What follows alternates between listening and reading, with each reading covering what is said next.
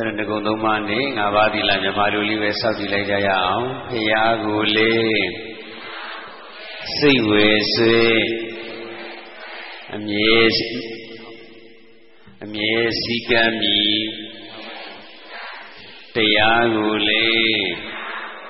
စိတ်ဝေဆွေအမြဲစည်းကမ်းမီတန်ဃာကိုလေ စိတ်ဝေဆွေအမြဲစည်းကမ်းမီသူအသက်လေမတတ်ဖေးအမြဲရှောင်ကြည်မီသူဥစ္စာလေးမခုပေအမြဲရှောင်ကြည်မီကာမဂုဏ်လေးမမှားပေ အမြဲရှောင်ကြည်မီလိညာ၍လေမပြောပေအမြဲရှောင်ကြည်မီတည်ရက်လေမတောက်ဖေးအမြဲရှောင်ကြည်မီတိတရဏိနာသဟပင်္စသီလသာဓုကံကတ္တဝအပ္ပမဒိနာတံပါတိထာ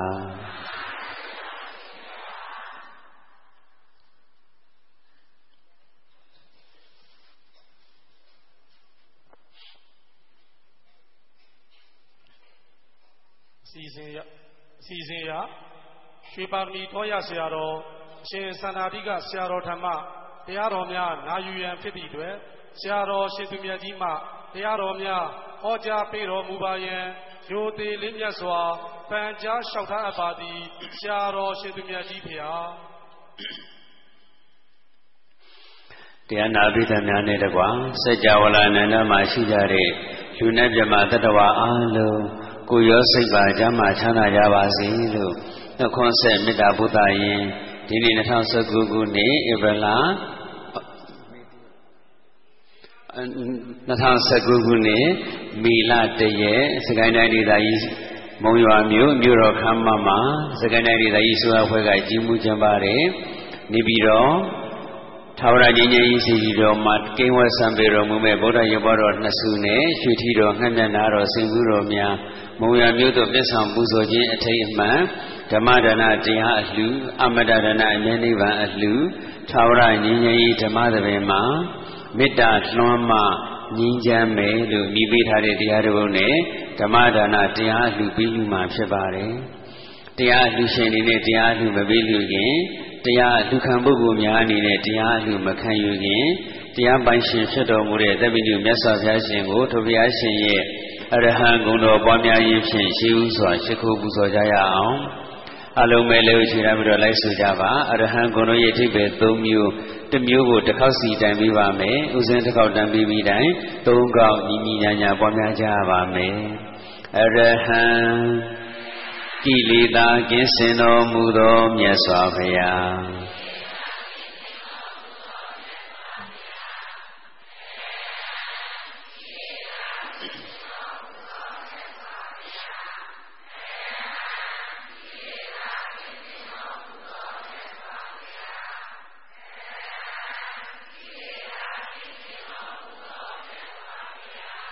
အရဟံ စိတ်ွယ်ရာရ၌ပင်မကောင်းမှုကိုပြုတော်မမူသောမြတ်စွာဘုရား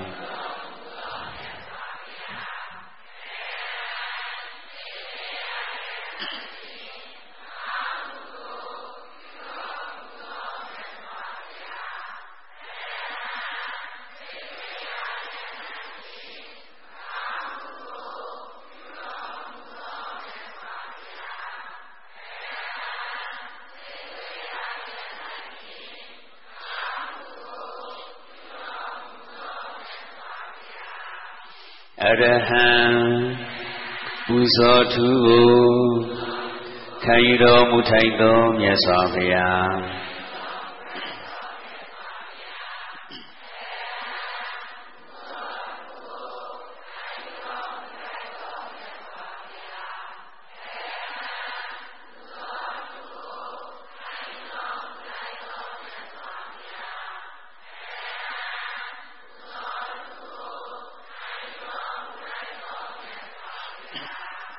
သာဓု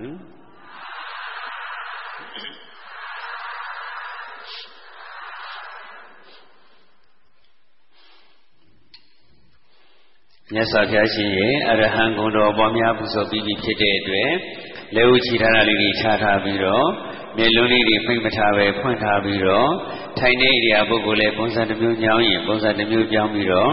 တက်တာတဲ့ဣရိယာပုနဲ့ချမ်းသာစွာတရားနာယူနိုင်ကြပါပြီ ဒီနေ့ဟောမယ့်တရားကောင်းစဉ်ကပါတယ်လေမေတ္တာနှွမ်းမှာငြိမ်းချမ်းမယ်မေတ္တာဆိုတာသူတစ်ပါးရဲ့ကောင်းကျိုးကိုလူလားတဲ့သဘောပါပဲကိုကြောင့်သူတစ်ပါးစိတ်မဆင်းရဲစေခြင်းတဲ့သဘောသူတစ်ပါးဆိုးကျိုးမဖြစ်စေခြင်းတဲ့သဘောကိုကြောင့်သူတစ်ပါးစိတ်ချမ်းသာစေခြင်းတဲ့သဘောကောင်းကျိုးဖြစ်စေခြင်းတဲ့သဘောကိုမေတ္တာလို့ခေါ်ပါတယ်အဲ့ဒီမေတ္တာကလည်းပဲပို့မေတ္တာနဲ့ပေးမေတ္တာလို့နှစ်မျိုးရှိပါတယ် ပို့မေတ္တာဆိုတာကကျမ်းမာချမ်းသာပါစေလို့မေတ္တာပို့တဲ့မေတ္တာပါပေးမေတ္တာဆိုတာကကျမ်းမာချမ်းသာအောင်တကယ်လက်တွေ့ကူညီဆောက်ရှောက်တဲ့မေတ္တာသူတစ်ပါးရဲ့လိုအပ်ချက်ကိုဖြည့်ဆည်းပေးတဲ့မေတ္တာသူတစ်ပါးရဲ့ဘဝကိုတိုးတက်တဲ့တိုးတက်အောင်ကူညီဆောင်ရွက်ပေးတဲ့မေတ္တာပုံမေတ္တာရောပေးမေတ္တာရောမေတ္တာတဲ့နှမျိုးလုံးလွှမ်းမှလူဖွဲ့စီငြိမ်းချမ်းနိုင်ပါ रे မြတ်စွာဘုရားဖျားဖြစ်မဲ့နေ့ ဘောဓိပင်အောင်ရဏပလင်တော်ပေါ်မှာအာနာပါနကမ္မထံရှုပွားနေတဲ့အချိန်မန္တနဲ့နတ်စစ်တီတွေလာပြီးတော့မြတ်စွာဘုရားရှင်ကိုတိုက်ခိုက်ပါတယ်မန္တကသူကျင်လည်နေတဲ့တန်မြာဝဆင်းရဲမှာအမတန်ပြောတယ်တတ္တဝတူတယောက်ဘယ်တတ္တဝတူတယောက်ကိုမှတန်မြာဝဆင်းရဲကနေလွတ်မြောက်မသွားစေခြင်းမူ မြတ်စွာဘုရားဒီနေ့ပဲဘုရားဖြစ်မယ်ဆိုတာသိတယ်ဘုရားဖြစ်ရင်လည်းသူတယောက်တည်းတန်မြာကလွတ်မှာမဟုတ်ဘူးတတ္တဝအသင်ချီတန်မြာဝဆင်းရဲကလွတ်မြောက်ကြမယ်ဆိုတာသိတဲ့အတွက်ကြောင့်မလို့မြတ်စွာဘုရားဖျားမဖြစ်အောင်နှောက်ယှက်မယ်ဆိုတဲ့ရည်ရွယ်ချက်နဲ့မျက်စိဒီပေါင်းတန်မောင်းများစွာခေါ်လာပြီးတော့မြတ်စွာဘုရားရှင်ကိုလက်နဲ့မျိုးစုံနဲ့တိုက်ခိုက်တယ်စိတ်ဒီတန်မောင်းများစွာကလည်းစိတ်ဒီတယောက်တယောက်ကိုလက်နဲ့တစ်မျိုးတစ်မျိုးစီကင်ဆောင်ထားတယ်မန္တမင်းကြီးကိုယ်တိုင်ကလည်းပဲ လက်ယုံတစ်ထောင်ဖန်ဆင်းပြီးတော့လက်ယုံတစ်ခုတစ်ခုမှာမတူညီတဲ့လက်နဲ့တစ်မျိုးတစ်မျိုးစီကင်ဆောင်ထားတယ်ပြီးတော့မြတ်စွာဘုရားရှင်ကိုလည်းမျိုးစုံနဲ့ပြစ်ခတ်တယ်မအောင်မြင်ဘူးမအောင်မြင်တဲ့ခါကျတော့လေမုန်တိုင်းမိုးရေချမ်းကြောက်ခဲမှုဓာလှံမှုမိဘူးမို့ပြာဘူးမို့သဲဘူးမို့ရှွန့်ဘူးမို့အမောင်တိုက်လို့ခေါ်တဲ့လက်နဲ့ကြီးကိုမျိုးနဲ့တိုက်ခိုက်ပြန်နေမအောင်မြင်ပြန်ဘူးနောက်ဆုံးကြတော့မြတ်မို့တောင်ထိပ်ကိုပြက်လိုက်လို့ရှိရင်တောင်နှချမ်းကွဲပြီးတော့ အစိစိမော်မှာပြိုကွဲသွားနိုင်တဲ့ကောင်းကင်မော်ကိုပြစ်လိုက်ရင်၁၂နှစ်လုံးမိုးခေါင်နိုင်မြေပြင်မော်ပြစ်လိုက်ရင်လည်းပဲ၁၂နှစ်လုံးလုံးမြက်ပင်တပင်တောင်မှမပေါက်နိုင်သမုဒ္ဒရာရဲ့ပြစ်ချလိုက်လို့ရှိရင်လည်းသမုဒ္ဒရာရည်တွေချက်ချင်းခန်းချောက်သွားနိုင်လောက်အောင်အစွမ်းတတိရှိတဲ့ဆက်လက်နဲ့နဲ့ပြစ်လိုက်တယ်ဆယ်လက်နဲ့ကလည်းပဲမြတ်စွာဘုရားရှင်ရှိတော်မောက်မှာခြေသုပ်ကျိုးဝန်းလေးပဲဖြစ်သွားတယ်လက်နဲ့မျိုးစုံနဲ့ဘယ်လို့မှတိုက်ခိုက်တိုက်ခိုက်လို့မအောင်မြင်တဲ့အခါမှာတိတ်တထာ သင်ထိုင်နေတဲ့ပလင်ဟာကျွန်ုပ်ပိုင်တဲ့ပလင်ကျွန်ုပ်ပိုင်တဲ့ပလင်ကနေသင်ခုချက်ချင်းဆင်းပါဆိုပြီးတော့ပလင်မောကနေမောင်းထုတ်တယ်ပြီးတော့သူဒီပလင်ကိုပိုင်တယ်ဆိုတဲ့ကြောင့်သူနဲ့အတူပါလာတဲ့နတ်စတိကိုသက်သေပြုပြီးတော့ပြောတယ်အဲ့ဒီမှာမြတ်စွာဘုရားရှင်ကကျွန်ုပ်မှာတော့သက်သေပြเสียတခြားသက်ရှိတော်ဝတူဦးတရားမှမရှိဘူးဘဝပေါင်းများစွာကဘာပေါင်းများစွာတတဝဝိတ္တရရဲ့ကျိုးစီးပွားအတွက်ကုသိုလ်ပါရမီတွေဖြည့်ကျင့်စဉ်တုန်းကယက်တည်ခဲ့တဲ့ဒီမဟာပထဝီကြီးကပဲ ဒီပလင်ဟာကျွန်ုပ်နဲ့သက်ဆိုင်ကြောင်းအကောင်းဆုံးသက်သေဖြစ်ပါတယ်ဆိုပြီးတော့ညာဘက်လက်တော်ကိုသင်္ကန်းကြားလေးကနေထုတ်ပြီးတော့မဟာပထဝီကြီးကိုလက်ညှိုးညွှန်ပြလိုက်တယ်အဲ့ဒီမှာနေမဟာပတိမီကြီးကအိုထိတ်ဆက်လို့သွက်သွက်ခအောင်လဲပြီးတော့အတန်နဲ့ကြီးတွေမြည်ဟီးသွားတယ်။ကောင်းကင်မှာလည်းအတန်နဲ့ကြီးတွေမြည်တောင်စင်ခုနှစ်ထက်ဟိမောနာတောင်စသည်အချင်းစက်ကြဝဠာတိုက်ကြီးတိုက်လုံးအတန်နဲ့ကြီးတွေမြည်ဟီးသွားတယ်။ကောင်းကင်မောဟနေလေးပဲ အမှန်တန်ကြီးမားများပြားလာတဲ့မိကြီးမိုးတွေရွာသွန်းသလိုမျိုးမိုးကြိုးတွေအဆက်မပြတ်ပြစ်ချတယ်။အဲ့ဒီမှာနေမန္တကကြောက်ရွံ့ထိတ်လန့်ပြီးတော့ဝဒဝတိနတ်ပြည်ကိုထွက်ပြေးသွားပါတယ်။နတ်စီတီတွေအလုံးကလည်းထွက်ပြေးသွားကြတယ်မန္တနဲ့နတ်စီတီတွေကိုမြတ်စွာဘုရားအောင်မြင်သွားတယ်ပေါ့နတ်စီတီကတော့ထူးထူးပြောကြမလို့ပါဘူးအဓိကအဖြစ်တော့မန္တမင်းကိုမြတ်စွာဘုရားအောင်မြင်တော်မူတယ်ဒါမန္တကိုအောင်မြင်တော်မူခြင်းရဲ့အနှစ်ချုပ်ကလေးပေါ့ အဲ့တော့အောင်ကြီး၈ပါးဆိုတာတရားနာပိသများအားလုံးလည်းကြားဘူးကြပြီးသားပဲအကြောင်းအရာတွေမကြားဘူးတော့တခြင်းတော်ကြားဘူးကြတယ်အောင်ကြီး၈ပါးတခြင်းမှာအောင်ကြီးတစ်ပါးစုံနိုင်စုံနိုင်မေတ္တာတက်တဲ့ဗုဒ္ဓမြတ်စွာဆောင်းနှင်းခဲ့အောင်ခြင်းပထမပါနောက်တော့ဒုတိယတတိယစသည်အဖြစ်နောက်ဆုံးကျတော့အဋ္ဌမပါပေါ့အဲ့တော့မေတ္တာဓာတ်နဲ့ဗုဒ္ဓမြတ်စွာဆောင်းနှင်းခဲ့အောင်ခြင်းပထမပါအများစုကတော့မေတ္တာတတ်တဲ့ဗုဒ္ဓမြတ်စွာအောင်ရင်းနဲ့အောင်ရင်းပထမပါလို့နား နားထဲမှာကြားမိကြတာများတာပေါ့နော်အောင်ခြင်းနဲ့အောင်ခြင်းပထမပါလို့ကြားလိုက်တော့တချို့လည်းပဲနောက်ကြတာပေါ့မေတ္တာတည်းနဲ့ဗုဒ္ဓမြတ်စွာအောင်မင်းကအောင်ဝင်းရောက်ခမှာပါကလေးတို့ကနောက်ထက်ကြတာလေ အောင်ခြင်းနဲ့အောင်ခြင်းပထမပါလို့အောင်ခြင်းကိုနှစ်ခါထပ်ပြီးကြားလိုက်လို့အဲ့လိုနောက်ကြတာတကယ်တမ်းကျတော့အောင်ခြင်းနဲ့အောင်ခြင်းပထမပါမဟုတ်ပါဘူးတိသာသချင်းတန်ကြားလို့ရှိရင်အာစုစပ်ပြီးနားထောင်ကြည့်ပေါ့မေတ္တာတန်းတဲ့ဗုဒ္ဓမြတ်စွာဆောင်းနှင်းခဲ့အောင်ခြင်းပထမပါဆောင်းနှင်းတယ်ဆိုတာအောင်ခြင်းကိုဆောင်းယူလာခဲ့တယ်လို့ပြောတာအဲ့တော့မြတ်စွာဘုရားမဏ္ဍကိုအောင်မြင်တယ်ဘာနဲ့အောင်မြင်တာလဲဆိုရင် မေတ္တာဓာတ်နဲ့အောင်မြင်တယ်လို့ဒီလိုဆိုထားတာပေါ့နော်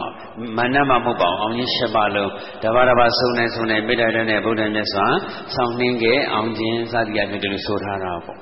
အဲ့တော့မဏ္ဍနဲ့နတ်စိတိတွေကိုမြတ်စွာဘုရားအောင်မြင်တယ်မေတ္တာဓာတ်နဲ့အောင်မြင်တယ်လို့ပြောလိုက်ရင်မဏ္ဍတို့ကနတ်စိတိတွေအလုံးကျမ်းမှာချမ်းသာကြပါစေလို့မေတ္တာပို့ပြီးတော့အဲ့ဒီပို့သလိုက်တဲ့မေတ္တာဓာတ်ကြောင့်အောင်မြင်သွားတယ်လို့ထင်ကြတာများတယ် မေတ္တာတက်လို့ပြောလိုက်တာနဲ့ကျမ်းမာချမ်းသာပါစေမေတ္တာပို့တာဝယ်တွေးမြင်ရတာပေါ့တကယ်တမ်းကျတော့ကျမ်းမာချမ်းသာပါစေမေတ္တာပို့ရုံတက်တက်နဲ့အောင်မြင်ခဲ့တာမဟုတ်ပါဘူးမာနနဲ့နတ်စိတိတွေလာတယ်ဆိုတာကြားတဲ့အချိန်မှာတော့မေတ္တာလေးအရင်ဆုံးပို့ထွက်လိုက်ပါသေးတယ်ပြီးတော့မာနနဲ့နတ်စိတိတွေကလက်နဲ့ပေါင်းများစွာနဲ့တိုက်ခိုက်တော့မယ်ဆိုတာသိတဲ့အချိန်မှာလက်နဲ့တင်နဲ့မပြစ်လွတ်သေးခင်အမတန်နှိမ့်မတဲ့အချိန်ပိုင်းလေးအတွင်းမှာပဲအမတန်နှိမ့်မတဲ့ဉာဏ်တော်ကြီးနဲ့စဉ်းစားလိုက်တယ် မာနနဲ့လက်စစ်စီတွေပြစ်လွတ်တဲ့လက်နဲ့ကိုငါဘာလက်နဲ့နဲ့ခုခံကာကွယ်ရမလဲအခုလိုပဲပုံမြဲတိုင်းမေတ္တာလေးပို့ပြီးတော့မေတ္တာလက်နဲ့နဲ့ပဲခုခံကာကွယ်ရမှာလားတခြားလက်နဲ့နဲ့ခုခံကာကွယ်မှရမှာလားဆိုတာစဉ်းစားလိုက်တဲ့အခါကျတော့မေတ္တာပို့နေတဲ့မေတ္တာလက်နဲ့နဲ့တော့ခုခံကာကွယ်လို့မရဘူးပါရမီလက်နဲ့နဲ့ခုခံကာကွယ်မှရမယ်သိတယ်လို့ကြောင့်မလို့ ကဘာပေါင်းလေးသိချင်းနဲ့တသိချင်းချင်းစီးပူးခဲ့တဲ့ကုသိုလ်ပါရမီတွေကိုပဲစဉ်းစားနေလိုက်တယ်ဒါနသီလနိခမပညာဝိရိယစသည်အချင်းပါရမီ10ပါးတပါးတစ်ပါးမှလည်းပဲပါရမီပြီးဖြည့်ချင်းခဲ့တဲ့အလုပ်တွေကအများကြီးပဲပေါ့ဘောပေါင်းများစွာကဖြည့်ချင်းခဲ့တဲ့ပါရမီအလုပ်တွေဒါနပါရမီတစ်ခုတည်းမှကိုပဲစဉ်းစားလို့မကုန်နိုင်ဘူးအသက်ဆုံးပြီးတော့လူရန်ခဲ့တဲ့ဟိုယုံမင်းဘဝတော်ကမိဘနဲ့ခုံဆင်းပြီးတော့လူရန်ခဲ့တဲ့ဒါနတွေဟောတန်တရားမင်းကြီးဘဝတော်ကသာတော်သမီးတော်စတိကျင်ရလူရန်ခဲ့တဲ့ ဒါနပါရမီတွေစသည်အားဖြင့်ပေါ့အဲ့တော့ပါရမီတစ်မျိုးတစ်မျိုးမှာကိုပဲကုသိုလ်အရေးအတွက်တွေကမရင်မတွက်နိုင်အောင်အများလုံးအားကြီးတယ်အဲ့တော့ကုသိုလ်တွေကလည်းမြတ်စွာဘုရားရှင်ကဖြစ်ခြင်းခဲ့တဲ့ပါရမီစဉ်းစားမယ်ဆိုပြီးတော့စိတ်ညစ်ပြီးတော့စဉ်းစားလိုက်တဲ့နေ့တွေပဲနဲ့ဟိုကုသိုလ်ကလည်းပဲသူ့စဉ်းစားပါဒီကုသိုလ်ကလည်းသူ့စဉ်းစားပါကျွန်တော်စဉ်းစားပါကျမစဉ်းစားပါနဲ့ပါရမီ10ပါးတဲ့ကတဘာတော်ချင်းကကုသိုလ်အလုပ်တွေမျိုးစုံမြတ်စွာဘုရားရှင်ဉာဏ်တော်တွေကိုစုပြုံတိုးပွေရောက်လာကြတယ် အဲ့ဒီမှာမြတ်စွာဘုရားရှင်ကထင်ရှားရထင်ရှားရကုသိုလ်တွေတစ်မျိုးတစ်မျိုးပြီးတစ်မျိုးစဉ်းစားတယ်ဒါနကြောင့်10ခုခု20စဉ်းစားလိုက်ပြီးတော့သီလကြောင့်ပြီးတော့ပညာပြီးတော့မေတ္တာစသည်အပြင်ပေါ့စဉ်းစားလို့ကိုမကုံနိုင်တော့ဘူးအဲ့တော့မန္တနဲ့နတ်စီတိကဟိုဘက်ကလက်နဲ့တင်းနဲ့ပြစ်လွန်နေတယ်မြတ်စွာဘုရားရှင်ကကိုပြုခဲ့တဲ့ကုသိုလ်ပါရမီတွေကိုပဲထိုင်ပြီးတော့စဉ်းစားနေတယ်အဲ့လိုထိုင်စဉ်းစားတာကိုကအဲ့ဒီအခိုက်အတန့်လေးမှာမြတ်စွာဘုရားရှင်ရဲ့စိတ်ဆက်မှာကုသိုလ်ဓာတ်တွေဖြစ်နေတယ်ပါရမီဓာတ်တွေဖြစ်နေတယ် စိတ်စဉ်မှာတွေးတောဆင်ခြင်ခြင်းကြောင့်ဖြစ်ပေါ်နေတဲ့အဲ့ဒီကုသိုလ်ဓာတ်တွေပါရမီဓာတ်တွေကအည်အသွေးမြင်မာခြင်းတိုင်းမြင်မာနေတယ်။ငါကတော့ကဝင်လေထွက်လေရှုမှတ်နေတာပါ။မနနဲ့နက်စိတ်တွေလာတဲ့ချိန်ဝင်လေထွက်လေပဲရှုမှတ်မယ်ဆိုရင်ဝင်လေထွက်လေရှုမှတ်တဲ့ကုသိုလ်တစ်မျိုးပဲရမယ်။ကျမ်းမှာချမ်းသာပါစေမေတ္တာပို့နေရင်လည်းမေတ္တာပို့တဲ့ကုသိုလ်တစ်မျိုးပဲရမယ်။ခုကြတော့ဘဝပေါင်းများစွာကဖြစ်ခြင်းစည်းဝေးခဲ့တဲ့ကုသိုလ်ပါရမီမျိုးစုံကိုစဉ်းစားနေတာဆိုတော့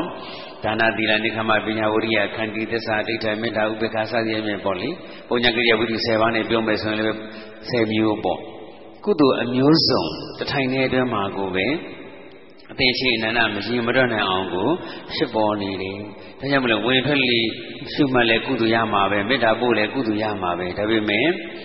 ကုသိုလ်အင်အားနည်းတယ်။ ဘဝပေါင်းများစွာရာထောင်တောင်းသိန်းချီအသိချီချီပြီးတော့ညာပြုခဲ့တဲ့ကုသိုလ်ပါရမီရာထောင်တောင်းသိန်းအသိချီကိုဆင်ញင်လိုက်တဲ့အခါကျတော့အချိန်ချင်းအတူတူစိတ်မှာဖြစ်သွားတဲ့ကုသိုလ်အင်အားကတော့လုံးဝမတူတော့ဘူးကုသိုလ်ဓာတ်တွေပါရမီဓာတ်တွေကအင်းနဲ့အားနဲ့ဒုနဲ့ထေနဲ့အကြီးအကျယ်ဖြစ်သွားတယ်မေတ္တာပို့မယ်ဆိုရင်မေတ္တာလက်နဲ့တော့ဖြစ်သွားတာပေါ့ဒါပေမဲ့အဲ့ဒီမေတ္တာလက်နဲ့ထဲ အဲ့ဒီဘောများစွာကဖြစ်ခြင်းစည်းဝေးခဲ့တဲ့ကုသိုလ်ပါရမီမျိုးစုံကိုဆင်ញင်ဆန်းစားတဲ့ပါရမီလက်နဲ့ကပို့ပြီးတော့အင်အားကြီးမားတယ်ရန်သူကိုတက်ခဲ့မယ်ဆိုရင်တော့ဘယ်အချိန်မှာဘလို့လက်နဲ့ထုတ်သုံးရမလဲဆိုတာသိတဲ့အသိဉာဏ်ပညာရှိရမှာပေါ့ခုချိန်မှာမေတ္တာလက်နဲ့ထုတ်သုံးလို့မဖြစ်ဘူးပါရမီလက်နဲ့ထုတ်သုံးမှဖြစ်မယ်လက်နဲ့တကလက်ထဲမှာတော့ပါရမီလက်နဲ့ဟာအင်အားအကြီးမားဆုံးပဲ ပါရမီဓမ္မပါရမီတမျိုးတည်းမဟုတ်ဘူးနော်10မျိုး10မျိုးမှမှလည်းပဲရာထောင်3သိန်းချီပြီးတော့အသင်ချေနန္ဒများများလာတဲ့ကုသိုလ်အမျိုးစုံကိုဆင်ញင်စမ်းစားနေတာအဲ့ဒီပါရမီလက်နဲ့ကြောင်းကိုပဲမာနနဲ့နတ်စတိတွေပြည့်လွတ်လိုက်တဲ့လက်နဲ့တွေဟာနတ်ဆဘရှင်ရှေ့တော်မှောက်မှာပန်းကုံပန်းမွင်ကလေးတွေနန္တာကင်းနန္တာမှုန်လေးတွေဖြစ်သွားကြပါလေ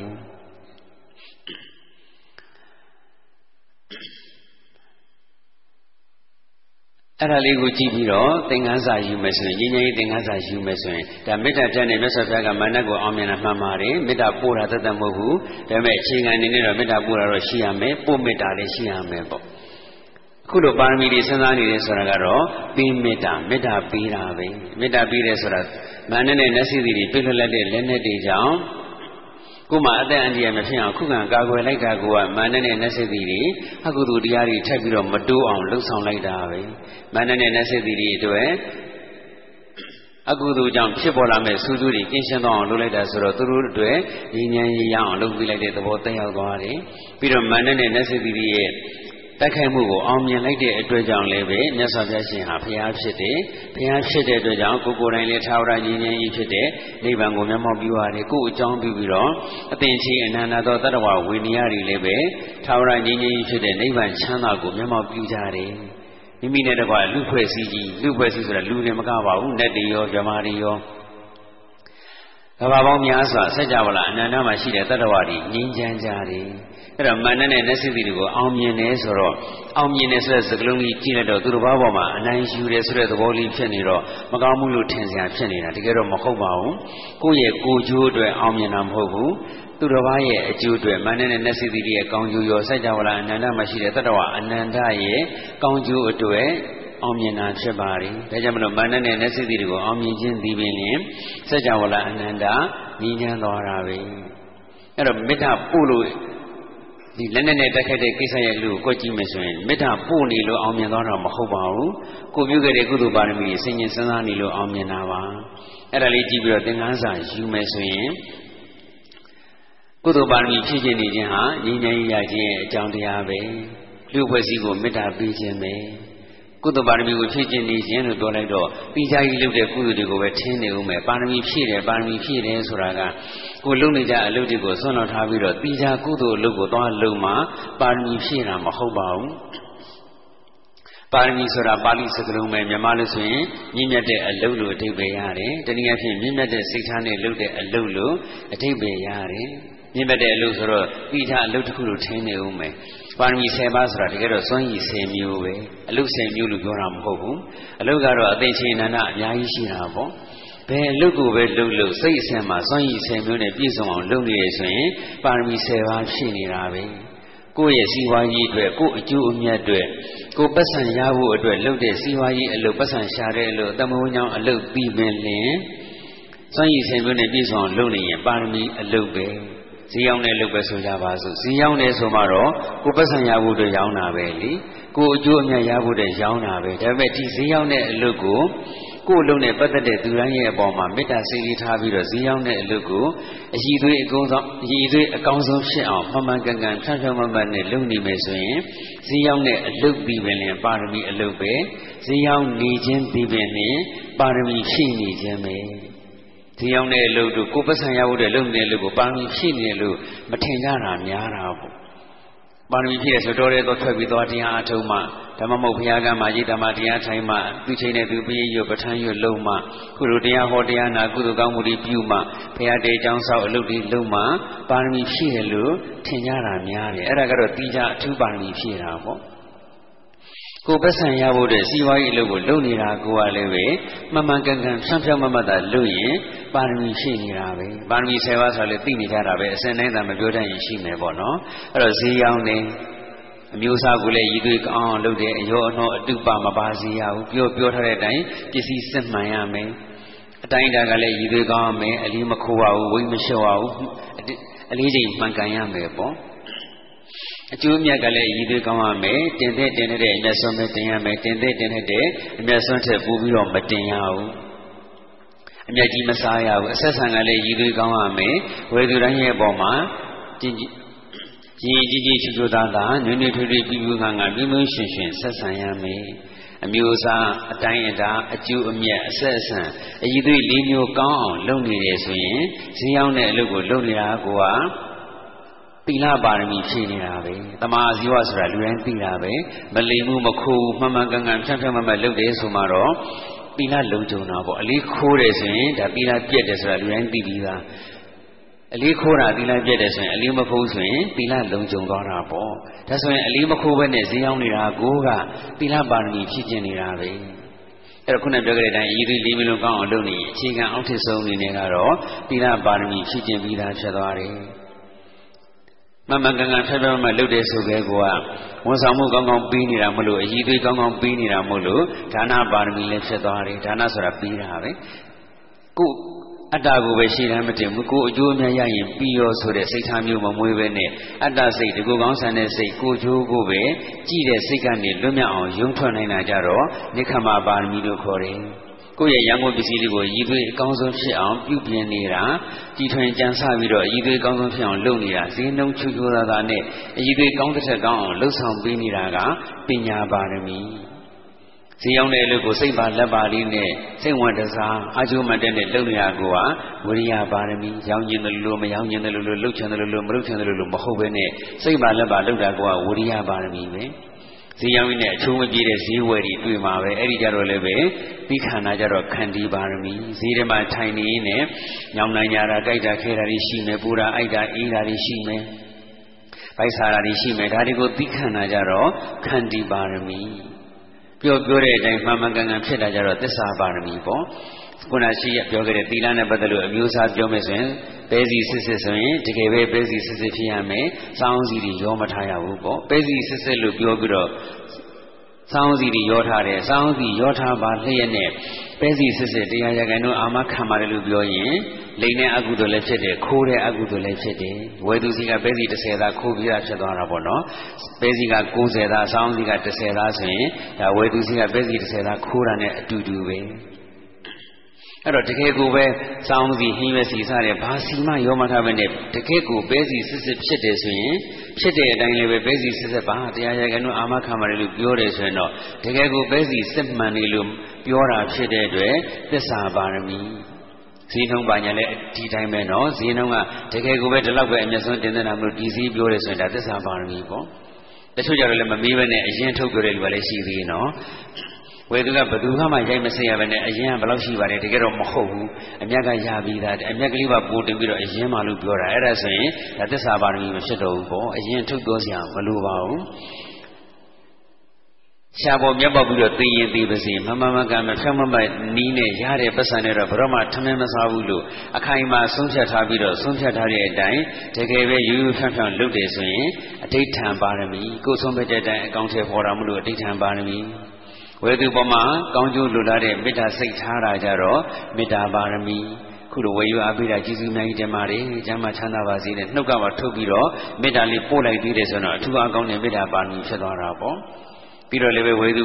စိတ်ချင်းကနေကျမ်းမှာချမ်းသာပါစေ၃-၅ကြိမ်ချိန်ရရင်ရတယ်လို့မေတ္တာလေးလည်းပို့ပေါ့။အဲ့ဒါမေတ္တာပါရမီပဲ။ နည်းနည်းဝယ်တဲ့သူကိုပဲဖြစ်ဖြစ်များများဝယ်တဲ့သူကိုပဲဖြစ်ဖြစ်တပြင်းကြီးဆက်ဆံနေဝက်ကောင်းဆလားနဲ့လာတဲ့သူကိုပဲဖြစ်ဖြစ်အဝက်နွမ်းနွမ်းလေးနဲ့လာတဲ့သူကိုပဲဖြစ်ဖြစ်တပြင်းကြီးဆက်ဆံနေဆိုရင်ဥပိ္ပခာပါရမီချစ်ချင်းမုန်းချင်းဆိုတဲ့အစွမ်းတစ်ဖက်ကိုရှောင်ပြီးတော့ပုံမှန်အတိုင်းတသမတ်ထဲနေတဲ့အတွက်ကြောင့်ဥပိ္ပခာပါရမီဒါဆိုရင်ဈေးရောက်တဲ့အလုပ်ကိုလုပ်နေတာကပါရမီ10ပါးလုံးဖြည့်နေတာဖြစ်မသွားဘူးလား ဖြစ်သွားတယ်နော်ဒါဈေးရောက်နေဆိုတာစီးပွားရေးအလုပ်အတမုံညာလို့နဲ့ပတ်သက်လို့ရှိရင်ဒါအထင်ရှားဆုံးကိုပြောတာဘယ်အတမုံညာအလုပ်မဆိုလဲပဲအလကားလုပ်ပြီးတာမဟုတ်သမျှဈေးရောက်တာနဲ့သဘောချင်းအတူတူပါပဲအကျိုးမြတ်ယူတဲ့အလုပ်မှန်သမျှဟာဈေးရောက်တာနဲ့ရှင်ကသဘောတရားချင်းအတူတူပဲဒါကြောင့်ကိုယ်ပိုင်စီးပွားရေးအလုပ်ပဲလုပ်လို့ဆိုရဝန်ထမ်းပုဂ္ဂလိကဝန်ထမ်းဝန်ထမ်းအလုပ်ပဲလုပ်လို့ကိုယ့်အလုပ်နဲ့ပတ်သက်တဲ့သူတိုင်းရဲ့အပေါ်မှာမေတ္တာစိတ်ထားပြီးတော့ကိုယ့်ရဲ့အလုပ်ကို အကြီးသွေးအကောင်းဆုံးဖြစ်အောင်ရိုးရိုးသားသားဖက်ဖက်မမထူးထူးဆန်းဆန်းတန်တန်ရှင်းရှင်းလေးလုပ်နေတယ်ဆိုရင်မြင့်မြတ်တဲ့စိတ်ထားနဲ့လုပ်နေတာဖြစ်တဲ့အတွက်ကိုလုပ်နေတဲ့အလုပ်ဟာပါရမီဖြစ်သွားပါတယ်ပါရမီဆက်စကလုံးကမြင့်မြတ်တဲ့အလုပ်လို့သိပေးရတာနော်အဲ့တော့ဘယ်အလုပ်ပဲဖြစ်ဖြစ်ဈေးရောက်တဲ့အလုပ်ပြီးပြင်းနေရလုတ်ဈေးရောက်တဲ့အလုပ်ပြီးပင်လေအဲ့ဒီအလုပ်ကိုလုပ်နေတဲ့သူရဲ့စိတ်အစဉ်မှာခုနပြောခဲ့တဲ့အစွမ်းရည်ဆင်မျိုးနဲ့ပြည့်စုံသွားတယ်ဆိုရင်ပါရမီ10ပါးလုံးဖြည့်နေတာပဲ ဒါဆိုရင်အရေးအကြောင်းကြုံလာကမှဂါထာလေးကောက်ရွရတာမျိုးမေတ္တာလေးထပို့ရတာမျိုးမဟုတ်ဘဲနဲ့ကိုယ့်ရဲ့အလုပ်ကိုပါရမီမြောက်အောင်လုပ်နေတယ်ဆိုရင်ကိုပဲဘယံအန္တရာယ်အဆရှိတဲ့အဆိုးတွေလည်းကင်းရှင်းနိုင်ပါတယ်လူဝင်ဆန္ဒပြေဝအကျံစီအောင်မြင်စည်းအောင်ကောင်းစသည်အဖြစ်ကောင်းကျိုးချမ်းသာတွေလည်းပြည့်စုံနိုင်ပါတယ်ဒီလိုပြောလို့ဂါထာမရွအောင်မေတ္တာမပို့အောင်လို့မဆိုလိုပါဘူးဒါအထူးအနေနဲ့တော့ရွတ်လို့ပို့လို့ရပါတယ်ဒါပေမဲ့လို့ မြတ်စွာဘုရားရှင်ကိုတော်တိုင်မာနနဲ့နတ်စစ်တီတွေတန်ပေါင်းများစွာဂရီပေါင်းများစွာနတ်စစ်တီတွေကပြစ်လွတ်လိုက်တဲ့လက်နဲ့တန်ပေါင်းဂရီပေါင်းများစွာကိုတောင်းမှစိတ်ထဲကနေကုသိုလ်ပါရမီဆင်ញင်စံစားနေုံနဲ့အောင်မြင်နိုင်ခဲ့တယ်ဒါလေးကိုမှတ်မိနေဖို့နှလုံးသွင်းနေဖို့အင်မတန်အရေးကြီးပါတယ်။နှမို့အရေးချောင်းကြရင်ဂါထာရွတ်မှမေတ္တာပို့မှဘိညာဉ်ကင်းမယ်လို့ထင်နေကြတာနော်။ အဲ့တော့ဘယ်အချိန်ဘယ်အခါမှာပဲဖြစ်ဖြစ်ဘယ်လူကိုပဲလှုပ်လှုပ်ခုပြောခဲ့တဲ့အတိုင်းပါရမီမြောက်အောင်လုပ်နေတယ်ဆိုရင်အချိန်တိုင်းချိန်တိုင်းမှာဘိညာဉ်အနေအဆရှိတဲ့အဆိုးတွေလည်းကင်းရှင်းမှာပဲအကျံစီအောင်မြင်ခြင်းစတဲ့ကောင်းကျိုးချမ်းသာတွေလည်းပြည့်စုံမှာပါပဲလူဖွဲ့စည်းလည်းငြိမ်းချမ်းသွားတာပေါ့အလေးခိုးတယ်ဆိုရင်ကိုပဲခိုးခံရတဲ့သူကအိမ်မရောက်ချင်းကြီးလို့မပြည့်ရင်စိတ်မချမ်းသာဖြစ်တယ်စိတ်မငြိမ်းချမ်းတော့ဘူးလေသူရတဲ့နဲ့ရပိုင်ခွင့်ဆုံးရှုံးသွားတဲ့အတွက်ကြောင့်လည်းပဲ ခံစားတဲ့အကျိုးကိုပြေဝမခံစားရတဲ့အတွက်ကြောင့်ဘဝလည်းပဲမငြိမ်းချမ်းတော့ဘူးပေါ့စိတ်လည်းမငြိမ်းချမ်းဘူးဘဝလည်းမငြိမ်းချမ်းဘူးအလေးမခိုးဘူးဆိုရင်အလေးပြည့်တဲ့အတွက်ကြောင့်ကိုပဲအလိုလိုနေစိတ်ကချမ်းသာနေတယ်တစ်ဖက်သားရဲ့ဝေသူရဲ့စိတ်ငြိမ်းချမ်းသွားတယ်သူရတဲ့ကောင်းကျိုးကိုအပြည့်အဝခံစားရတဲ့အတွက်ကြောင့်လည်းပဲသူ့ဘဝလည်းပဲငြိမ်းချမ်းသွားတယ်ဘဝလို့ပြောလိုက်ရင်ကခန္ဓာကိုယ်အာဟာရပြေဝတာတွေကျမ်းမာတာတွေအပါဝင်အကုန်လုံးအကျုံးဝင်တာပေါ့ ဒါကြောင့်မလို့ဘယ်အချိန်ပဲဖြစ်ဖြစ်ဘယ်လူကိုပဲလို့လို့ပါရမီမြောက်အောင်လုပ်နေတာကိုကပတ်ဝန်းကျင်လူဖွဲ့စည်းကိုမေတ္တာပေးနေခြင်းဖြစ်ပါတယ်ညီနေရခြင်းရဲ့အကြောင်းတရားဖြစ်ပါတယ်လက်နဲ့တည်း အောင်မြင်လိုက်ရုံနဲ့လည်းမာနကိုအပြီးတိုင်အောင်မြင်သွားတာမဟုတ်ဘူးဒီပလင်မောကဆင်းမှာဒီပလင်ကျွန်ုပ်ပိုင်ပါတယ်လို့ပြောတာနဲ့ပတ်သက်လို့မြတ်စွာဘုရားရှင်ကဒီပလင်ဟာသင်မပိုင်မှုကျွန်ုပ်သာလျှင်ပိုင်ပါတယ်ဆိုတဲ့အကြောင်းကိုကုသိုလ်ဒီပလင်ကိုရရရကြောင်းဖြစ်တဲ့ကုသိုလ်ပါရမီဖြည့်ခြင်းစဉ်တုန်းကယက်တည်ခဲ့တဲ့မဟာဗြဟ္မီကြီးကိုတက်တည်ပြုခဲ့တယ်ဘယ်အလုပ်ပဲဖြစ်ဖြစ်မဟာဗြဟ္မီကြီးပေါ်မှာရက်ပြီးတော့ပဲလုပ်ရတာကြီးပဲ ဒါပလင်အခုအခန်းထဲမှာဟောတယ်ပလင်ပေါ်မှာဟောတယ်ဆိုမဲ့ဒီအဆောက်အုံကလည်းပဲမြေကြီးပေါ်မှာပဲဆောက်ထားတာဖြစ်တဲ့အတွက်လူတိုင်းလူတိုင်းဟာဘာလို့ကိုပဲလို့လို့မဟာဗီမြေကြီးပေါ်မှာရက်တည်ရှင်သန်ပြီးတော့ပဲလုပ်နေကြတာပါဒါကြောင့်ဟိုရေစက်ချတဲ့အခါမှာဆိုလည်းပဲဒါရေစက်ခွက်တဲ့ရေစက်သွန်းလောင်းပြီးသွားပြီဆိုရင်ဒီရေလေးကိုမဟာဗီမြေကြီးပေါ်မှာသွန်းလောင်းပြီးတော့တက်တက်တည်ပြီးသွားတာပေါ့ဒါပေမဲ့ရေနဲ့လောင်းမရလို့မဟုတ်ပါဘူးမဟာဗီမြေကြီးပေါ်မှာရက်တည်ပြီးတော့ကုသပြုနေတာဖြစ်တဲ့အတွက်မဟာဗီမြေကြီးကအလိုလိုတက်တည်ရှိပြီးသားပါပဲ အဲ့တော့ဒီနေရာနဲ့ပတ်သက်လို့ပြောမယ်ဆိုရင်မာနကဒီပလင်ဟာကျွန်ုပ်ပိုင်နေကျွန်ုပ်ပိုင်တဲ့ပလင်ကနေဆင်းပါလို့ပြောခဲ့တာမြတ်စွာဘုရားရှင်ကဒီပလင်ဟာကျွန်ုပ်သာလင်ပိုင်နေဆိုကြမဟာဗြဟ္မီကြီးတတိပြုပြီးတော့ပြောခဲ့တာလေးကိုကြည့်ပြီးတော့ညီညာရေးသင်္ကန်းစာယူမယ်ဆိုရင်ကိုမပိုင်တဲ့နေရာကိုနဲ့မသက်ဆိုင်တဲ့နေရာကိုမနေတဲ့နေရာမှာမနေခြင်းဟာညီညာရေးရခြင်းရဲ့အကြောင်းတရားဖြစ်ပါတယ်လူဖွဲ့စည်းကိုမေတ္တာပေးခြင်းဖြစ်ပါတယ် နေရာတစ်ခုမှာကိုနေခြင်းကြောင့်ကိုပတ်မွင့်ရင်လူဖွဲ့စည်းရဲ့ကောင်းကျိုးကိုထိထိရောက်ရောက်မရွတ်ဆောင်နိုင်ဘူးဆိုရင်ထိထိရောက်ရွတ်ဆောင်နိုင်တဲ့သူအတွက်နေရာဖယ်ပေးရမယ်ကထိတိရောက်မျက်စာနေမှုဆိုရင်တော့မှဖယ်ပေးရမှာဆိုတော့ဒီနေရာနေရာတစ်ခုမှာကိုနေခြင်းကြောင့်လူဖွဲ့စည်းကိုအဆူကျုံဖြစ်စေနိုင်တယ်ဆိုရင်တော့ပို့ပြီးတော့ဖယ်ပေးသင့်တာပေါ့တကယ်ဆိုမနကဒီပလင်သူမပိုင်မှန်းသိပါတယ်တိတိကြီးနဲ့ဒီပလင်သူပိုင်ပါတယ်လို့ပြောခဲ့တာ ဒီပလင်ဟာတော့ဘုရုံးကရှိတောင်မရှိဘူးနော်ညနေကျန်အချိန်မှာသွတ်ထရမြတ်ထမ်းသမားကမြတ်စွာဘုရားရှင်ကိုမျက်ရှိစုပ်လှူလိုက်တယ်ဒါဘောဓိပင်အောင်မှာခင်းပြီးထိုင်ဖို့မျက်အခင်းလေးခင်းထိုင်ဖို့ဆိုပြီးတော့မျက်ရှိစုပ်လှူလိုက်တာအဲ့ဒီမျက်ရှိစုပ်ကိုဘောဓိပင်အောင်မှာခင်းလိုက်တာနဲ့ဒီပိုင်းနဲ့ဖြန့်ကျဲလိုက်တာနဲ့ဒီပိုင်းနဲ့မြတ်စွာဘုရားရှင်ရဲ့ကုသိုလ်ပါရမီတော်ကြီးရဲ့တကူတည်စောကြောင့်၁၄တောင်ကျေဝန်းတဲ့ယရနာပလင်တော်ကြီးပေါ်ထွန်းလာခဲ့တယ် ခုမှပေါ်လာတဲ့ပလင်မှန်တိတိနဲ့ကိုပဲသူပိုင်ပါတယ်လို့မျက်နှာပြောင်တိုက်ပြီးတော့ပြောဆိုခဲ့တာပေါ့နောက်ပါတွေကလည်းပဲသူတို့ရဲ့ခေါင်းဆောင်မန္တမင်းကြီးပဲပိုင်ပါတယ်ဆိုပြီးတော့ဝိုင်းပြီးတော့ထောက်ခံခဲ့ကြတယ်အဲ့တော့လူကြီးလေးပြောမယ်ဆိုရင်ကိုယ်နေရာကိုနေခြင်းဟာငြင်းငြင်းရခြင်းအကြောင်းတရားပဲဒါမိသားစုတစုဆိုတဲ့လူဖွဲ့စည်းမှတောင်မှအဖေကအဖေနေရာအမေကအမေနေရာသားကသားနေရာသမီးကသမီးနေရာစသည်အဖြစ်ကိုယ်နေရာကိုနေပြီးတော့ကိုယ့်လူကိုလောက်ရတာပဲ ကိုယ်နဲ့မဆိုင်တဲ့နေရာနေပြီးတော့ကိုယ်နဲ့မဆိုင်တဲ့လူကိုဝင်ရှုံမယ်ဆိုရင်အဲ့ဒီမိသားစုဆိုတဲ့လူဖွဲ့စည်းဟာမငြင်းချမ်းနိုင်တော့ဘူးတရားထဲမှာလူဖွဲ့စီလူဖွဲ့စီနဲ့ပြောတယ်ဆိုတာလူနှစ်ယောက်မိတ်ဆွေဖြစ်နေပေါင်းသင်းဆက်ဆံနေတယ်ဆိုရင်ကိုပဲအဲ့ဒီလူနှစ်ယောက်ဟာလူဖွဲ့စီတစ်ခုပဲအဲကြောင့်လူဖွဲ့စီကအကြီးအသေးမျိုးမျိုးကွဲပြားခြားနားသွားမှာပေါ့ဦးဇင်းတို့ကဓမ္မတိဋ္ဌံအနေနဲ့ပဲပြောတာဖြစ်တဲ့အတွက်ကြောင့်လူနှစ်ယောက်ကနေစပြီးတော့မိသားစုတစ်ခုရက်ွက်တစ်ခုမြို့နယ်တစ်ခု တိုင်းဒေသတစ်ခုပြည်နယ်တစ်ခုနိုင်ငံတစ်ခုကမ္ဘာတစ်ခုစသည်အဖြစ်ပေါ့နော်အဖွဲ့အစည်းတစ်ခုဒီလိုလူအဖွဲ့အစည်းအသီးသီးအတွက်ကိုယ်ဘာသာကိုသက်ဆိုင်ရာသက်ဆိုင်ရာအထိပ္ပယ်လူကြီးပေါ်ပြီးတော့ကောက်ချက်ဆွဲကြရမှာပါပဲထမင်းဆိုင်တောင်မှဇွန်အဇွန်နေရခရင်ကခရင်နေရဆိုတာရှိသေးတယ်လေဇွန်နဲ့ခတ်ရမယ့်အရာကိုဇွန်နဲ့ပဲခတ်ရမှာပဲခရင်နဲ့ထိုးရမယ့်အရာကိုခရင်နဲ့ထိုးရမှာပဲ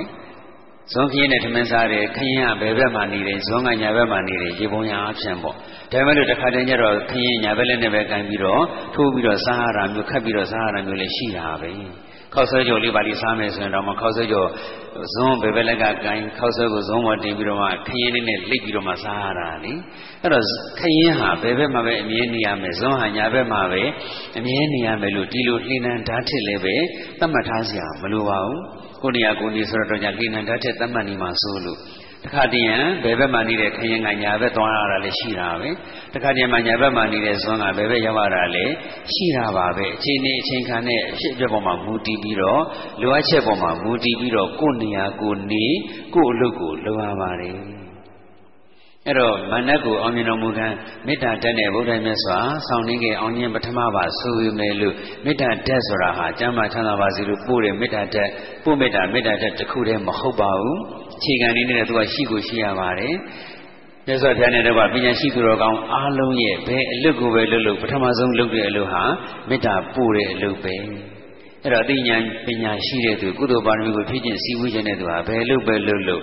မေတ္တာလေးအရင်ပို့လို့ရမှာပဲစီရောက်နေဆိုရင်တော့မှအိမ်ကနေစီးထွက်မယ်ဆိုမေတ္တာလေးပို့သွားဆိုင်ကန်းဖွင့်တော့လည်းမေတ္တာလေးအရင်ပို့ပေါ့စီသူစီသားအလုံးချမ်းသာချမ်းသာကြပါစေ။ ကိုယ်ဆိုင်တဲ့ဝင်လာတဲ့သူတွေအားလုံးကြမ်းမှချမ်းသာကြပါစေစသည်အပြင်ပေါ့ဇီးတွေဇီးဝယ်တွေအားလုံးကိုတယောက်တည်းရန်ကောင်းမှုကြီးမေတ္တာမပို့နဲ့ပေါ့နော်ဆိုင်ဇီးထဲမှာရှိတဲ့ဆိုင်တိုင်းဆိုင်တိုင်းဒီနေ့ရောင်းကောင်းကြပါစေဇီးဝါကြီးအစဉ်ပြေကြပါစေစသည်မေတ္တာတက်ကလေးတွေပို့လို့ရမှာပေါ့အဲ့တော့ပို့မေတ္တာကတော့အခြေခံနည်းနဲ့တော့ရှိရမှာပါဒါပေမဲ့ပို့မေတ္တာတက်တက်နဲ့အရာရာအောင်မြင်ပြီးတော့ငြိမ်းချမ်းသွားတာမဟုတ်ပါဘူးပေးမေတ္တာလည်းပဲလိုအပ်ပါတယ်ပေးမေတ္တာဆိုတာသူတစ်ပါးရဲ့လိုအပ်ချက်ကိုဖြည့်ဆည်းပေးတာပါ အဲ့တော့မနဲ့နဲ့စိတ်တွေလက်နဲ့နဲ့တက်ခိုက်တဲ့အခါကျတော့ပါရမီလက်နဲ့နဲ့ခုခံကာကွယ်မှတနည်းအားဖြင့်တက်ခိုက်မှသာလျှင်ဒါသူတို့လက်နဲ့နဲ့တက်ခိုက်တဲ့အကုသိုလ်လူတွေဆက်မလို့ဖြစ်တော့ပဲနဲ့အောင်မြင်မယ်ဆိုတာသိတဲ့အတွက်မနနဲ့နတ်စစ်တီတွေကိုရောစัจ java လာအနန္တမှာရှိတဲ့တတ္တဝအနန္တကိုရောမေတ္တာပေးတဲ့အနေနဲ့ကုသိုလ်ပါရမီတွေကိုဆင်ញင်စဉ်းစားပါတယ်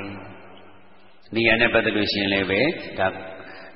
ဒီနေရာကိုယ်ပိုင်နေဆိုတဲ့အကြောင်းသက်တည်ပြုမှရမယ်အခြေအနေဖြစ်တဲ့ကြောင့်ကိုသက်တည်ပြုခဲ့ပါတယ်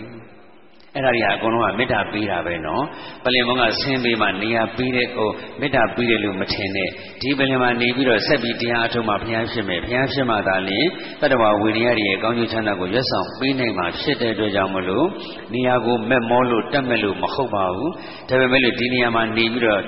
ဒီနေရာနဲ့သက်ဆိုင်တဲ့အလုပ်ကိုလုံးမသားလျင်တတဝအများငြိမ်းချမ်းကြမှာမို့လို့ဒီနေရာမှာနေနေခြင်းဖြစ်ပါတယ်အဲ့တော့နေရာတစ်ခုမှာကိုနေခြင်းကြောင့်လူဖွဲ့စည်းအတွက်ကောင်းကျိုးချမ်းသာဖြစ်လို့ဒီနေရာကိုနေနေခြင်းကိုပဲ နေရာပေါ်မှာမမောတွေတွေ့ထားတယ်လို့ထင်တဲ့သူကလည်းထင်ရင်ထင်မှာပဲအရေးမကြီးပါဘူးအဓိကကတော့ဒီနေရာမှာနေပြီးတော့ဒီနေရာနဲ့သက်ဆိုင်တဲ့အလုပ်ကိုလုပ်တဲ့အတွက်လူဖွဲ့စည်းအတွက်ကောင်းကျိုးချမ်းသာတွေဖြစ်စေနိုင်တယ်ဆိုရင်အဲ့ဒီနေရာမှာခိုင်ခိုင်မာမာရက်တည်နေကြရမှာပါပဲ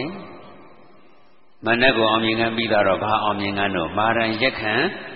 ကစံစောရံအောင်မြင်ရှိပါကတာတော့ရကြတယ်မလားမာရန်ပြီးတော့ပါတော့ရက်ခံရက်ခံဆိုတော့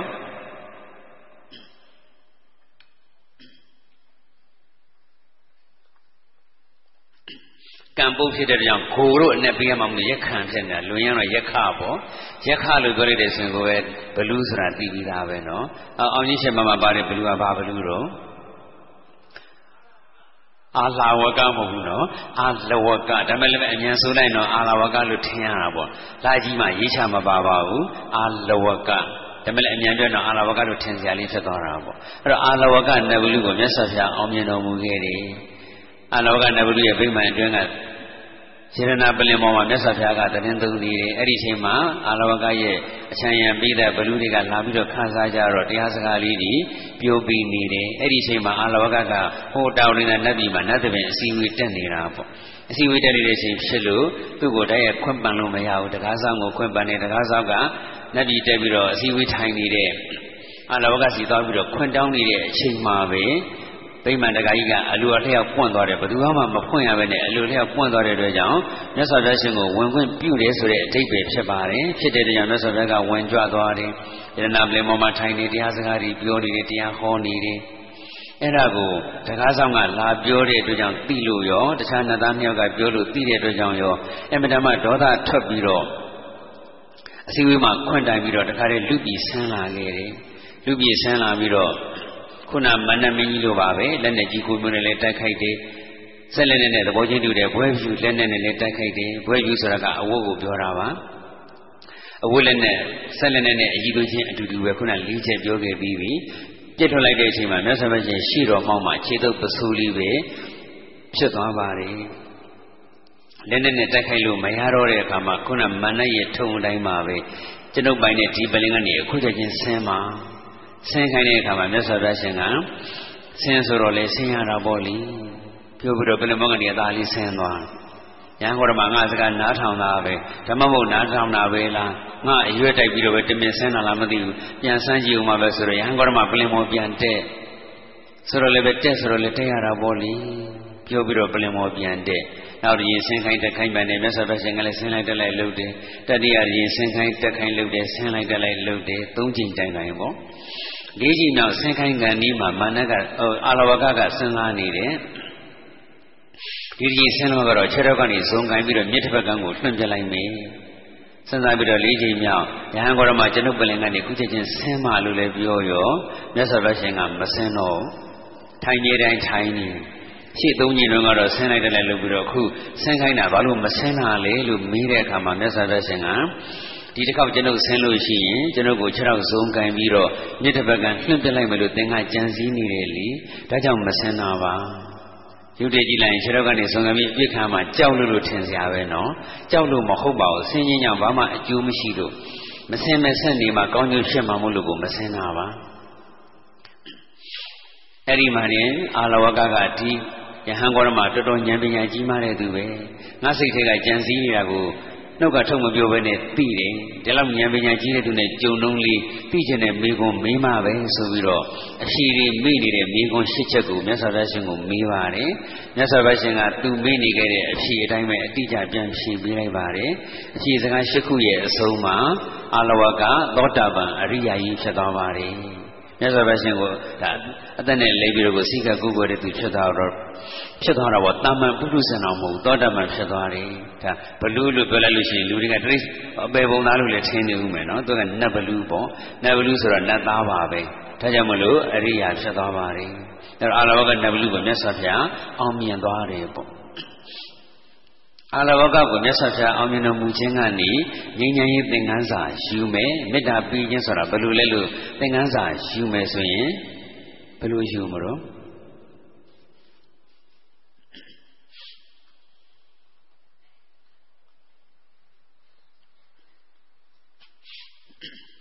ခုနမဏ္ဍတုံးကလည်းပဲ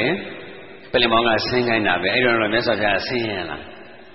မဆင်းတော့အခုဒီတော့အာလဝကဆင်းခိုင်းတဲ့ခါကျတော့သုံးညီတယ်နဲ့ဆင်းတယ်သုံးညီတယ်နဲ့ပြန်တက်တယ်သူစကားနားထောင်တယ်ပေါ့ အဲ့လိုသူဆင်းခိုင်းတက်ခိုင်းနဲ့ဆင်းလိုက်တယ်လေလုပ်တယ်ဆိုတာမြတ်စွာဘုရားရှင်စိတ်ထားနူးညံ့ပျော်ပြောင်းလို့ပုမေတ္တာပေးမေတ္တာဆိုတဲ့နေရာမှာမေတ္တာတုတ်လူတိုင်းလူလူရကြပါတယ်အဲ့တော့ဒုက္ခိနောကခေမီနောခွန်တုကနေစပြီးတော့နောက်ပိုင်းတဝက်လောက်ကပေါ့နော်တပ္ပဒရာဝန္တုဒုက္ခိတတာနောက်နဘရောပရံဂါထာတွေကနေညမညတာဒုက္ခမိတ်စီယအထိကတော့ပုမေတ္တာမေတ္တာပို့တဲ့နိလန်းကိုမြတ်စွာဘုရားပေးထားတာ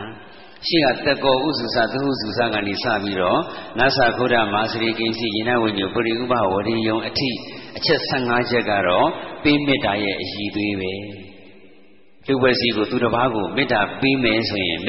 ဒီရည်သွေး15မျိုးနဲ့ပြည့်စုံရတယ်ဒီရည်သွေး15မျိုးနဲ့ပြည့်စုံနေခြင်းပြီးပြန်လျင်မေတ္တာပေးခြင်းဖြစ်တယ်ဆိုတဲ့အကြောင်းမြတ်စွာဘုရားရှင်ကမိန့်တော်မူတာ ပေးမေတ္တာလို့ပြောတဲ့ဒီရည်သွေး15မျိုးနဲ့ပြည့်စုံမှလည်းပဲပို့သားတဲ့မေတ္တာထက်ကပို့ပြီးတော့ထိရောက်တယ်။ဒါကြောင့်မလို့မေတ္တာမပို့ခင်မှာဒီရည်သွေး15မျိုးပြည့်စုံရမယ်လို့မြတ်စွာဘုရားက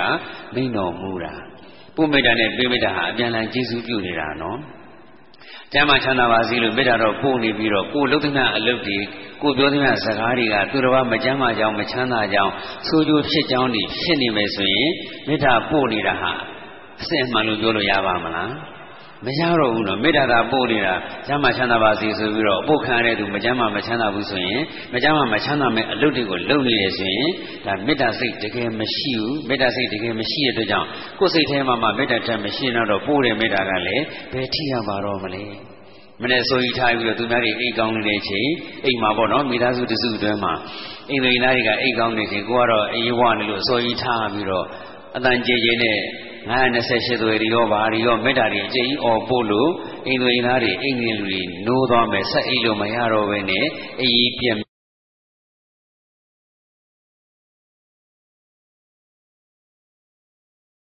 အတန်အကျဉ်းနဲ့သူများကိုအကြီးပြက်အောင်မေတ္တာပို့နေတဲ့သူဟာမိသားစုတည်ဟူသောလူဖွဲ့စည်းကိုမေတ္တာပေးရရောက်ရဲ့လား မရောက်တော့ဘူးသူပို့တဲ့မေတ္တာကြောင့်တခြားဘယ်တတ္တဝါတွေကျမ်းမာမယ်ချမ်းသာမယ်တော့မပြောတတ်ဘူးကိုယ်တအိမ်နဲ့အတူနေတဲ့တတ္တဝါတွေတော့ချမ်းသာရဲ့လားမချမ်းသာတော့ဘူးသူအတန်ကြီးနဲ့မေတ္တာပို့လို့တော့အေးအေးကြီးပြကြပြီလေဘယ်လိုလုပ်ချမ်းသာပါတော့မလို့အဲ့တော့ကျမ်းမာချမ်းသာပါစေလို့သာမေတ္တာပို့နေတာသူလုပ်တဲ့အလုပ်ကတော့ကျမ်းမာကြောင်းချမ်းသာကြောင်းလုံးဝမဟုတ်တဲ့အတွက်ကြောင့်မလို့မေတ္တာတကယ်ပြီးရမရောက်တော့ဘူးမေတ္တာတက်တကယ်ရှိရမရောက်တော့ဘူးကုသိုလ်ရခြင်းလို့သာမေတ္တာပို့တာပဲပြောရမှာပေါ့ အတန်ကြီးချင်းနဲ့မနဲ့ဆိုရင်မေတ္တာပို့ရင်ကုသိုလ်ရတယ်ကိုယ်တော်ကောင်းကျိုးရတယ်ဆိုပြီးတော့ကိုကိုကျိုးအတွက်မေတ္တာပို့တာပဲဖြစ်သွားတယ်မေတ္တာပို့တယ်ဆိုတာမေတ္တာဆိုတာကတရားအစကတည်းကပြောခဲ့ပြီးသားသူတော်ဘာရဲ့ကောင်းကျိုးကိုလူသားတာကိုမေတ္တာလို့ခေါ်တာဖြစ်တဲ့အတွက်ကြောင့်ကိုလှုပ်သမျှကိုပြောသမျှကိုတွေးသမျှဟာသူတော်အတွက်ဆိုးကျိုးကင်းရှင်းပြီးတော့ကောင်းကျိုးချမ်းသာနဲ့ပြည့်စုံကိုပြည့်စုံရမယ် အဲ့တော့မေတ္တာပို့ခြင်းနဲ့ဆိုရင်လေလေသံလေးနဲ့တူတူလေးကိုယ့်ဘာသာကိုပို့ပေါ့မေတ္တာပို့တာနဲ့မကောင်းစောစောထားတယ်ဆိုရင်ခြေတံလေးဖောဖောလေးနင်းလို့တကားလေးဖြည်းဖြည်းလေးဖွင့်လို့မျက်နှာတက်တာမှခက်ခက်အုပ်အုပ်ကလေးတစ်လို့ပေါ့ကိုကြောင့်သူတစ်ပါးအနှောက်အယှက်မဖြစ်ပါစေနဲ့ဆိုတဲ့စိတ်ကလေးထားတာကိုကမေတ္တာထားတာပဲမေတ္တာပေးတာပဲဒါကြောင့်ပို့မေတ္တာနဲ့ပေးမေတ္တာကအပြန်အလှန်ကျေးဇူးပြုနေတာနော်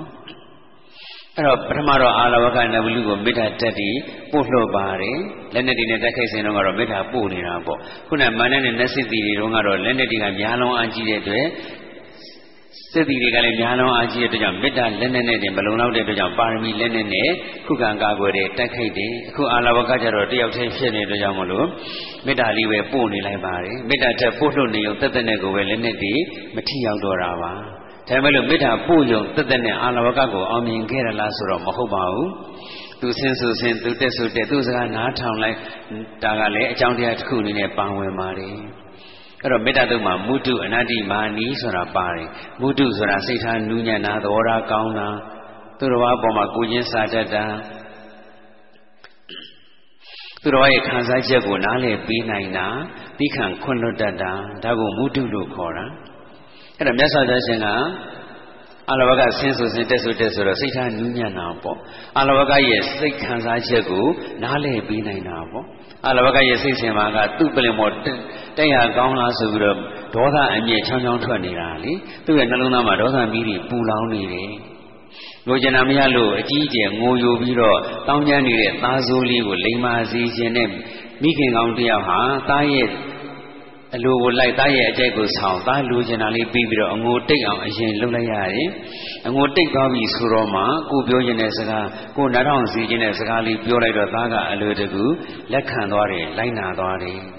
ငိုကောင်းလားဆိုတော့အတင်းရိုက်နေနှိမ့်ဆက်နေလို့ကတော့ကိုယ်စကားနားထောင်မှမဟုတ်တော့ဘူးအဲ့တော့သူ့လိုလိုက်သူ့အကြိုက်ဆောင်ပြီးတော့သားကိုအငိုတိတ်အောင်အရင်လှုပ်ပြီးမှကိုပြောခြင်းတဲ့စကားလေးပြောတော့ကိုယ်စကားအောင်မြင်တာပေါ့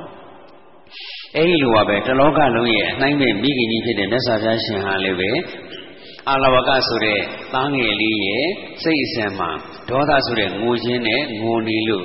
သားလေးကဒေါသတိဟုသောငိုခြင်းနဲ့ငိုနေတဲ့ကြောင့်ဒေါသတိဟုသောအငိုတိတ်ပါစီတော့ဆိုပြီးတော့သူ့အလိုလိုက်သူ့အကျိုးဆောင်သူ့လိုချင်တာပြီးတဲ့အနေနဲ့သူဆင်းဆိုဆင်းလိုက်ပါတယ်သူတက်ဆိုတက်လိုက်ပါတယ်အဲ့တော့ သူ့စကားနားထောင်တဲ့အခါကျတော့အာလဝကကလည်းဒေါသတက်ပြီးရော့ရော့ရော့ရော့သွားတာပေါ့ဆဆချင်းလည်းနဲ့နဲ့ပြည့်တဲ့တော့လောက်ကြီးဒေါသမကြီးတော့ဘူးဒီရွေချက်နဲ့ပဲဆင်းလိုက်တဲ့လုပ်ခဲ့တာပါပဲပြီးတော့ဒီလိုဆင်းလိုက်တဲ့လုပ်နိုင်တယ်ဆိုတာလေအနာတိမာနီမာမာနာကင်းရှင်းလို့မေတ္တာပေးတယ်ဆိုတာမာမာနာကင်းရှင်းတယ်သူတော်ဘာကိုထင်မသေးဘူးမနှိမ့်ချဘူးကိုကိုကိုကိုကိုကိုပဲအချင်းကြီးမနေဘူး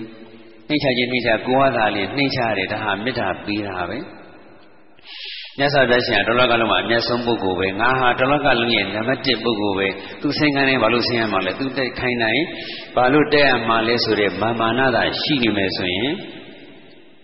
အလဘကဆင်းကိုင်းတက်ခိုင်းနေဆင်းမှတက်မှာမဟုတ်ပါဘူးဒါကြောင့်မြတ်စွာဘုရားအပြုမှုကိုကြည့်လို့ရှိရင်မာမနာကင်းရှင်းခြင်းအားဖြင့်မေတ္တာပေးတယ်ဆိုတာလည်းအမြဲတမ်းထင်ရှားပါတယ် ဒါကိုကြည့်ပြီးတော့ငြိမ်းချမ်းရေးသင်ခန်းစာယူမယ်ဆိုရင်စိတ်ထားနူးညံ့ခြင်းသဘောထားကြီးခြင်းသူတစ်ပါးရဲ့ခံစားချက်ကိုနားလည်ပေးနိုင်ခြင်းသူတစ်ပါးရဲ့လိုအပ်ချက်ကိုနားလည်ပေးနိုင်ခြင်းသူတစ်ပါးအပေါ်မှာတိခံခွင့်လွှတ်တတ်ခြင်းကိုချင်းစာတတ်ခြင်းဟာ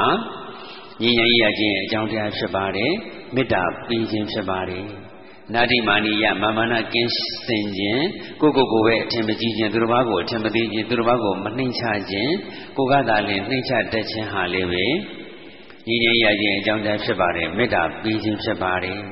သူရှင်နာမှာသူဝဆောသတ္တမုဒုအနာတိမာနီဆိုတော့သူဝဆောဆိုတဲ့စကားလုံးလေးအလောကကိုယ်တိုင်ပြောခဲ့တာ။ညာငေါရမှာငါစကားနားထောင်တာပဲသူဝဆောပြောရဆိုတာလွယ်တာပဲလို့ပြောခဲ့ဘူးတယ်လေ။အဲ့တော့ပြောရဆိုရတာလွယ်ကူလို့သာလျှင်ဆင်းလိုက်တဲ့လူဖြစ်တာပေါ့။ဒါလေးကြည့်ပြီးတော့ကောက်ချက်ဆွဲမယ်ဆိုရင်သူဝဆောကုံနဲ့ပြည့်စုံခြင်းသူဝဆပေါ့နော်။ဒါကရိယာပုဂ္ဂိုလ်ကထာဘုံနေနဲ့မလို့စောဆိုပြီးတော့ဖြစ်နေ။သူဝဆဆိုတာပြောရဆိုရလွယ်ကူတာဆုံးမရလွယ်ကူတာဝေဘာနာအကြံဉာဏ်ပြီးတာကိုလက်ခံနိုင်တာ။ ဝေဘာမှုဉာဏ်ဉာဏ်ပေးမှုတွေကိုကိုယ်ပိုင်ဉာဏ်နဲ့ဆင်ញင်သုံးသပ်တတ်တာကိုပဲဆင်ញင်သုံးသပ်ပြီးတော့လိုက်လျောတဲ့နာဆိုလိုက်လျောတာပေါ့မလိုက်လျောတဲ့နာဆိုလည်းပဲကျေစုတင်နေတာဒါလေးကိုပဲသူ့ဝဆာလို့ခေါ်တာဒါကြောင့်မလို့ပြောရဆိုရလွယ်ကူခြင်း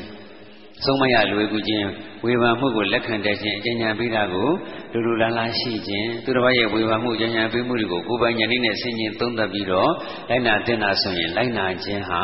ဉာဏ်ဉာဏ်ရခြင်းအကြောင်းတရားဖြစ်ပါတယ်မေတ္တာ ပြီးခြင်းဖြစ်ပါတယ်မိသားစုဆိုတဲ့လူပွဲစည်းမှာတောင်းမှ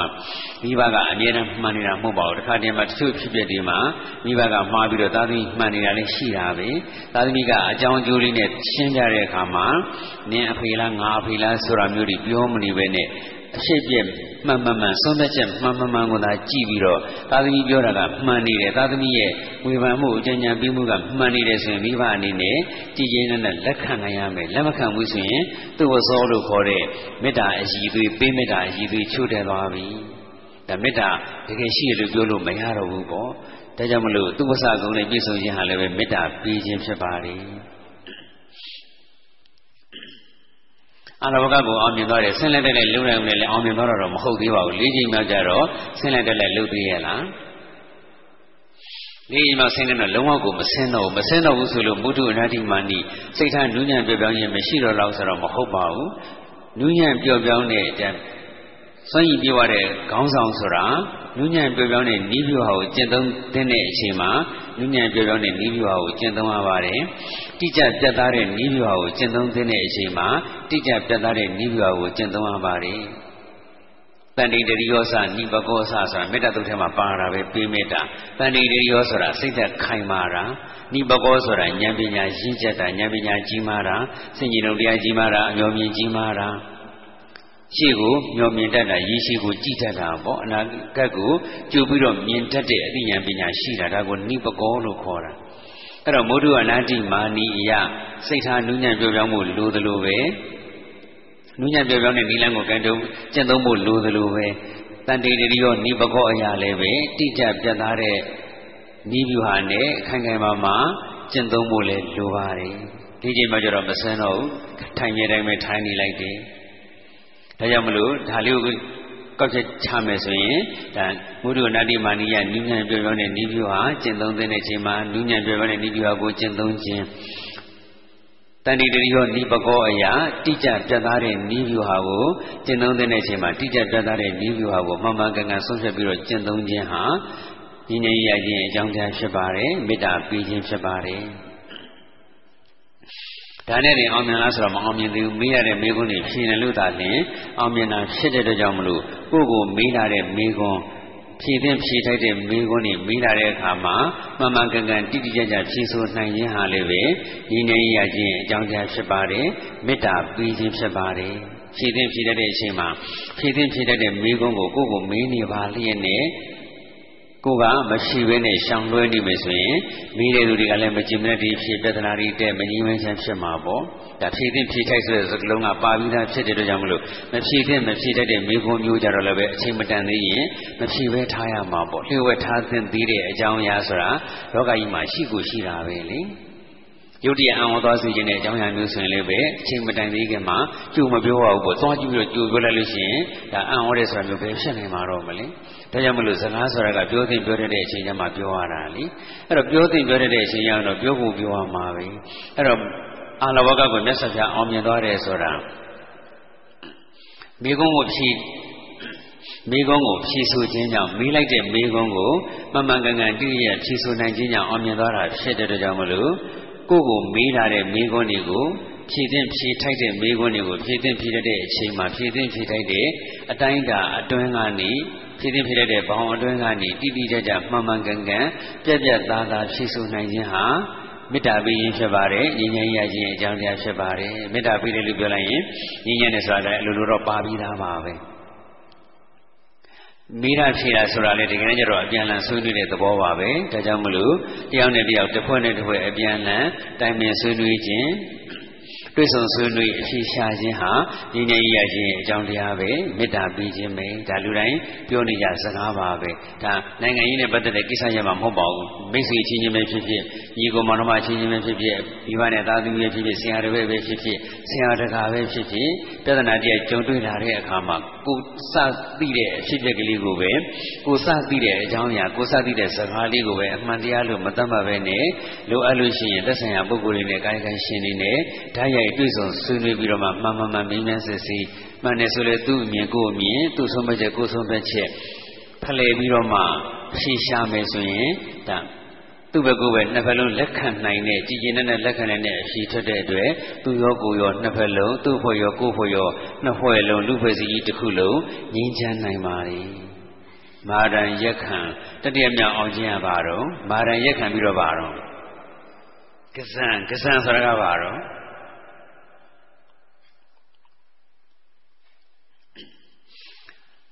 ခါရရွရင်နဲ့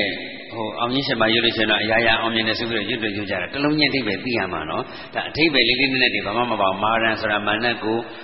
ရက်ခံဆိုတာအလောကနဘလူကိုကဇံဆိုတာကဆင်နာလာဂရိဆင်ကိုအောင်ကြီးရှင်ပါတယ်ကပါတယ်ဆင်ကပါဆင်ကြီးတော့နာလာဂိရိဆင်ဆင်နေလည်းအများကြီးရှိတာမို့လို့နော်မြတ်စွာဘုရားရှင်ကိုဝေယဝဆလုပ်တယ်ဒါပလလဲဆင်မင်းဆိုတာလည်းရှိသေးတာပဲ အရှင်ဒီဝရကမြတ်စွာဘုရားရှင်ကိုလူသားသမားတွေလှုပ်ပြီးတော့လှုပ်ကြံတက်ဖြတ်တယ်မအောင်မြင်ဘူးကိုကိုယ်တိုင်လည်းပဲကြောက်တုံးကြီးလှိမ့်ချပြီးတော့လှုပ်ကြံတက်ဖြတ်တယ်မအောင်မြင်ဘူး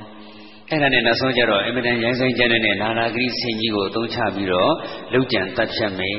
ငကိုကလေးကအင်မတန်မှကြမ်းတမ်းတဲ့ဆင်တွေ့ဒီမှာလူကိုတက်ဖြတ်နေတဲ့ဆင်အဲ့ဒီဆင်ကြီးကို ငကိုတော့ကနေ့စဉ်တနေ့အရင်ရှစ်အိုးတောင်းနေတဲ့ဆင်ကိုမြတ်စွာဘုရားရှင်ကိုလှုပ်ကြံမဲ့နေ့ကျတော့နှစ်ဆတင်ပြီးတော့အရက်ဆက်ချဖို့တိုက်လိုက်တယ်အရက်မူးတော့ပို့ပြီးတော့ကျန်းသွားတာပေါ့နှစ်ဆပို့ပြီးတော့ကျန်းသွားတယ်မြတ်စွာဘုရားရှင်နဲ့တန်ဃာတော်တွေဆုံးခံကြွလာတဲ့အချိန်မှာ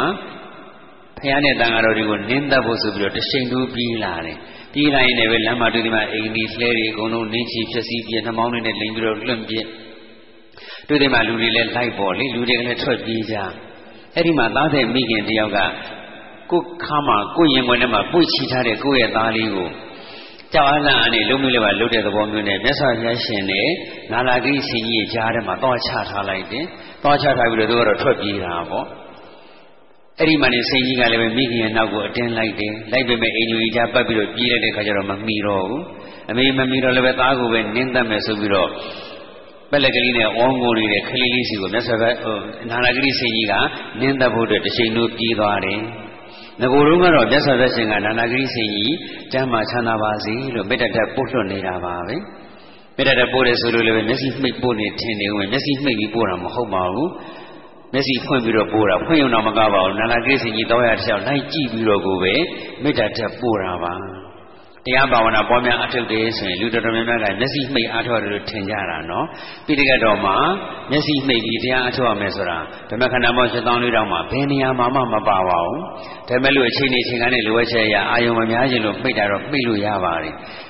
တင်မလင်ခွေတယ်ဆိုတာကမှအာနာပါနကမ္မထာလို့သမထကမ္မထာနေမှာမှာသေးတယ်ပေါ့အဲ့တော့အာယုံများကြီးလို့မှိတ်ရှင်မှိတ်ဒါပေမဲ့မျက်စိမှိတ်မှတ်ခြင်းကြောင့်ဘာမှမသိတော့ဘူးအာယုံနေမထင်ရှားတော့ဘူး နိုင်တာလူလူနိုင်တယ်လူကလည်းကိုယ်ဝမခံနေတဲ့ခါကျတော့ဟိုတမာတိတွေပဲအထူးရနေသလိုလိုမညံဖုန်ညံမဲ့ဆိုင်နေသလိုလိုဒီလိုထင်တာမျိုးလည်းရှိတတ်ကြသေးတယ်နော်မျက်စိမှိတ်နေအိပ်ပြောနေတာကိုပဲမဆိုင်တော်တယ်လို့ထင်တဲ့သူမျိုးလည်းရှိသေးတယ်အဲ့တော့မျက်စိမှိတ်ပြီးတော့ရှုမှတ်နေခြင်းကြောင့်ဘာအာယုံမှမထင်ရှားဘူးရှုညံနေဘာမှထင်ထင်ရှားရှားမဖြစ်ဘူးဆိုရင်မျက်စိဖွင့်ပြီးမှတ်ပေါ့မျက်စိမိတ်ပြီးတော့တရားဘာဝနာပွားများမယ်လို့ဘယ်နေရာမှမှမရှိပဲ အဲ့တော့အခုလည်းပဲမြတ်စွာဘုရားရှင်မေတ္တာပို့တဲ့ဘာဝနာကမ္မထံအားထုတ်နေတာပါပဲဒါပေမဲ့နာလကိစီကြီးသွားလိုက်ရလိုက်ကြည့်ရင်လည်းပဲမေတ္တာပို့နေတာပါကလေးလေးကိုနင်းသားဖို့ပြေးလာတာလည်းမြင်ရောမေတ္တာပို့နေတာကိုချက်ချင်းရပ်လိုက်ပြီးတော့ချက်သားနာလာကြီးဒီ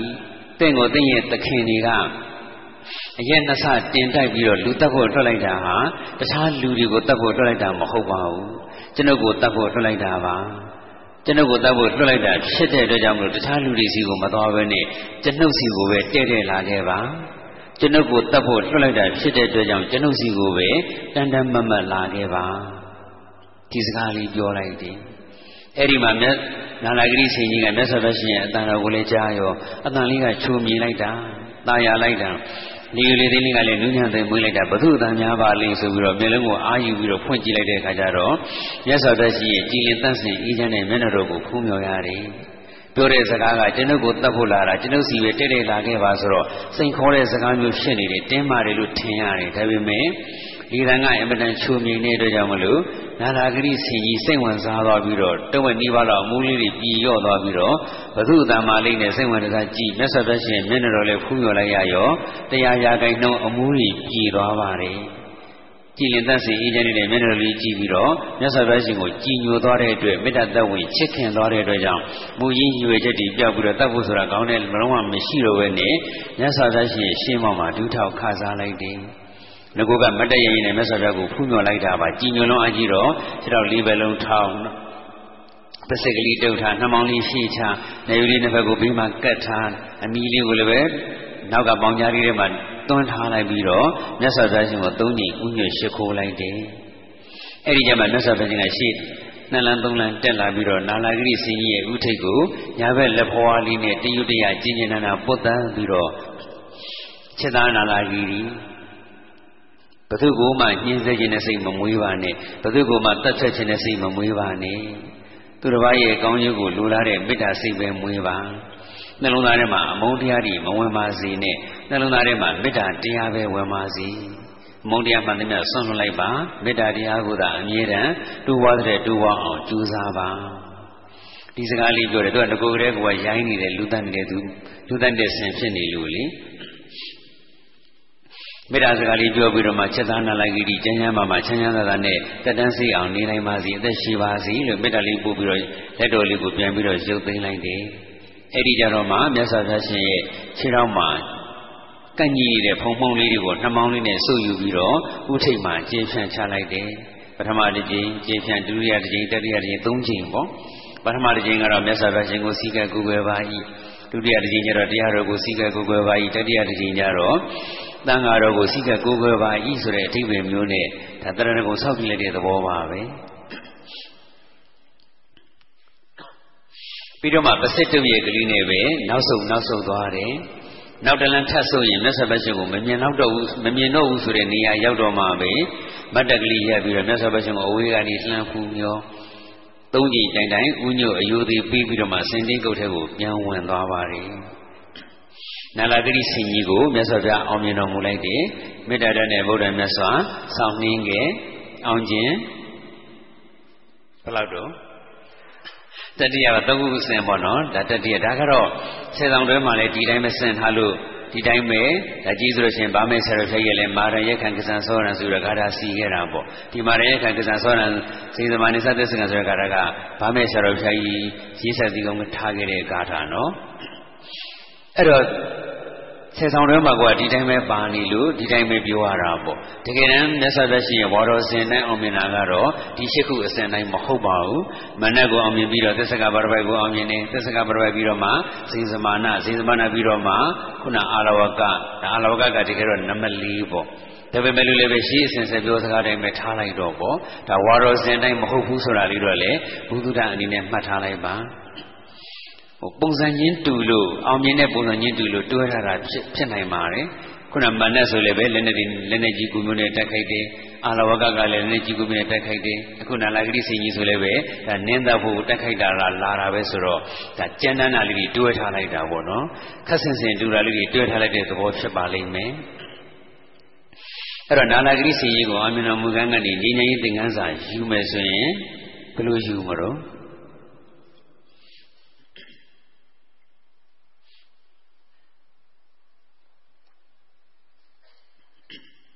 အနှစ်ချုပ်ကတော့မေတ္တာဓာတ်နဲ့ဗုဒ္ဓမြတ်စွာဆိုတဲ့မေတ္တာအကြောင်းပေါ့ဒါပေမဲ့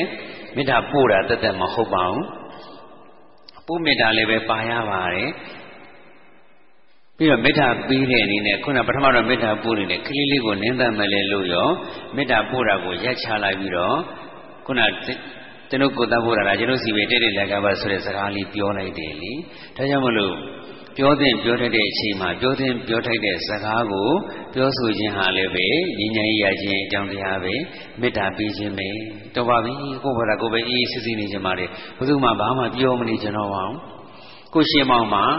တူတယောက်ခက်ခဲတွေ့နေတယ်အကူကြီးလိုအပ်နေတယ်ကိုကစကားလေးတစ်ခုပြောလိုက်လို့ရှိရင်သူ့ရဲ့ခက်ခဲပြေလေပြေလေသွားနိုင်တယ်အဆင်ပြေသွားနိုင်တယ် တိပါလက်ရနဲ့တော့ပါပြီပြောမနေတော့ပါဘူးနေရာတကာဆရာတို့တွေထင်းနေပါအောင်မယ်နေရာတကာပါတယ်ထင်းနေပါအောင်မယ်ဆိုတော့ကိုမပြောချင်တာနဲ့ပဲစကားလှတာလေးနဲ့ကိုကိုကိုကာကွယ်ပြီးတော့မပြောဘဲနေမယ်မပြောဘဲနေလိုက်တဲ့ကြောင့်သူတစ်ပါးရားစင်းရတဲ့ကောင်းကျိုးမရတော့ဘူးဆိုရင်ကိုဟာသူတစ်ပါးကိုကိုရှင်းမောင်မှာအခက်အခဲဖြစ်နေတဲ့သူအကူကြီးလိုအပ်နေတဲ့သူကိုမေတ္တာပေးရမရောက်တော့ဘူး စကားလေးတခွန်ပြောလိုက်ရုံသို့မဟုတ်စကားနည်းနည်းလေးပြောလိုက်ရုံနဲ့ကောင်းကျိုးရမယ်ဆိုတာသိပါလဲနဲ့မပြောဘဲနေတာကိုကလည်းပဲကိုယ့်ရဲ့နှလုံးသားထဲမှာမေတ္တာတက်မရှိတာနဲ့သဘောချင်းတူတူပဲမေတ္တာတက်တာတကယ်ရှိရင်မေတ္တာပို့နေုံနဲ့မပြီးဘူးနော်မေတ္တာပို့တယ်ဆိုတာကလည်းမေတ္တာတက်မေတ္တာပို့တိုင်းမေတ္တာတက်ရှိလို့ပို့တယ်လို့ပြောလို့မရဘူးမေတ္တာပို့ရင်ဘယံအနေနဲ့ကင်းရှင်းတယ်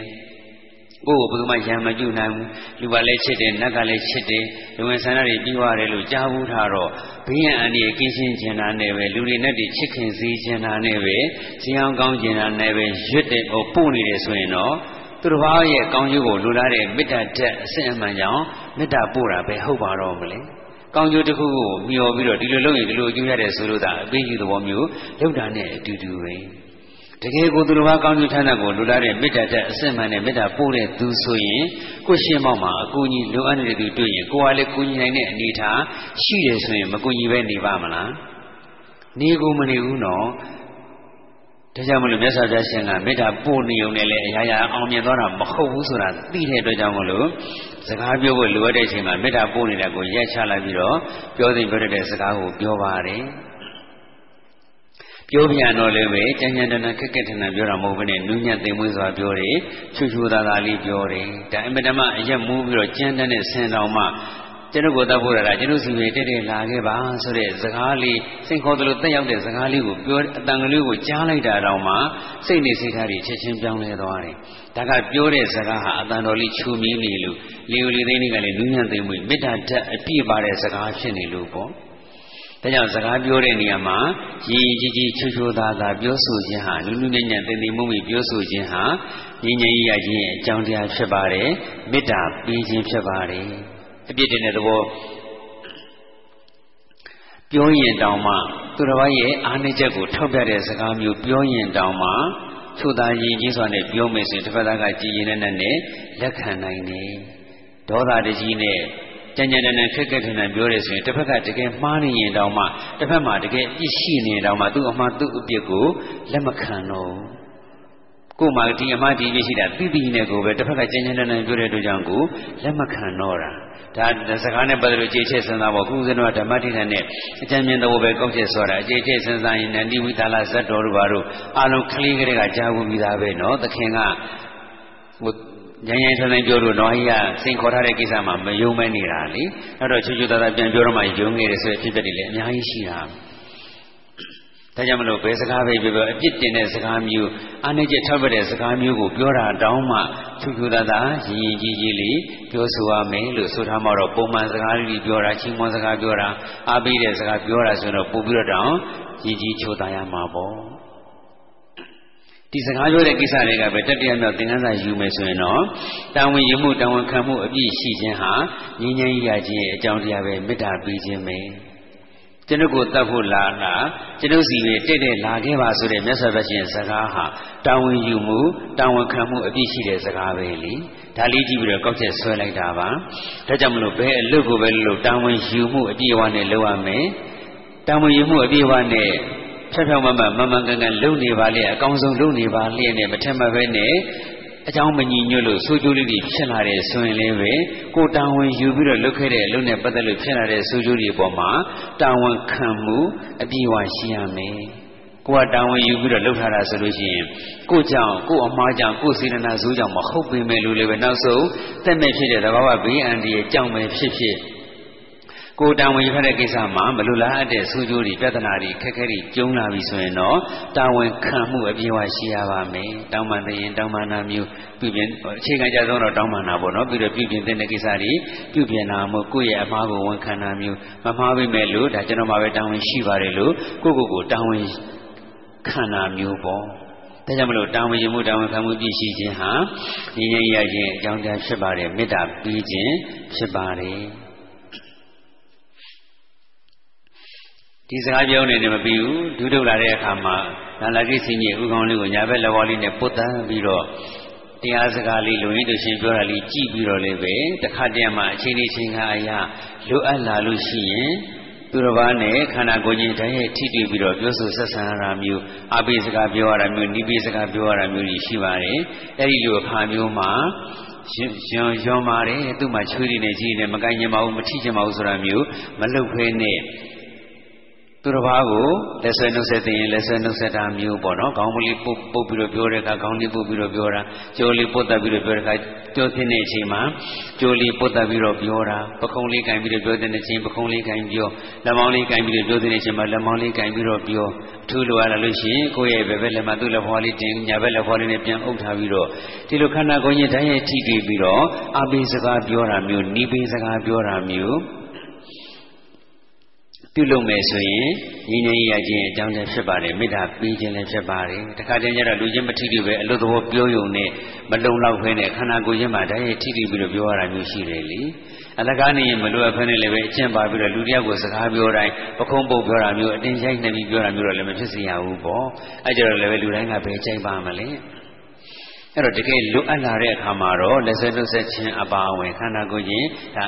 ဘယ်ပခုံးလေးပို့ရမှာလားလက်မောင်းလေးပဲကန်ရမှာလားဆိုတာကတော့ကိုယ်ပိုင်ဉာဏ်နဲ့ဆင်ញင်သုံးသပ်ရမှာပဲဒါသင်္ကန်းစာယူစရာလေးတွေနော်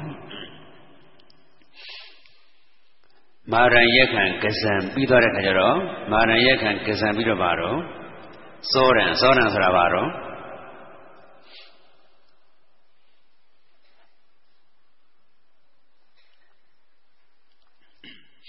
စောရံဆိုတာစောရနော်စောရနှက်ခတ်နဲ့ရှင်းပြီးမွေးလို့ဘလောက်ချမ်းသာချမ်းသာလက်စော်တယ်မခိုးကမနေနိုင်ဘူးဆိုတာမျိုးလေစောရဆိုတာခိုးခိုးသူပေါ့ခိုးသူကြီးအဲ့တော့အင်္ဂုလိမာလာခိုးသူကြီးဆိုပြီးပြောကြတာတကယ်လည်းကျတော့ခိုးသူကြီးဆိုတာတဲ့အင်္ဂုလိမာလာလူသက်သမားပေါ့လူသက်သမားဖြစ်ရတယ်ဆိုတာလေစိတ်ထားကိုကြံတန်းလွန်းလို့ဇေယိတ်ကိုကြံတန်းလွန်းလို့လူသက်သမားဖြစ်ရတာမဟုတ်ပါဘူးဆရာဆိုးဆရာမရဲ့စကားကိုသွားပြီးတော့နားထောင်လိုက်ပြီလို့ သူကအမြဲတမ်းပညာကိုလိုလားတဲ့သူဖြစ်တယ်ပညာကိုလည်းကြိုးစားတယ်ဉာဏ်ပညာအမြဲတမ်းထက်မြက်တယ်ပညာထူးချွန်တယ်ပညာထူးချွန်တဲ့အတွက်ကြောင့်ဆရာကြီးကလည်းအမြဲတမ်းချစ်တယ်အဲ့ဒါနဲ့မကောက်အိမ်မှုကိစ္စတွေကိုလည်းပဲလူလူသိမရှိကိုကြီးဆောင်ရွက်ပြီးတော့ဆရာကြီးကရောဆရာကြီးကြောကရောအမြဲတမ်းချစ်တယ်သားလေးအရင်တယောက်လူကိုချစ်တယ်အဲ့ဒီခါမှာတခြားတပည့်တွေကမနာလို့ဖြစ်ပြီးတော့ဆရာကြီးကိုဂုံးတိုက်တယ်ဆရာကြီးရဲ့ဇနီးနဲ့ သူနဲ့ကိုယ်ရမှာဖောက်ပြန်နေကြပါတယ်။ဘာညာနဲ့ဆိုလို့ပြောတော့ပထမတော့မယုံဘူး။နဲ့ဘာများတော့နေတယ်ဆိုရင်ကြတော့လည်းပဲယုံသွားပြီးတော့ဒေါသတွေဖြစ်တယ်ကုသနီထီတော့မကြည်မနဲ့တည်ဖြစ်ပြီးတော့ဒီတပည့်ကိုကိုကိုယ်တိုင်ကိုပဲအသေးတတ်ဖြစ်ခြင်းနဲ့စိတ်ဖြစ်တယ်။ဒါပေမဲ့ကိုယ်တိုင်တတ်လို့ရှိရင်ကြောမကောင်းကြမကောင်းတဲ့သူများအကြည့်ပြောစရာဖြစ်နေမှဆိုလို့မ ငါကိုယ်တိုင်တော့မတတ်ဘူးဒါပေမဲ့သူများတတ်လို့တော့သိစီရမယ်ဆိုပြီးတော့ကိုယ်စနီးနဲ့ဖောက်ပြန်နေတဲ့သူကိုသိအောင်ဆိုတဲ့ရည်ရွယ်ချက်နဲ့သူများတတ်လို့သိအောင်ဆိုတဲ့ရည်ရွယ်ချက်နဲ့တပည့်ကိုပြောတယ်ငါတပည့်တွေကိုပညာသင်ပေးနေတယ်ဆိုတာပညာကုံသင်ပေးနေတာမဟုတ်ဘူးဆရာသားချန်ထားတဲ့ပညာရှိသေးတယ်မင်းငါကိုလူပေါင်းတစ်ထောင်ရဲ့ညာဘက်လက်ညှိုးတစ်ထောင်နဲ့ ပူဇော်ကြောနိုင်လို့ရှိရင်တော့မင်းကငါဆရာသားချန်ထားတဲ့ပညာတွေမင်းတယောက်တည်းကိုပဲတူတူတိတ်တိတ်ကလေးသင်ပေးမယ်ဆိုပြီးတော့ပြောတာပြောတော့ပညာလူလာတဲ့သူပညာတမိုးထားတဲ့သူဆိုတော့ပညာလိုချင်တာနဲ့ပဲ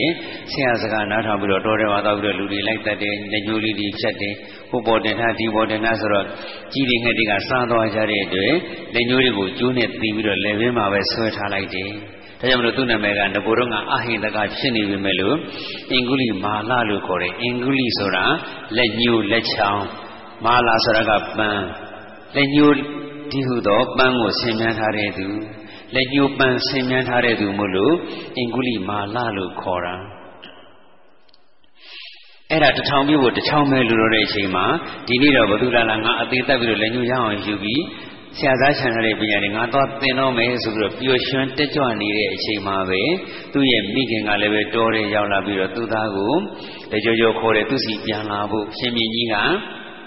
မြင်းစိတိ900မြင်းစိတိရွယ်ကောင်း900နဲ့သားကိုဒီကနေ့တော့အသေးသက်ဖို့ကြံစီစဉ်ထားတယ်ဆိုတဲ့အကြောင်းကြီးပြောပြတာပေါ့မတိုင်ခင်ညတော့ခင်မွန်းတဲ့ဖြစ်တဲ့ပညာရှိပရောဟိတ်ကြီးအင်္ဂလိပ်မာလာရဲ့ဖခင် အင်္ဂလိပ်မာလာရဲ့ဖခင်ကရှင်ဘုရင်ပညာရှိပရောဟိတ်အမတ်ကြီးပေါ့အဲပညာရှိအမတ်ကြီးရနေတဆင့်လျှို့ဝဲတဲ့နန်းနွမ်းကလျှို့ဝဲတဲ့ကိုဇနီးတဲ့ကိုပြောပြတဲ့အတွက်ဇနီးတဲ့ဖြစ်တဲ့အင်္ဂလိပ်မာလာရဲ့မိခင်ဖြစ်တဲ့ဒကမာကြီးမိခင်ကဒါတော်တယ်လာပြီးတော့သားကိုလာခေါ်တာ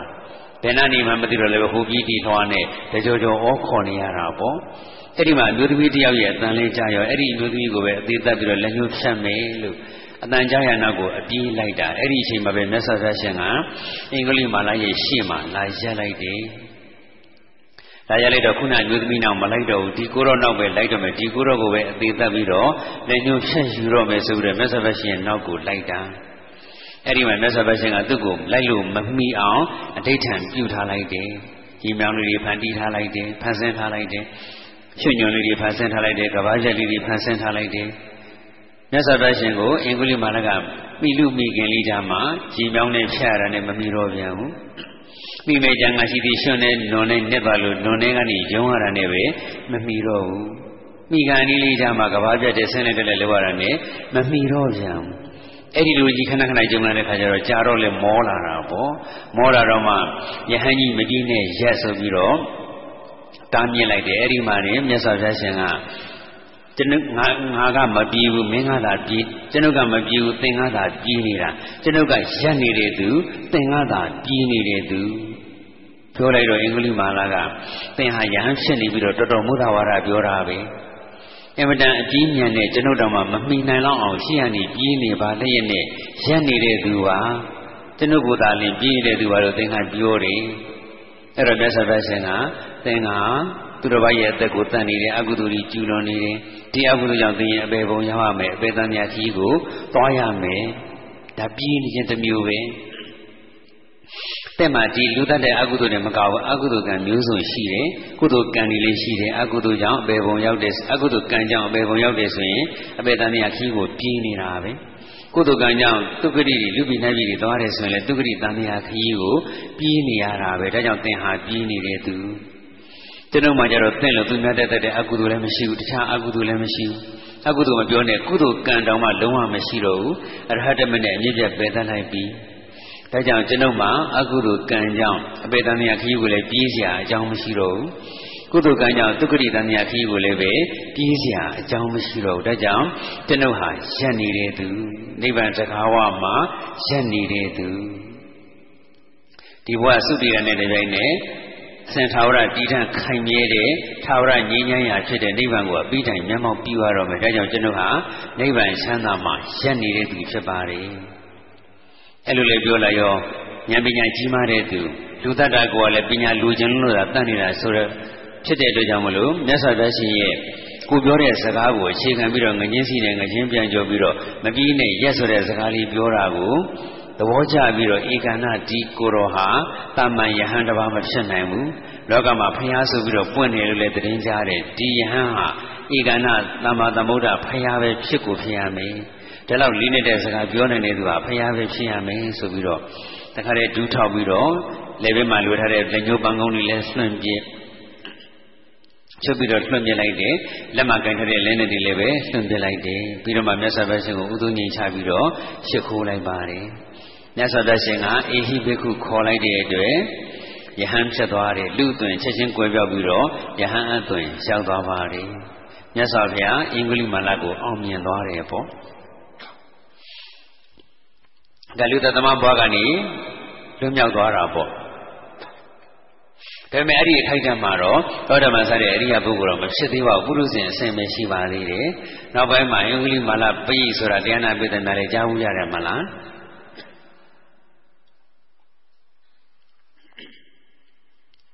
မျိုးတဲ့ဆောင်းငံကြွားတယ်ပုထုဇဉ်ပဲရှိသေးတာနော်ပုထုဇဉ်ဘဝနဲ့ပဲမျိုးတဲ့ဆောင်းငံကြွားတယ်လူတွေကအင်္ဂလိမာလာကနေဖြစ်လာတဲ့ယဟန်ဆိုတော့ကြောက်တာပေါ့လူသားသမားကြီးဆိုတော့ကြောက်တဲ့ခါကျတော့တခြားယဟန်တွေဆွမ်းလောင်းပြီးတော့အင်္ဂလိမာလာအလှည့်ရောက်ပြီဆိုရင်ဟာအင်္ဂလိမာလာပဲဆိုပြီးတော့အိမ်မော်တက်ပြီးပြီးတော့တကားကိုအလုံးပိတ်ထားကြတယ်တကားကျက်ထိုးပြီးတော့ပုံနေရတာဆွမ်းလုံးဝထွက်မလောင်တော့ဘူးလေအဲ့ဒီမှာလည်းဆွမ်းအာဟာရမပြီးသွားတဲ့ခါကျတော့အာရင်ကုန်ခံပြီးတော့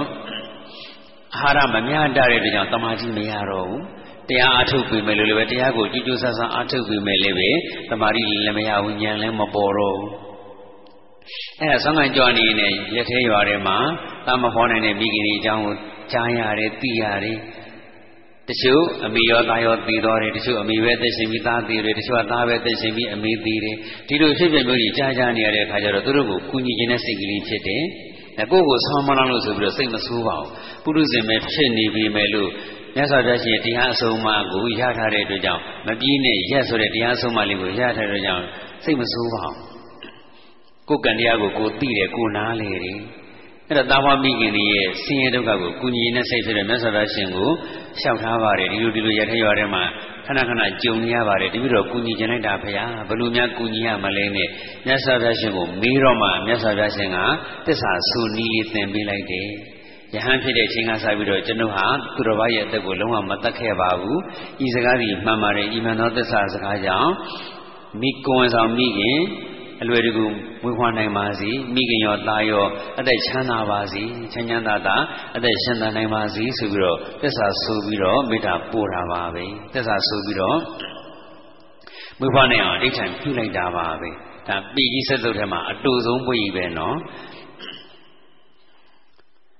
အဲ့ဒီတော့ကျတော့မှအလွယ်တကူမွေးဖွားနိုင်သွားကြတဲ့အခါကျတော့သူ့ကိုမေတ္တာတဝန်ချစ်ခင်လာကြတယ်ဆွမ်းပြန်လောင်းကြတယ်ဆွမ်းလောင်းတော့မှဆွမ်းအာဟာရပြည့်ပြည့်ဝဝရတော့အာဟာရဝဇနတပ္ပယအာဟာရမျှတသွားတဲ့အတွက်ကြောင့်ရက်ပိုင်းလေးအတွင်းမှာပဲယဟန္တာအရှင်မြတ်ကြီးဖြစ်သွားပါတယ်အစားတော့ဆိုတာအင်မတန်ရေးကြီးတာနော်အသက်ရှင်ဖို့လောက်လည်းမထင်နဲ့ကျမ်းမာဖို့တွေလည်းပဲဒါစားတော့ရေးကြီးတယ်ကျမ်းမိုင်းနဲ့ညီညွတ်အောင်ဆက်တတ်ဖို့လည်းလိုတာပေါ့ တရားတို့တရားများရရေးကိစ္စမှာလည်းပဲကိုနဲ့တပ်ပါရမျှတတဲ့အစားအသောက်ဟာအင်မတန်ရည်ကြီးပါတယ်။အရင်တုန်းကအစားအာဟာရမပြီးွားလို့တရားမရခဲ့ဘူး။အခုအာဟာရလည်းပြီးွားရောချက်ပိုင်းတည်းမှာပဲယဟန္တာဖြစ်သွားပါပြီ။အဲ့ဒီကြတော့မှပဲမြတ်စွာဘုရားရှင်ရဲ့အင်္ဂလိပ်မာနကိုဆုံးမတာအထွတ်ထိပ်ရောက်သွားတာပေါ့ဆုံးမတယ်ဆိုတာဆုံးတဲ့ထိအောင်မမဆုံးမတယ်လို့ခေါ်တာလေယဟန္တာဖြစ်သွားတဲ့ဆိုမှတော့ဆုံးသွားပြီပေါ့တန်တရားခီးဆုံးသွားပြီ လုပ်ဆက်ရှိတဲ့အလုပ်ကိစ္စတွေအကုန်လုံးဆုံးသွားပြီဆုံးတဲ့ထိအောင်ကိုမြတ်စွာဘုရားရှင်ကမလိုက်တာပဲအဲ့တော့ဆွမ်းမလောင်းကြတဲ့အတွက်ကြောင့်မလို့ဆွမ်းအာဟာရပြေဝစေခြင်းနဲ့ရည်ရွယ်ချက်လည်းပါပါတယ်လူတွေကအင်္ဂလိပ်မာလကိုကြောက်ပြီးတော့ထွက်ပြေးသွားကြပြစ်မှားကြဆဲကြဆူကြခဲရီနဲ့ပြစ်ကြစသဖြင့်အကုသိုလ်ဖြစ်ကြတဲ့အတွက်ကြောင့်လေးပဲလူတွေအင်္ဂလိပ်မာလကိုအကြောင်းပြုပြီးတော့အကုသိုလ်မဖြစ်အောင်ဆိုတဲ့ရည်ရွယ်ချက်လည်းပါပါတယ် ပြီးတော့အင်္ဂလိပ်မာလကတရားထိုင်နေအင်္ဂလိပ်မာလမထေရကတရားထိုင်နေတဲ့အချိန်မှာသူ့အရင်ကတတ်ခဲ့ဖြတ်ခဲ့တာတွေကိုပြန်ပြန်ပြီးတော့တတိယသူ့ကိုငိုယိုတောင်းမှနေကြတဲ့အတန်ကြီးပြန်ပြန်ပြီးတော့ကြားနေတဲ့ခါကျတော့တမာတိမရတော့ဘူးကောင်းတဲ့ကမ္မထာနမိတ်မထင်တော့ဘူးပေါ့လေအဲ့လိုနမိတ်ဆိုးတွေပဲထင်းထင်းနေတဲ့အတွက်ကြောင့်နမိတ်ဆိုးတွေထပ်မထင်အောင်ဆိုတဲ့ရည်ရွယ်ချက်နဲ့ယဟန်ဖြစ်တဲ့အချိန်ကစပြီးတော့သူတော်ဘာရဲ့တဲ့ကိုမတတ်ခဲ့ပါဘူးဆိုပြီးတော့သစ္စာဆိုခိုင်းတာပါအဲ့တော့ အင်္ဂလိမလမထေရရဲ့စိတ်ကိုအကန့်အသတ်လေးတစ်ခုပေးလိုက်တာပေါ့ခဏခဏသစ္စာဆိုပါများတဲ့ခါကျတော့အရှင်မြတ်ရဲ့စိတ်ကအတိတ်ကိုလုံးဝမရောက်တော့ဘူးရဟန်းဖြစ်တဲ့အချိန်အထိပဲစိတ်ကကန့်သက်ထားနိုင်သွားတယ်အရိယယဇာတိယဇာတော်ဆိုတာယဟန်ဖြစ်တဲ့အချိန်ကစပြီးတော့လို့ပြောတာအဲ့တော့အင်္ဂလိပ်မာလာကိုအောင်မြင်တော်မူကံကနေငြိမ်းချမ်းရေးသင်ခန်းစာယူမယ်ဆိုရင်ဘာတွေယူမလို့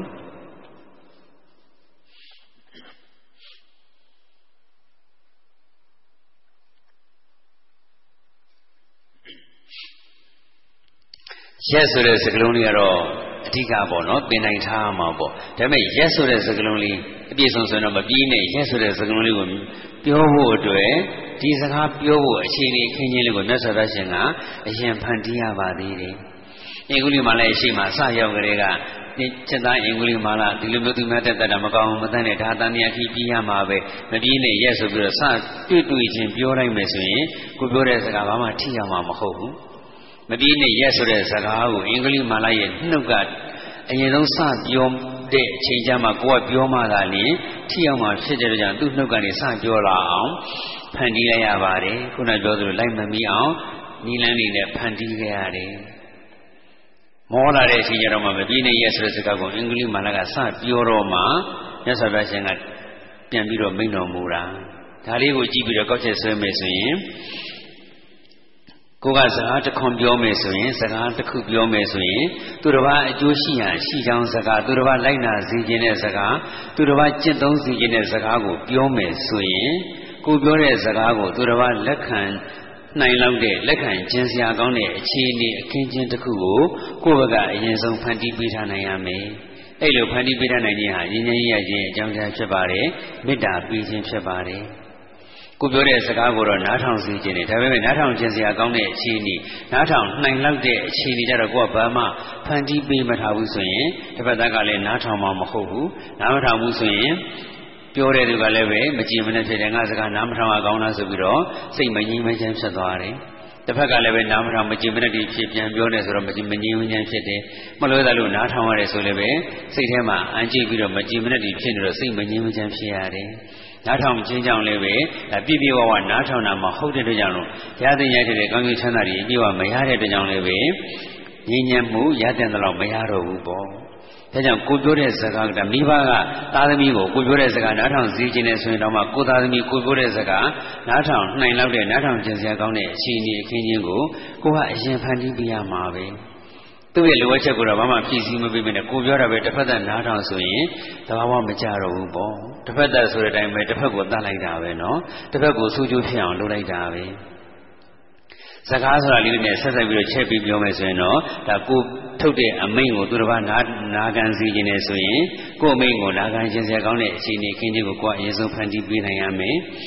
ကိုထုတ်ပြန်တဲ့လမ်းညွှန်ချက်တွေညွှန်ကြားချက်တွေကိုတစ်ဖက်သားလိုက်နာစည်းခြင်းနဲ့ဆိုရင်ကိုထုတ်ပြန်တဲ့ လမ်းညွှန်ချက်ညွှန်ကြားချက်ကိုတစ်ဖက်သားလိုက်နာကျင့်စရာကောင်းတဲ့အခြေအနေအခင်းချင်းကိုကိုကအရင်ဆုံးဖန်တီးပေးနိုင်ရမယ်။ကိုယ်အမိန့်တော့နာခံစီခြင်းနဲ့ကိုယ်လမ်းညွှန်ချက်တော့လိုက်နာစီခြင်းနဲ့အမိန့်နာခံနိုင်လောက်တဲ့လမ်းညွှန်ချက်လိုက်နာနိုင်လောက်တဲ့အခြေအနေခင်းချင်းဖန်တီးပေးမထားဘူးဆိုရင်တော့ဘာမှအကျိုးသက်ရောက်မှာမဟုတ်တော့ဘူး။ဒါကြောင့်မလို့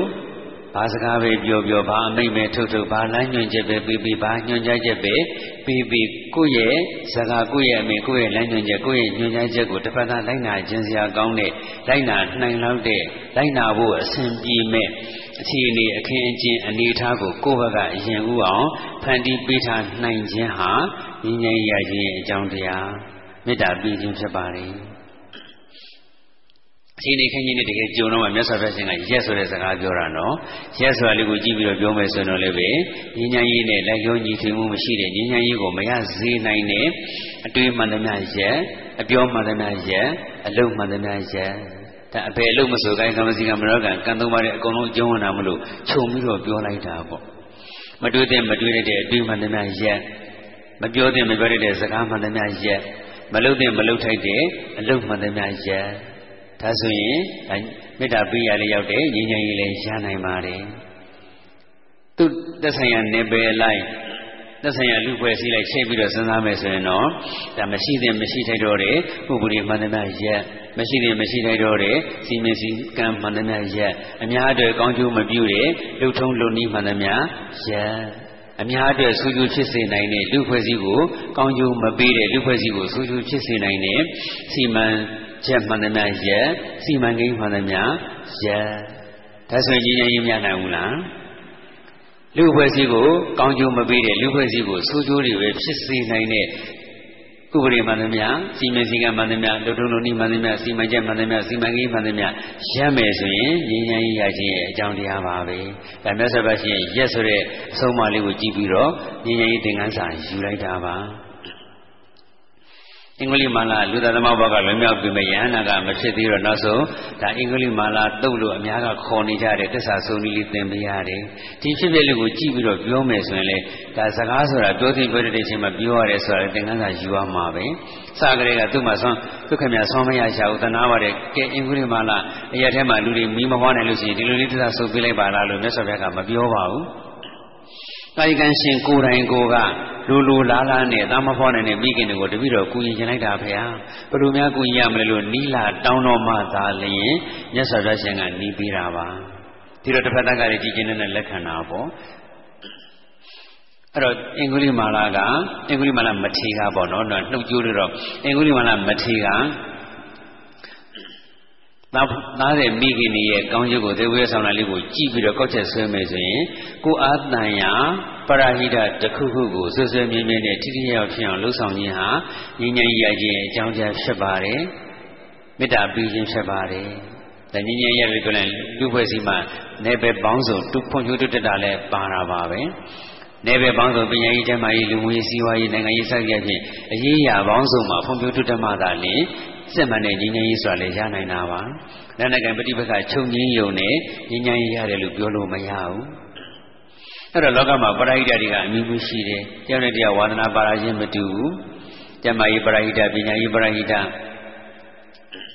တဘာဝပေါင်းကြီးနဲ့ပတ်သက်တဲ့ပရိဟိတလေယာဉ်ကြီးနဲ့ပတ်သက်တဲ့ပရိဟိတလူသမားကြီးနဲ့ပတ်သက်တဲ့ပရိဟိတလူခွန်ကြီးနဲ့ပတ်သက်တဲ့ပရိဟိတစသဖြင့်ပရိဟိတတွေအမျိုးစုံရှိတာပဲ အဲ့ဒီအမျိုးစုံရှိတဲ့ထဲမှာကိုဝါဒနာပါရကိုအာသံရကိုစိတ်ဝင်စားရကိုကျွမ်းကျင်ရကိုလှုပ်ဆောင်ခြင်းကြောင့်လူဖွဲ့စည်းတဲ့ပို့ပြီးတော့အကျိုးဖြစ်ထွန်းနိုင်ရာပရိဟိတကိုရွေးချယ်ပြီးတော့မှဖြစ်ဖြစ်ရလှုပ်ဆောင်ခြင်းဟာငြိမ်းချမ်းရခြင်းအကြောင်းတရားပဲ။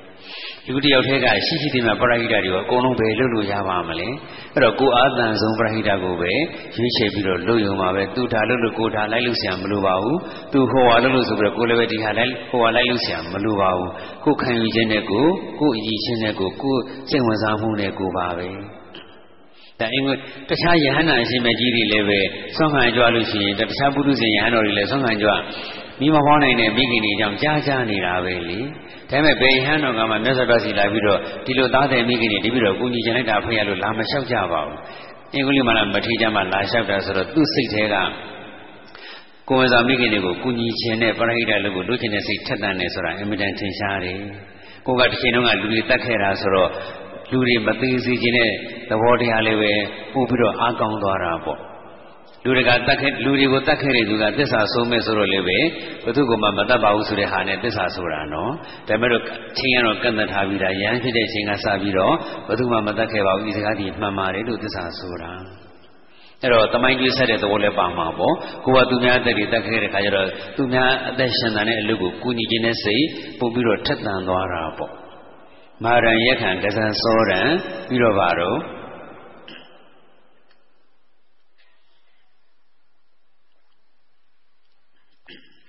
စိစမနင်းစာမဟုတ်ဘူးနော်စိစမနင်းစာသစ္စကံနာငတ်တနင်းဒါစိနာကြီးရဲ့နောက်ကညတချမ်းပဲလေးကငတ်တဲ့နဲ့အထိပ္ပယ်ချင်းအတူတူပဲစကားဆက်ဆက်လို့ပြောမယ်ဆိုရင်ပါဠိစာပေမှာဦးဇင်းတို့ပိဋကစာပေမှာဝဇ္ဇနှလုံးပေါင်းအတန်လုံးဝမရှိပါဘူးနော်စိစမနင်းစာဆိုနင်းရဲ့ငါရဲ့ဆိုတဲ့စကားမှာနင်းရဲ့ငါရဲ့လို့ပြောကြလို့လား မပြောဘူးတော့နင်းဆိုရင်တကယ်နဲ့တကယ်ကြီးရင်းလို့ပြောရင်နင်းနဲ့ငါလို့ပဲပြောတာလေနင်းနဲ့ငါနဲ့လို့မပြောပါဘူးဝိဇ္ဇာနှလုံးမှာမရှိဘဲနဲ့ဝိဇ္ဇာနှလုံးမှာအတန်ဖြည့်ဆိုးစရာမလိုဘူးအဲဒါပါဠိစာပေမှာဝိဇ္ဇာနှလုံးမှာအတန်ဆိုတာကဒီစိစွာနင်းစမှာမဟုတ်ပါဘူးဘယ်နေရာမှမှမရှိဘူးအဟံပန္ဒီမဟုတ်ပါဘူးအဟံပန္ဒီပါသီလံဒိဋ္ဌမဟုတ်ပါဘူးသီလံဒိဋ္ဌပါတန်ကတ္တဒီမမဟုတ်ပါဘူးတန်ကတ္တဒီမပါ ဧဝံမေတုတံမဟုတ်ပါဘူးဧဝံမေတုတံမှာဣတံမင်္ဂလမုဒ္ဓမံမဟုတ်ပါဘူးဣတံမင်္ဂလမုဒ္ဓမံမှာဣဒံမေပုံညာမဟုတ်ပါဘူးဣဒံမေပုံညာမှာဝိဇ္ဇာနှလုံးပေါင်းအတန်လုံးဝမရှိဘူးနော်ဣဒံမေပုံညာဆိုဒါတွေသေးသေးတင်ဆုံးမတော့ဒံလို့ပဲအတန်ထွက်မှာပေါ့ဒါပေမဲ့အတော်များများကနိဗ္ဗာန်တပစ္စည်းဆိုရင်ဣဒံမေပုံညာနဲ့ဆိုအာရပါယဆိုကြတာနော်စိန်သမနင်စစိန်သမနာကိုအောင်မြင်နေ မြတ်စွာဘုရားရှင်မြတ်စွာဘုရားရှင်ကိုတော့ကိုဝင်ကိစ္စနဲ့လုကြံဆွဆွဲခဲ့တာလေမြတ်စွာဘုရားရှင်ရဲ့ကျောင်းတော်မှာတရားဓမ္မတွေကတရားနာယူပြီးလို့မျိုးတွေပြန်ရပြီဆိုရင်ဇေတုံကျောင်းကနေလူတွေအများကြီးထွက်လာကြပြီဆိုရင်သူကဇေတုံကျောင်းဘက်ကိုသွားတယ်ညနေမှောင်ရီပြိုးတဲ့အချိန်ပေါ့မှောင်တဲ့အချိန်မနေ့စောစောမျိုးတကားဖွင့်လို့လူတွေကမြတ်စွာဘုရားကျောင်းတော်မှာစောစောစီစီဆွမ်းရည်ကြံပန်းစီပြီးသွားလှူကျင်တဲ့အချိန်ကျတော့အစိုးကြီးသွားကြတယ် လူတွေကဇေတုံကျောင်းတော်ကိုဝင်လာပြီဆိုရင်လည်းသူကဇေတုံကျောင်းဘက်ကနေမနေ့စောစောမှထွက်လာတယ်လူတွေကစေသမဏဘဲကပြန်လာတာလဲမေးရင်မြတ်စွာဘုရားရှင်ရဲ့ကျောင်းဆောင်တစ်ဆောင်ထဲမှာတအိပ်ရတဲ့အတူအိပ်ပြီးတော့ပြန်လာတာပါလို့ပဲပြောတယ်။နေ့စဉ်နဲ့ဘလို့မိမိဒီလိုပဲပြောတာပဲ။သုံးနှစ်လောက်ကြာတဲ့ခါကျတော့အဝိထုထုကြီးပိုင်းမှာပတ်ထားပြီးတော့ကိုယ်ဝင်သုံးနှစ်လောက်ရှိတဲ့ဟန်ဆောင်နေလူတွေကပိုက်လီထွက်လာတယ်နဲ့လို့ပြောတဲ့ခါကျတော့ ဩရဟန်းဂေါရမနဲ့ညာဣတယ်ဆိုတော့လည်းပဲပိုက်လီတော့တော့ထွက်လာမှာမို့လို့ပြောတာပေါ့။အဲ့ဒါ6လကျော်လောက်ကြာတဲ့ခါကျတော့ကိုယ်ရဆယ်လဘိုက်ကိုဖန်တီးရတော့မှဆိုတော့ဘဲဥပုံတက်သားချမ်းကြီးကိုဘိုက်မှာကတ်ထားပြီးတော့လေးပဲလေးတန်းကကျူးလေးချောင်းနဲ့ချီခါမှာမြဲနေအောင်ပတ်ထားပြီးတော့ခါမှာမြဲနေအောင်ချီထားလိုက်ပြီးတော့ဘောကဘိုက်ဖုံးအင်ကြီးလေးဝတ်ပြီးတော့ညဘက်အခုလိုချိန်မြတ်စွာဘုရားတရားဟောနေတဲ့အချိန်မှာ ပိဋကပေါင်းများစွာရဲ့အလယ်မှာတရားဟောနေတဲ့အချိန်မှာမြတ်စွာဘုရားရှင်ရှေ့တည်းရောက်လာပြီးတော့မြတ်စွာဘုရားရှင်ကိုလက်ညှိုးငေါငေါထိုးပြီးတော့ဆွဆွဲတယ်။သင်ကတော့ပိဋကအလယ်မှာဒီချမ်းချမ်းလေးနဲ့တရားဟောနေနိုင်တယ်ကျွန်တော်မှတော့သင်နေရတဲ့ကိုယ်ဝန်ကြောင့်တစ်ချက်ကလေးမှစိတ်အေးချမ်းတယ်ဆိုတာမရှိဘူးတကယ်ဆိုအခုလိုမွေးဖွားကန်ဒီအချိန်မှာမိနေကံပြင်ရမှာပေါ့မိနေတဲ့တွေတောက်တဲ့လိမ့်နဲ့ထောဘတ်တို့စီတို့စသည်ပြင်ဆင်ရမှာပေါ့ကိုယ်တိုင်မပြင်နိုင်ဘူးဆိုရင်လည်းပဲကောသလမင်းတို့လို မင်းဆိုးရာဇာတွေအာနာရှိတဲ့သူတွေခိုင်းပေါ့နာတပိန်တို့ဝိသခါတို့လိုတတိတကြွတွေခိုင်းပေါ့ခုတော့သူများကိုလည်းမခိုင်းဘူးကိုကိုယ်တိုင်လည်းမလုပ်ဘူးသင်ဟာကာမဂုဏ်ပျော်ပါဖို့ပဲသိတယ်ကာမဂုဏ်ပျော်ပါခြင်းကြောင့်ဖြစ်ပေါ်လာတဲ့ကိုယ်ဝင်ကြတော့တာဝန်ယူရကောင်းမှမသိဘူးမြတ်စွာဘုရားရှင်ကိုဆွဆွဲတာလीအဲ့ဒီမှာနေမြတ်စွာဘုရားရှင်ကသင်ပြောတဲ့စကားမှန်တယ်မမှန်ဘူးဆိုတာကိုသင်နဲ့ကျွန်ုပ်ပဲသိပါတယ် ဒီတခုံးပဲပြောတယ်ဘာမှဆက်မပြောတော့ဘူးသင်နဲ့သင်ပြောတဲ့စကားမှန်တယ်မမှန်ဘူးဆိုတာကိုသင်နဲ့ကျွန်ုပ်ပဲသိပါတယ်အဲ့လိုလည်းပြောလျောစီစမာနာကသိလို့ပဲခက်နေတာပေါ့တင်နဲ့ကျွန်ုပ်နဲ့နှစ်ယောက်တည်းပဲသိတဲ့ကိစ္စကြောင့်မလို့ဒီဘိုက်ထွက်လာတာလေတ င်နဲ့ကျွန်ုပ်နဲ့ညာအတူဝိတာတင်နဲ့ကျွန်ုပ်နဲ့နှစ်ယောက်တည်းပဲသိတာပေါ့သင်ပြောတာမှန်တာပေါ့တင်နဲ့ကျွန်ုပ်နဲ့နှစ်ယောက်တည်းသိတဲ့ကိစ္စကြောင့်ကိုပဲဒီဘိုက်ဖြစ်လာတာဒီဘိုက်ပြဿနာဘလို့ဖြေရှင်းမလဲဆိုပြီးတော့မြတ်စွာဘုရားရှင်ကိုဆွဆွဲတာမြတ်စွာဘုရားရှင်ကတခေါမှပြန်မပြောတော့ပါဘူးခုနပြောတဲ့တခေါနဲ့ပဲပြီးတော့ပြီးညီညီလေးပဲနေလိုက်တယ်တိတိကလေးပဲနေလိုက်တယ်လူတဘာဝကလည်းပဲသူတစ်ပါးကမဟုတ်သူတစ်ပါးကဆွဆွဲလာပြီဆိုရင်ကိရဲ့လာပြီဆိုရင်ဘာမှပြန်မပြောပဲငြိမ်းနေရင်မှန်လို့ငြိမ်းနေတယ်လို့ပဲထင်တတ်ကြတာများတယ် အဲ့တော့မြတ်စွာဘုရားကဘာမှပြန်မပြောပဲငြိမ်းနေတော့ဟုတ်လို့ညီနေတာဖြစ်မှာပဲမှန်လို့ညီနေတာဖြစ်ပါပဲနဲ့မြတ်စွာဘုရားကိုကြည်ယိုလို့တရားနာနေကြတဲ့သူတွေပုရုဇဉ်ပုဂ္ဂိုလ်တွေကစိန်သမဏပြောတာမှန်တယ်လို့ထင်လာကြတယ်ယဟန်ကောရမဘာမှပြန်မပြောဘူးငြိမ့်နေတယ်ဆိုရင်ငြိမ့်နေပုံထောက်တော့မှန်လို့ပဲဖြစ်မှာပေါ့မနေ့ညနေဆိုရင်ဇေတုံကျောင်းပဲသွားတာမနေ့ဆိုရင်ဇေတုံကျောင်းဘက်ကပြန်လာတာငါတို့လည်းနေတိုင်းတွေ့နေတာပဲဟုတ်မှာပဲနဲ့လူတွေကထင်းကုန်ရတယ် မြတ်စွာဘုရားရှင်ကပါပြမှားကုန်ကြတယ်အကုသိုလ်တွေတိုးကုန်ကြတာပေါ့အဲ့ဒီအကုသိုလ်တွေကပူလွန်အားကြီးတော့ဟိုမှာတရားမင်းကြောက်ပြပူလာတယ်တင်းလာတယ်ငါမကူညီလို့တော့မဖြစ်တော့ဘူးဆိုပြီးတော့ကြောက်မဲ့ဖွယ်ရကောင်းတယ်ဟောငါမကယ်လို့တော့မဖြစ်တော့ဘူးဆိုပြီးတော့တရားမင်းကြီးကနမင်းကြီးလေးပါးကိုခေါ်လာပြီးတော့နမင်းကြီးလေးပါးကိုကြွက်လေးကောင်အယောင်ဆောင်ခိုင်းလိုက်တယ်ပြီးတော့မှတက်သားပိုးမှာခြီထားတဲ့ကျိုးလေးချောင်းကိုတယောက်တစ်ချောင်းစီတိုက်ဖြတ်ခိုင်းလိုက်တယ် အဲ့ဒီမှာနမင်းကြီးလေးပါးကနေဖန်ဆင်းထားတဲ့ကြွက်လေးကောင်ကကျိုးလေးချောင်းကိုတယောက်တစ်ချောင်းစီကိုက်ဖြတ်လိုက်တဲ့အခါကျတော့တက်သားပိုးကြီးပြုတ်ကျလာတယ်ဇေသမဏရဲ့ခြေထောက်ပေါ်ပြုတ်ကျလာတဲ့ခါကျတော့ဇေတသားဘူးရဲ့လည်းတော်တော်လေးလေးတဲ့ခါကျတော့ဇေသမဏရဲ့ခြေချောင်းဆယ်ချောင်းလုံးတွင်တွင်ကြီးကျိုးသွားပါတယ် အဲ့ဒီချိန်မှာပဲလေနန္ဒာကလေကိုအထက်ကိုပင့်ပြီးတော့တိုက်လိုက်တဲ့အခါကျတော့ဘိုက်ဖုံးအင်ကြီးကအပေါ်ကိုလန်ထွက်သွားတဲ့အတွက်ကြောင့်ဘိုက်မှာဘာကိုဝမှမရှိဘူးဆိုတော့တရားနာပြည်သူများအားလုံးသိသွားကြတယ်ကိုတွေ့မြင်သွားကြတယ်အဲဒီကြတော့မှမိမ့်မယုတ်ပဲဘာညာနဲ့ဆိုပြီးတော့ဆဲဆိုကြဒရီထွေးကြပါရတဲ့ပစ္စည်းနဲ့ပြက်ပေါက်ကြနောက်တော့ခြေထောက်ကနေဒီခြေထောက်ကနေကင်ဆွဲပြီးတော့တရွတ်တိုက်ဆွဲပြီးတော့အပြင်ဆွဲထုတ်သွားရတယ်မြတ်စွာဘုရားမမြင်တော့တဲ့နေရာလေးရောက်ရောဇေဇဝနာမြင်မြူသွားပါတယ် မြတ်စွာဘုရားရှေ့မောက်မှာကတော့မြင်မမြူပါဘူးမြတ်စွာဘုရားရဲ့ကုသိုလ်ပါရမီဘုံကံကြောင့်ကုသိုလ်ပါရမီရဲ့အစွမ်းတတိကြောင့်မြတ်စွာဘုရားမျက်စိရှိမှလူတယောက်သက်ရှိပုဂ္ဂိုလ်တယောက်ဖြစ်ဆိုးမျိုးကြုံရတယ်ဆိုတာဘယ်တော့မှမရှိဘူးကိုယ့်ရဲ့မျက်စိရှိမှသက်ရှိပုဂ္ဂိုလ်တူတယောက်အဖြစ်ဆိုးမျိုးကြုံရတာကိုမြင်ရလောက်တဲ့အကုသိုလ်ကံမျိုးမြတ်စွာဘုရားရှင်မှာမရှိဘူး ကိုရှိမှအဖြစ်ဆိုးတွေကြုံရတယ်ဆိုမြင်ရတယ်ဆိုတာတကယ်တော့အကုသိုလ်ရဲ့အကျိုးကြောင့်မြင်ရတာပဲဒါသိညိုလေးလာဘူးတဲ့သူတိုင်းသိပါတယ်အကုသလဝိပဲစက္ခုဝိညာဉ်ဆိုတာရှိတာပဲလေမကောင်းတာတွေအဋ္ဌာယုံတွေမြင်ရတယ်ဆိုတာအကုသိုလ်ကြောင့်မြင်ရတာပဲအဲ့တော့မြတ်စွာဘုရားရှင်ရှင်းမောက်မှာဘယ်သူမှအဖြစ်ဆိုးမျိုးကြုံရတယ်ဆိုတာမရှိဘူးဒါကြောင့်မလို့မြတ်စွာဘုရားမမြင်တော့တဲ့နေရာရောက်တော့မှပဲဇေဇမာနမြင်မြူသွားပါတယ်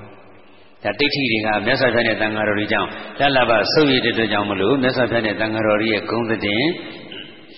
ပျက်စီးအောင်လုပ်မယ်ဂုံတိတ်ခါကြဆင်းအောင်လုပ်မယ်ဆိုတဲ့ရည်ရွယ်ချက်နဲ့သူတို့ရဲ့တပည့်ဖြစ်တဲ့စေစမာနာကိုတာဝန်ပြီးလို့စေစမာနာကလှုပ်လိုက်ရတာပါသူလည်းပဲအင်္ဂုလိမာလာလိုပဲဆရာဇိုးကြောင့်ဒီလိုမျိုးအဖြစ်မျိုးလုံးပြီးသွားတာပေါ့ဒါကြောင့်လည်းရှိဆရာတော်ဘုရားကြီးများတွေ့ထတာဖြစ်ခြင်းဖြစ်မှာပေါ့နော်အင်္ဂုလိမာလာကလည်းဆရာမိုက်ကြောင့်မလို့ မလုတင်တာလုံပြီးသွားတယ်ဇေဇမာနကလည်းဆရာမိုက်ကြောင့်ကိုပဲမလုတင်တာလုံပြီးသွားတယ်သူကတော့ဘုရားကိုမုန်းလို့လုပ်တာမဟုတ်ပါဘူးသူ့ဆရာတွေကခိုင်းလို့လုပ်ရတာအဲ့တော့ဇေဇမာနကိုအမြင်တော်မူကန်းကနေညီညာရေးသင်္ကန်းစာယူမယ်ဆိုရင် သူ့လုပ်တဲ့လုပ်ရက်ကလေးကိုပဲကြည့်ပြီးတော့ယူမယ်ဆိုရင်ကိုပဲသူတစ်ပါးကိုမဟုတ်မမှန်လုပ်ကြံဆွဆွဲခြင်းဟာညီညာရေးမရခြင်းရဲ့အကြောင်းတရားဖြစ်တယ်သူတစ်ပါးကိုမဟုတ်မမှန်လုပ်ကြံဆွဆွဲမှုကနေရှောင်ကျဉ်ခြင်းဟာညီညာရေးရခြင်းရဲ့အကြောင်းတရားဖြစ်တယ်ကိုလူပွဲစီမှာကိုပဝန်းကျင်မှာသူတစ်ပါးကိုမဟုတ်မမှန်လုပ်ကြံဆွဆွဲတာတမန်တက်တက်ကိုဇလန်းဆင်ပြီးတော့အပုတ်ချတာမျိုးတွေမရှိဘူးလား ရှိတတ်တယ်နော်အဲ့ဒါကိုအသိဉာဏ်မပြည့်စုံတဲ့သူတွေအသိတရားမပြည့်ဝတဲ့သူတွေစင်ကြင်တော်တရားကင်းမဲ့တဲ့သူတွေကြတော့အမှန်လို့ထင်သောတတ်တာမျိုးရှိတယ်ဒါကတော့အမှားကြမှအမှန်ဖြစ်ဆိုတာလိုပဲမှားယွင်းနေတဲ့စကားပင်ဖြစ်ပါသည်ပြောကြားပန်များရတဲ့အခါတယောက်တည်းနဲ့မဟုတ်ဘဲနဲ့လူပေါင်းများစွာစီကကြားလာတဲ့အခါကျတော့မှန်နေထင်တတ်ကြတာပေါ့ခုခေတ်ကြတော့ဤပညာတိုးတက်လာတော့လူမှုကွင်းဒီမှာဖြန့်ဝေကြတော့တယောက်တည်းမကောင်လူပေါင်းများစွာကပြောကြဆိုကြဝေဖန်ကြသုံးသပ်ကြနေဆိုတော့ ကိုကအဟုတ်ထင်သွားတတ်တယ်ကိုပိုင်ခံအားနေတယ်ဆိုရင်ပင်ကိုအသိဉာဏ်အခန္ဓာအားနေတယ်ဆိုလို့ရှိရင်တော့သူများပြောတိုင်းနားရောင်တတ်တာပေါ့ကိုပဝဉ္ဇဉ်လူပွဲစည်းမှာသူတစ်ပါးရဲ့ချစ်ခင်မှုသူတစ်ပါးရဲ့ကြည်ညိုလေးစားမှုသူတစ်ပါးရဲ့အားကိုးအားထားပြုမှုခံယူရတဲ့သူတွေသူတစ်ပါးရဲ့အကောင်းကျိုးအများရဲ့အကောင်းကျိုးကိုစောစောတမန်တည်ဖို့ရွတ်ဆောင်နေတဲ့သူတွေကိုမဟုတ်မမှန်လှုပ်ကြံဆွဆွဲပြီးတော့အပြစ်ပြောအပုတ်ချကြတာမျိုးတွေမရှိဘူးလားမရှိတတ်ဘူးလား မရှိဘူးလားတော့မမေးကြပါဘူးမရှိတတ်ဘူးလားပေါ့နော်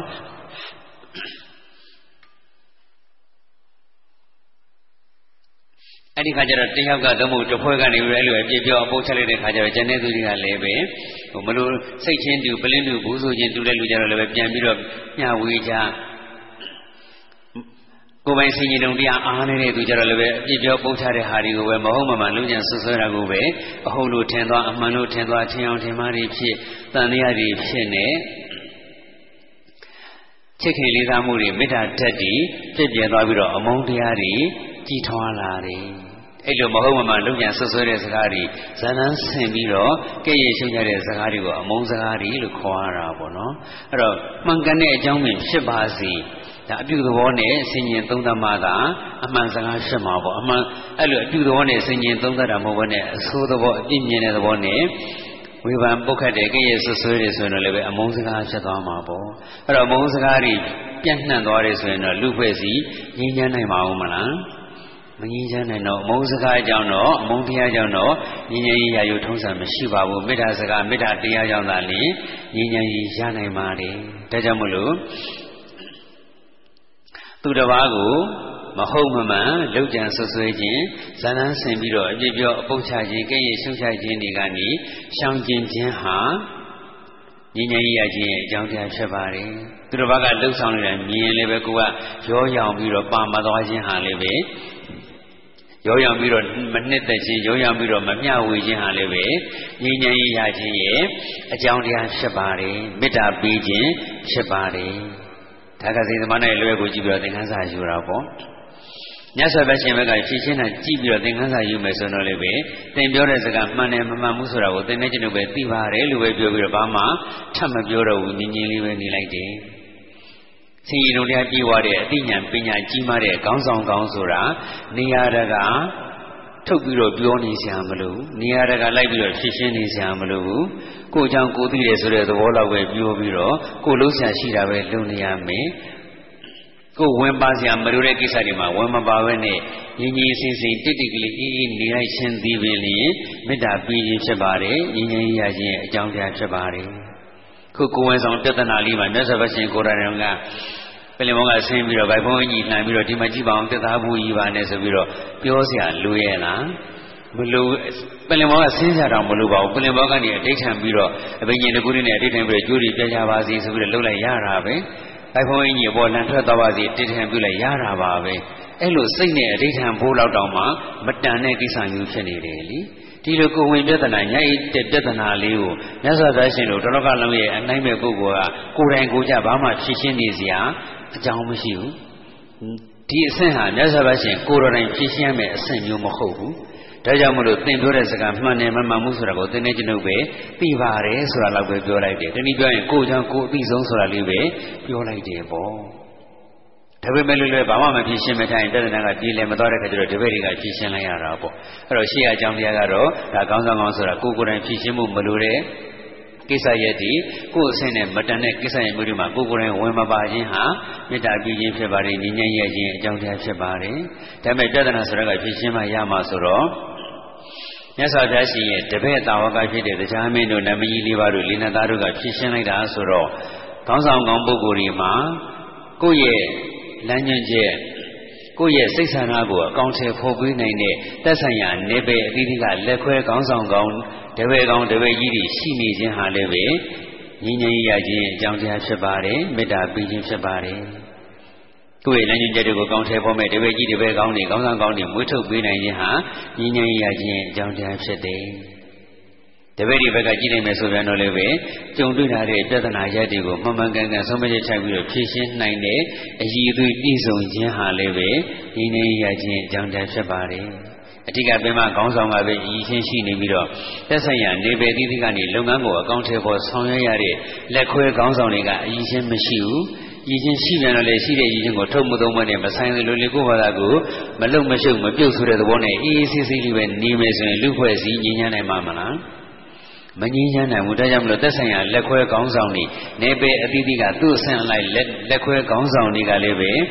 အည်ချင်းတကယ်ရှိဖို့လိုတယ်ရှိတဲ့အည်ချင်းကိုထုတ်သုံးပြီးတော့ကိုမြမခေါင်းဆောင်ရဲ့လမ်းညွှန်ချက်တွေကိုအကောင့်ထဲဖော်ဖို့လိုအပ်ပါတယ်ဒါတရားမင်းနဲ့နမကြီးလေးပါတို့ပြဿနာဖြေရှင်းမှုလေးကြည့်ပြီးတော့သင်ခန်းစာယူတာနော်အဲ့လိုငြိမ်းချမ်းရေးသင်ခန်းစာယူမယ်ဆိုရင်ယူတဲ့အတိုင်းလေးပဲလိုက်နိုင်ကျင့်သုံးမယ်ဆိုရင်ငြိမ်းချမ်းရေးဆိုတာအမြန်ဆုံးမရနိုင်ဘူးလား ရနိုင်ပါလေဒါဒီနေပယ်တိုင်းတွေပြောတာနော်ငြိမ်းချမ်းရေးဆိုတဲ့စကားလုံးကလူနှစ်ယောက်ဆိုတဲ့လူဖွဲ့စည်းတစ်ခုအစားပြီးတော့လူဖွဲ့စည်းတိုင်းလူဖွဲ့စည်းတိုင်းနဲ့သက်ဆိုင်ပါလေမာရံရက်ခံကစားစောရံစိန်သမနင်စာ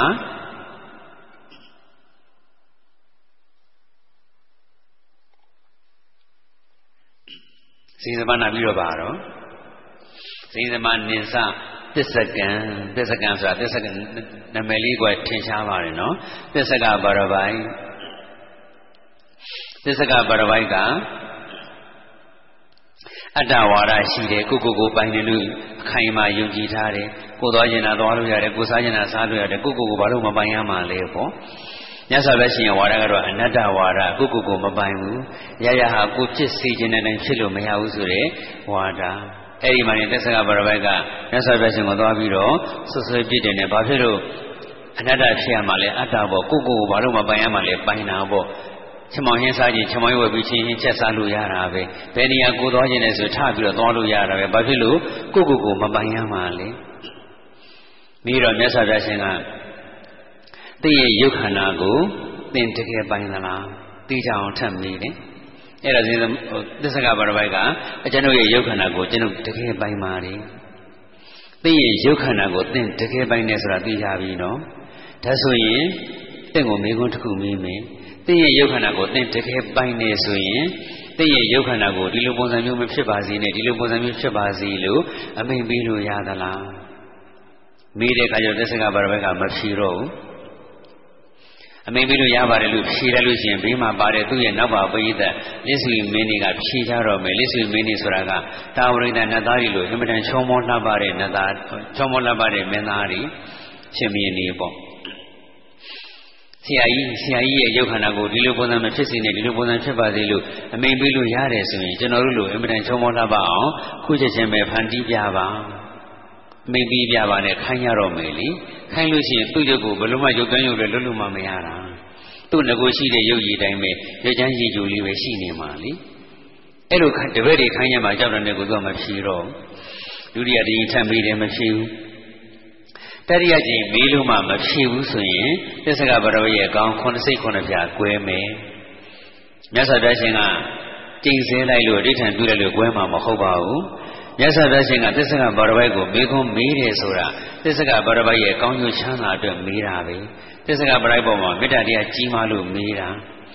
ကိုယ့်ရဲ့ကောင်းကျိုးကိုလိုလားလို့မေတ္တာတရားကြီးမားစွာနဲ့မေးတဲ့မေးခွန်းကိုကိုကမဖြေဘဲနဲ့ပီတီပြီးတော့ဒုံးပိကတလုံနေမယ်ဆိုရင်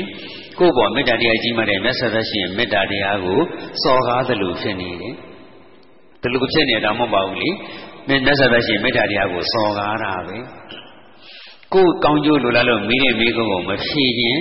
မေတ္တာတရားကိုစော်ကားတဲ့အကုသိုလ်ဖြစ်မှဖြစ်တဲ့အတွက်ကြောင့်မလို့အဲ့ဒီအကုသိုလ်ကြောင့်ကိုပဲသူ့ကောင်း9စိတ်9ဖြာကွဲမှာကိုယ်ပေါ်မှာမေတ္တာချတဲ့သူရဲ့မေတ္တာတက်ကြီးမားလေကိုယ်မှာဆိုးကျိုးဖြစ်လေပဲတစ်ဖက်ကဆိုးကျိုးဖြစ်အောင်လို့ဆိုးကျိုးဖြစ်တာမဟုတ်ပါဘူးပြောတဲ့အရာကိုလက်သီးနဲ့ထိုးတာနဲ့မာတဲ့အရာကိုလက်သီးနဲ့ထိုးတာကိုလက်သီးကိုလက်နာတာကျွန်တော်ဘယ်တူပါမလဲတစ်ဖက်ကမာလီကိုလက်နာလီပဲပေါ့ တစ်ဖက်ကမေတ္တာတရားကြီးမှလေကို့မှာ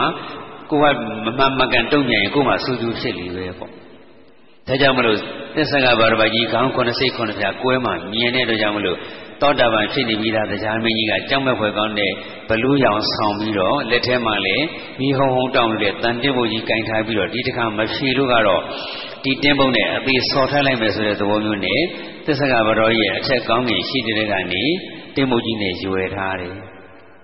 အဲ့ဒီအချိန်မှာနေမြတ်စွာဘုရားရှင်ကတတိယမြောက်မေးခွန်းကိုမေးပါတယ်တတိယတစ်ချိန်မေးခွန်းပြန်မေးပါတယ်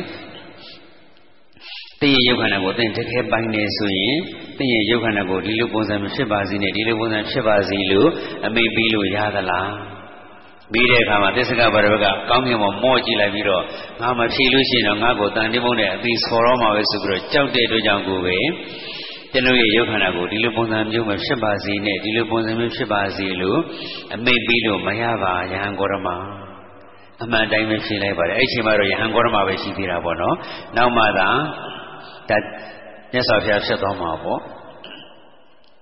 အဲ့တော့သူ့ရဲ့အတ္တဝါဒကိုဆွန့်လွတ်လိုက်ပါတယ်ကိုယ့်ကိုယ်ကိုပိုင်ပါတယ်ဆိုတဲ့ဝါဒကိုဆွန့်လွတ်လိုက်ပါတယ်သက်စကဘာဘက်ကိုမြတ်စွာဘုရားအောင်မြင်တော်မူသွားတယ်ပေါ့ အဲသစ္စကဘာဘက်ကိုမြတ်စွာဘုရားအောင်မြင်တော်မူကံကနေငြိမ်းချမ်းရေးသင်္ကန်းစာယူမယ်ဆိုရင်သူ့ရဲ့ဝါဒအတိုင်းပဲပြောမယ်ဆိုရင်ဒါအတ္တကြည်ခြင်းတကူကောင်းဆန်ခြင်းဟာငြိမ်းချမ်းရေးမရခြင်းရဲ့အကြောင်းတရားပေါ့အတ္တမကြည်ခြင်းတကူကောင်းမဆန်ခြင်းကိုဖြစ်ရှင်တာကြီးပဲမကြည့်ခြင်းကိုကြိုးစည်းဝါးကိုပဲရှင်းမရှိခြင်းအများကောင်းကျိုးစည်းဝါးကိုရှိရှိခြင်းလူဖွဲ့စည်းရဲ့ကောင်းကျိုးချမ်းသာကိုပဲရှိရှိခြင်းဟာ ငြိမ်းချမ်းရခြင်းရဲ့အကြောင်းတရားဖြစ်ပါတယ်ကိုကြိုးစည်းဝါးကြီးပဲကြည်နေမယ်ကိုနဲ့ကိုအုပ်စုရဲ့ကောင်းကျိုးချမ်းသာကိုပဲကြည်နေမယ်ဆိုရင်ငြိမ်းချမ်းရေးဘယ်တော့မှမရနိုင်ပါဘူးကိုနဲ့ကိုယ်စုရဲ့အကျိုးစီးပွားကိုကျိုးစီးပွားကိုပဲကြည်နေကြလို့သာလေဉာဏ်ဉာဏ်ကြီးမရနိုင်ကြတာပါဒါကြောင့်ကိုအတ္တအတ္တကြီးခြင်းတကူကောင်းဆန်ခြင်းကိုကျိုးစီးပွားကိုပဲရှိရှိခြင်းအများကောင်းကျိုးကိုရှိမရှိခြင်းဆိုတာဒီကိုဆွန့်လွတ်လိုက်မယ်ဆိုရင်ဉာဏ်ဉာဏ်ကြီးအမြန်ဆုံးရနိုင်ပါတယ် ဒါအတ္တဘောဓဆိုတာလေးကိုကြည့်ပြီးပြောလိုက်တာနော်အတ္တကြည့်ခြင်းတကောဆိုင်ခြင်းကုသိုလ်စီဝါကိုပဲကြည့်ခြင်းကိုဆွံ့လို့ရင်ဉာဏ်ကြီးအများဆုံးရနိုင်ပါတယ်အောင်မြင်သောတဲ့နိဗ္ဗာန်လေးကြည့်လိုက်တဲ့အခါကျတော့မြတ်စွာဘုရားရှင်အပြောကောင်းလွန်းလို့အတ္တဝါဒကိုဆွံ့လိုက်တာမဟုတ်ပါဘူးအပြောတော့ကောင်းပြီးသားပဲပေါ့နော်ဟိုအပြောကောင်းလို့ဆွံ့လို့တာမဟုတ်ဘူးဆိုတာကအပြောမကောင်းဘူးလို့ဆိုလိုတာမဟုတ်ဘူးမြတ်စွာဘုရားရှင်ပြီးတဲ့မေခွန်းကအင်မတန်မှအပြောကောင်းတယ်အင်မတန်ပိုင်တယ်ဆိုတာထင်ရှားတယ်လေချိပြီးတုပ်ပြီးဘလို့မှမလှုပ်နိုင်အောင်ကို ဆုတ်ခံပြီးတော့မေးလိုက်တဲ့မေးခွန်းပဲပိုင်နေစဉ်ကိုယ့်ရုပ်ကိုဒီလိုဖြစ်ပါစေလို့အမိန်ပေးလို့ရရမယ်ဆိုတဲ့သဘောမျိုးလေမြတ်စွာဘုရားကဘယ်လိုပဲပြောပြောဘယ်လိုပဲမေးမေးသုံးကြီးတိုင်းတိုင်းတရားမင်းသားဝင်မကူဘူးဆိုရင်သုံးကြီးတော့မေးလို့ရှိရှိရင်လည်းပဲသစ္စာပါရဘကဖြေမှာမဟုတ်ပါဘူးမဖြစ်ရင်ကောင်း80ခုနှစ်ပြကွဲတော်တာကလွယ်လို့ဘာကောင်းကျိုးမှဖြစ်လာမှာမဟုတ်ဘူးဘာလူပဲရှိမှလည်းဘာငြင်းငြင်းကြီးမှဖြစ်လာမှာမဟုတ်ဘူး တရားမင်းကဝင်ပြီးတော့ကုညီလိုက်လို့သာအတ္တဝရကိုဆွန့်လိုက်တာဖြစ်ပါတယ်ဒါလေးကြည့်ပြီးတော့ကောက်ချက်ဆွေးမယ်ဆိုရင်တခါတည်းမှာအချိန်နေအချိန်ခါရလိုအပ်ချက်အရာအကြောက်တရားရှိခြင်းဟာလေအကြောက်တရားရှိအောင်ဖန်တီးထားခြင်းဟာလေပဲ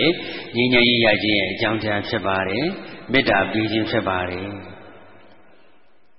ကိုယ်ကောင်းကိုတန်တိဘုန်းကြီးနဲ့ဆောမကြောက်လို့သာလျင်ပစ္စကဘာရဘကဝန်ခံခဲ့တာလीသူ့ရဲ့အတ္တဘာရကိုဆွန့်လွတ်ခဲ့တာလी အကြောက်တရားသာမရှိရင်ဘယ်ဆွန့်လွတ်မှာမလဲလူ့ဘွယ်စီမှာတချို့ကအတိတရားကြောင့်စီကံလိုက်နာတာရှိတယ်အတိတရားကြောင့်တရားဥပဒေလေးစားလိုက်နာတာရှိတယ်တချို့ကြတော့အတိတရားကြောင့်စီမင်းစည်းကမ်းတွေတရားဥပဒေတွေကိုလေးစားလိုက်နာတာမျိုးမဟုတ်ဘဲနဲ့အကြောက်တရားကြောင့်သာစီမင်းစည်းကမ်းလိုက်နာတာမျိုးတရားဥပဒေလိုက်နာတာမျိုးရှိတယ်လူတိုင်းကအတိတရားနဲ့ကြီးပဲရှင်သန်နေတာမဟုတ်ဘဲနဲ့တချို့ကအကြောက်တရားလေးရှိမှလုတ်တဲ့လုတ်တဲ့တို့ကိုလုတ်ပြီးတော့ကောင်းကောင်းမွန်မွန်ရှင်သန်တာမျိုးလည်းရှိတယ် ဒါတချို့ဆိုလို့ရှိရင်ပြပတိုင်းနိုင်ငံမှာသွားပြီးတော့အလုပ်လုပ်တယ်အဲ့ဒီနိုင်ငံမှာတော့ကတော့အမိုက်ကိုနေရာတကျစွန့်နေဒါအလွယ်ဆုံးစည်းကမ်းလေးကိုပြောတာနော်အမိုက်ကိုစနေတကျစွန့်နေသူ့ညာနဲ့သူစွန့်နေနေရာတကာဗျံပရာမစွန့်ဘူး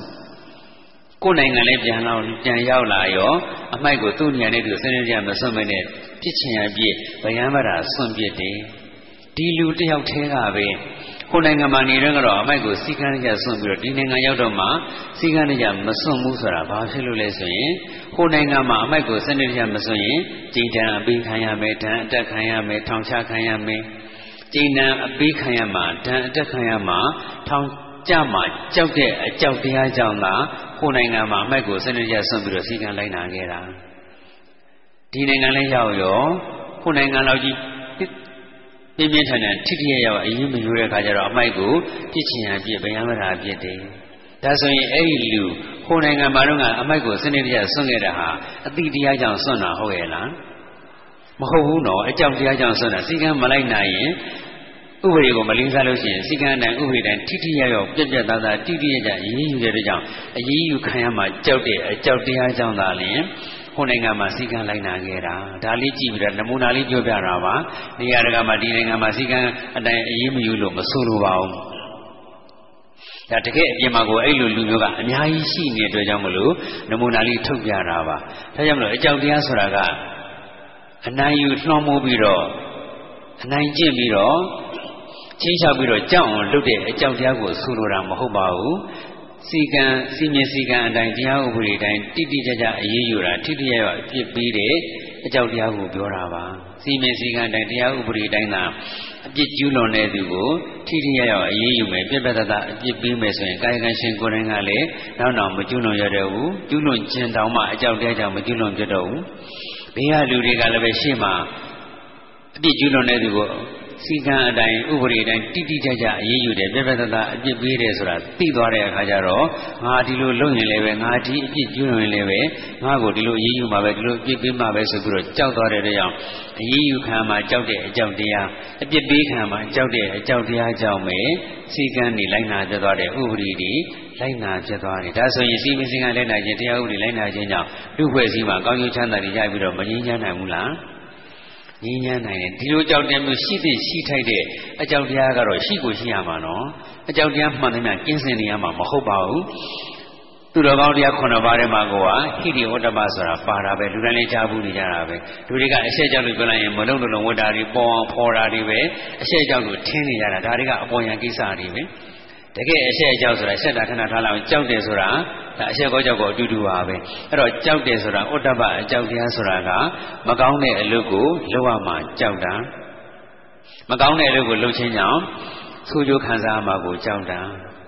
မလုတ်တဲ့မလုတ်ထိုက်တဲ့အလုပ်ကိုလုံးဝမှကြောက်တဲ့အကြောက်တရားကိုဩတ္တပလို့ခေါ်ပါတယ်မလုတ်တဲ့မလုတ်ထိုက်တဲ့အလုပ်ကိုလုပ်ခြင်းကြောင့်ဖြစ်ပေါ်လာမဲ့နောက်ဆက်တွဲဆိုးကျိုးတွေကိုကြောက်တဲ့အကြောက်တရားကိုဩတ္တပလို့ခေါ်ပါတယ် ရှက်တယ်ကြတော့ဟိရီပေါ့အဲ့တော့သူတော်ကောင်းတွေလိုက်နိုင်ကျင့်သုံးမဲ့တရားထဲမှာကွာအကြောက်တရားဆိုတာမပါဘူးလားစီမင်းစည်းကမ်းနဲ့လိုက်စီမင်းစည်းကမ်းကိုဟိုစီမင်းစည်းကမ်းနဲ့သက်ဆိုင်တဲ့အကြောင်းတရားတရားဥပဒေနဲ့သက်ဆိုင်တဲ့အကြောင်းတရားတရားသဘောနဲ့သက်ဆိုင်တဲ့အကြောင်းတရားသဘောတရားနဲ့သက်ဆိုင်တဲ့အကြောင်းတရားကိုပြောတာနော်ချင်းချောက်အနိုင်ကျင့်တဲ့အကြောင်းတရားကိုပြောတာမဟုတ်ပါဘူး ဒါကြောင့်မလို့ရှိသည်ရှိတဲ့အကြောင်းတရားရှိခြင်းရှိအောင်လည်းပဲဖန်တီးထားနိုင်ခြင်းဟာငြိမ်းချမ်းရခြင်းရဲ့အကြောင်းတရားဖြစ်ပါတယ်မေတ္တာပေးခြင်းဖြစ်ပါတယ်အပြစ်ပေးလို့မေတ္တာမပေးဘူးမထင်နဲ့နော်အပြစ်ပေးတဲ့သူကိုအပြစ်ပေးတာကိုကမေတ္တာပေးတာပဲသူတယောက်တည်းကိုလည်းမကဘူးသူ့ကိုစံနမနာထားပြီးတော့လူဖွဲ့စည်းတစ်ခုလုံးကိုမေတ္တာပေးတာပဲဒါသစ္စကဗရဘောအမြင်တော်မူကန်းကိုကြည့်ပြီးတော့ဉာဏ်ဉာဏ်ရေးသင်္ကန်းစာယူတာပါမေတ္တာသင်္ကန်းစာယူတာပါ စီသမနေစာသစ္စကံပြီးတော့ပါတော့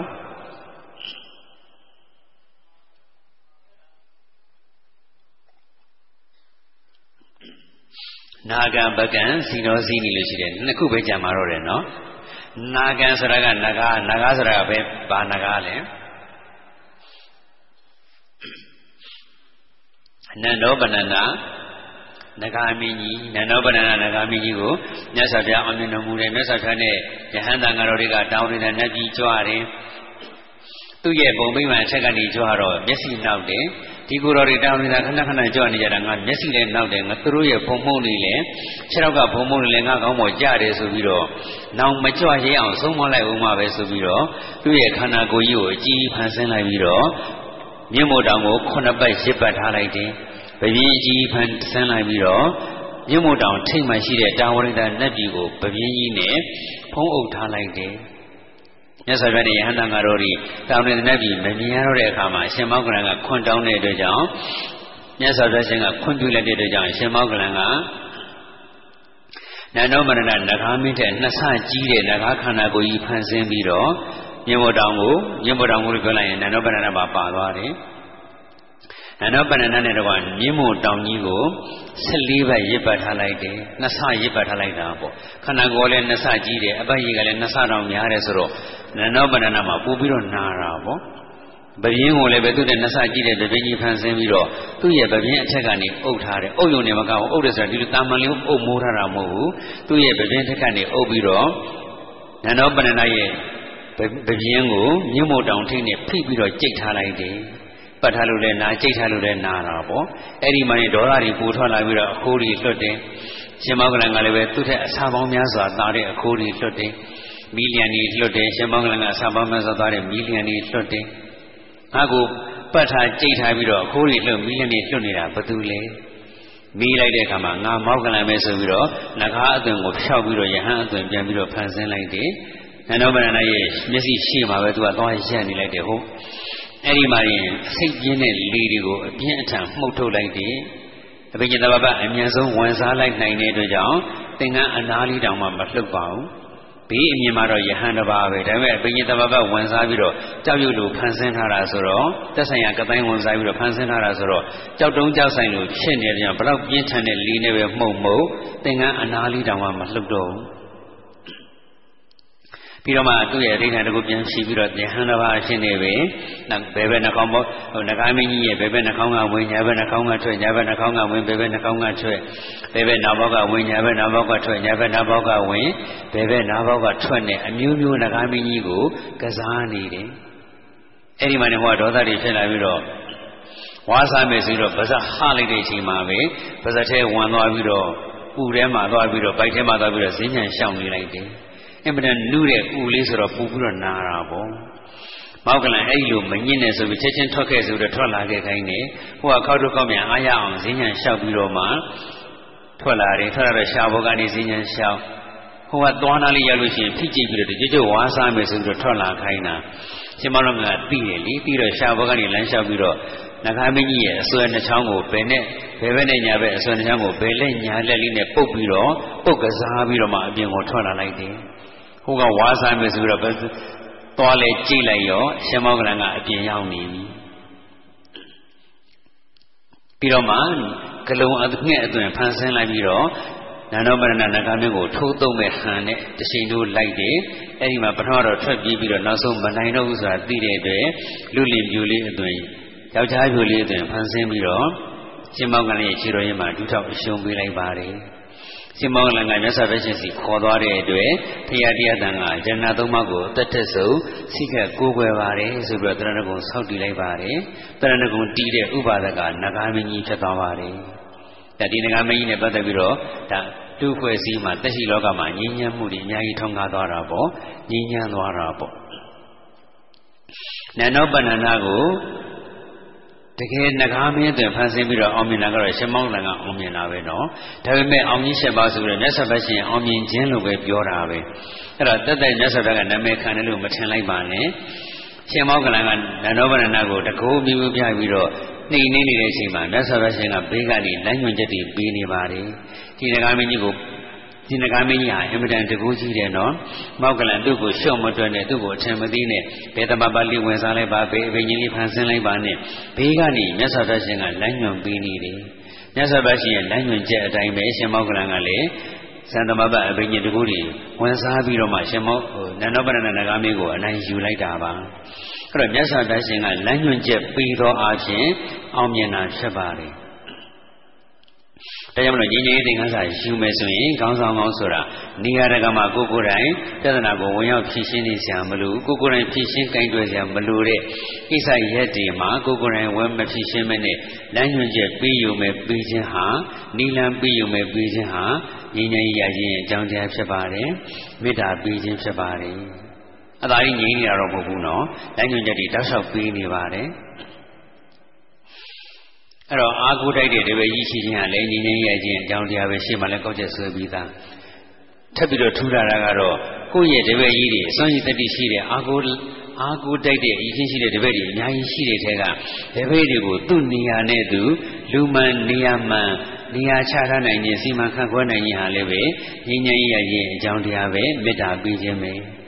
နဂါမင်းကြီးကိုဆုံးမဖို့ဆိုပြီးတော့ရှင်သာရိပုတ္တရာအပါဝင်ရဟန္တာရှင်မကြီးတွေတော်တော်များများမြတ်စွာဘုရားရှင်ကိုဖွင့်တောင်းပါတယ်မြတ်စွာဘုရားလုံးဝခွင့်မပြုပါဘူးရှင်မဟာမောက္ကလန်ကျမ်းမှာခွင့်ပြုတာပါအဲ့တော့ကျန်တဲ့ယဟန္တာရှင်မတွေတကူကတော့ရှိတာပဲဒါပေမဲ့ရှင်မောက္ကလန်ကျတော့ဒီတိုင်းပဲအခက်အခဲပြဿနာကြုံမှမဟုတ်ဒီတိုင်းလည်းပဲပုံမှန်လည်းပဲအဘိညာဉ်တကူတွေကိုအမြဲတမ်းလေ့ကျင့်နေတယ်အမြဲတမ်းကစားနေတယ်အဘိညာဉ်ကစားနေလို့ပြောရမှာပေါ့ အဘိညာဉ်ရမှာအသာဆုံးဆိုတဲ့စွန့်ရည်တတိတွေပြည့်စုံနေပေမဲ့လို့အမြဲတမ်းဒီဇံအဘိညာဉ်တကူတွေကိုလေ့ကျင့်နေတယ်အမြဲတမ်းလေ့ကျင့်နေတာဆိုတော့မလေ့ကျင့်တဲ့ရှင်သာရိပုတ္တရာစတဲ့တခြားယဟန္တာတွေထက်ပို့ပြီးတော့အရင်ရှင်းပြေးသွားတာပေါ့အဲ့တော့ဒီလိုမျိုးကျိုင်းဒီလိုမျိုးနဂါမင်းရဲ့ကိုယ့်ပေါ်မှာပြဿနာရှာလာတဲ့ကိစ္စရပ်ကိုငကားမင်းနဲ့ပတ်သက်လို့ကြုံတွေ့နေတဲ့ပြဿနာကို ရှင်မောက်ကလန်ကသာလျင်ဖြည့်ရှင်းနိုင်တယ်ရှင်မောက်ကလန်ဟာဖြည့်ရှင်းဖို့အတွက်အရေးရှင်အပြည့်အဝဆုံးပဲဆိုတာသိတဲ့အတွက်ကြောင့်မလို့ဒီလိုငကားမင်းကိုတကူပြပြီးတော့ပြဿနာဖြည့်ရှင်းရမယ့်ကိစ္စမှာတကူအရာမှာအသာဆုံးအမျက်ဆုံးဖြစ်တဲ့တကူနဲ့ပတ်သက်ပြီးတော့လည်းအမြဲတမ်းလေ့ကျင့်နေတဲ့ရှင်မဟာမောက်ကလန်ကိုသာလျင်မြတ်စွာဘုရားရှင်ကတောင်းဝင်ပေးပါတယ်ဒါကြောင့်မလို့ကိုယ့်ရဲ့တပည့်တွေကိုခေါင်းဆောင်ကောင်တရားအနေနဲ့ကိုယ့်ရဲ့တပည့်တွေကိုသူ့နေရာနဲ့သူ လူမှနေရာမှနေရာပေးနိုင်ခြင်းလူမှနေရာမှတာဝန်ပေးနိုင်ခြင်းဟာမေတ္တာပေးခြင်းဖြစ်ပါတယ်လူဖွဲ့စည်းတစ်ခုလုံးကိုမေတ္တာပေးခြင်းဖြစ်ပါတယ်ငြိမ်းချမ်းရေးရခြင်းအကြောင်းတရားဖြစ်ပါတယ်လူမှနေရာမှမဟုတ်ဘူးဆိုဆိုရင်တော့လုသမျှအလုပ်တွေတလွဲတွေကြီးပဲဖြစ်နေတဲ့ကြောင့်လူဖွဲ့စည်းတွေဘာမှကောင်းကျိုးမဖြစ်တဲ့အတွက်လူဖွဲ့စည်းမငြိမ်းချမ်းနိုင်တော့ဘူးပေါ့နာခံပြီးတော့ပါတော့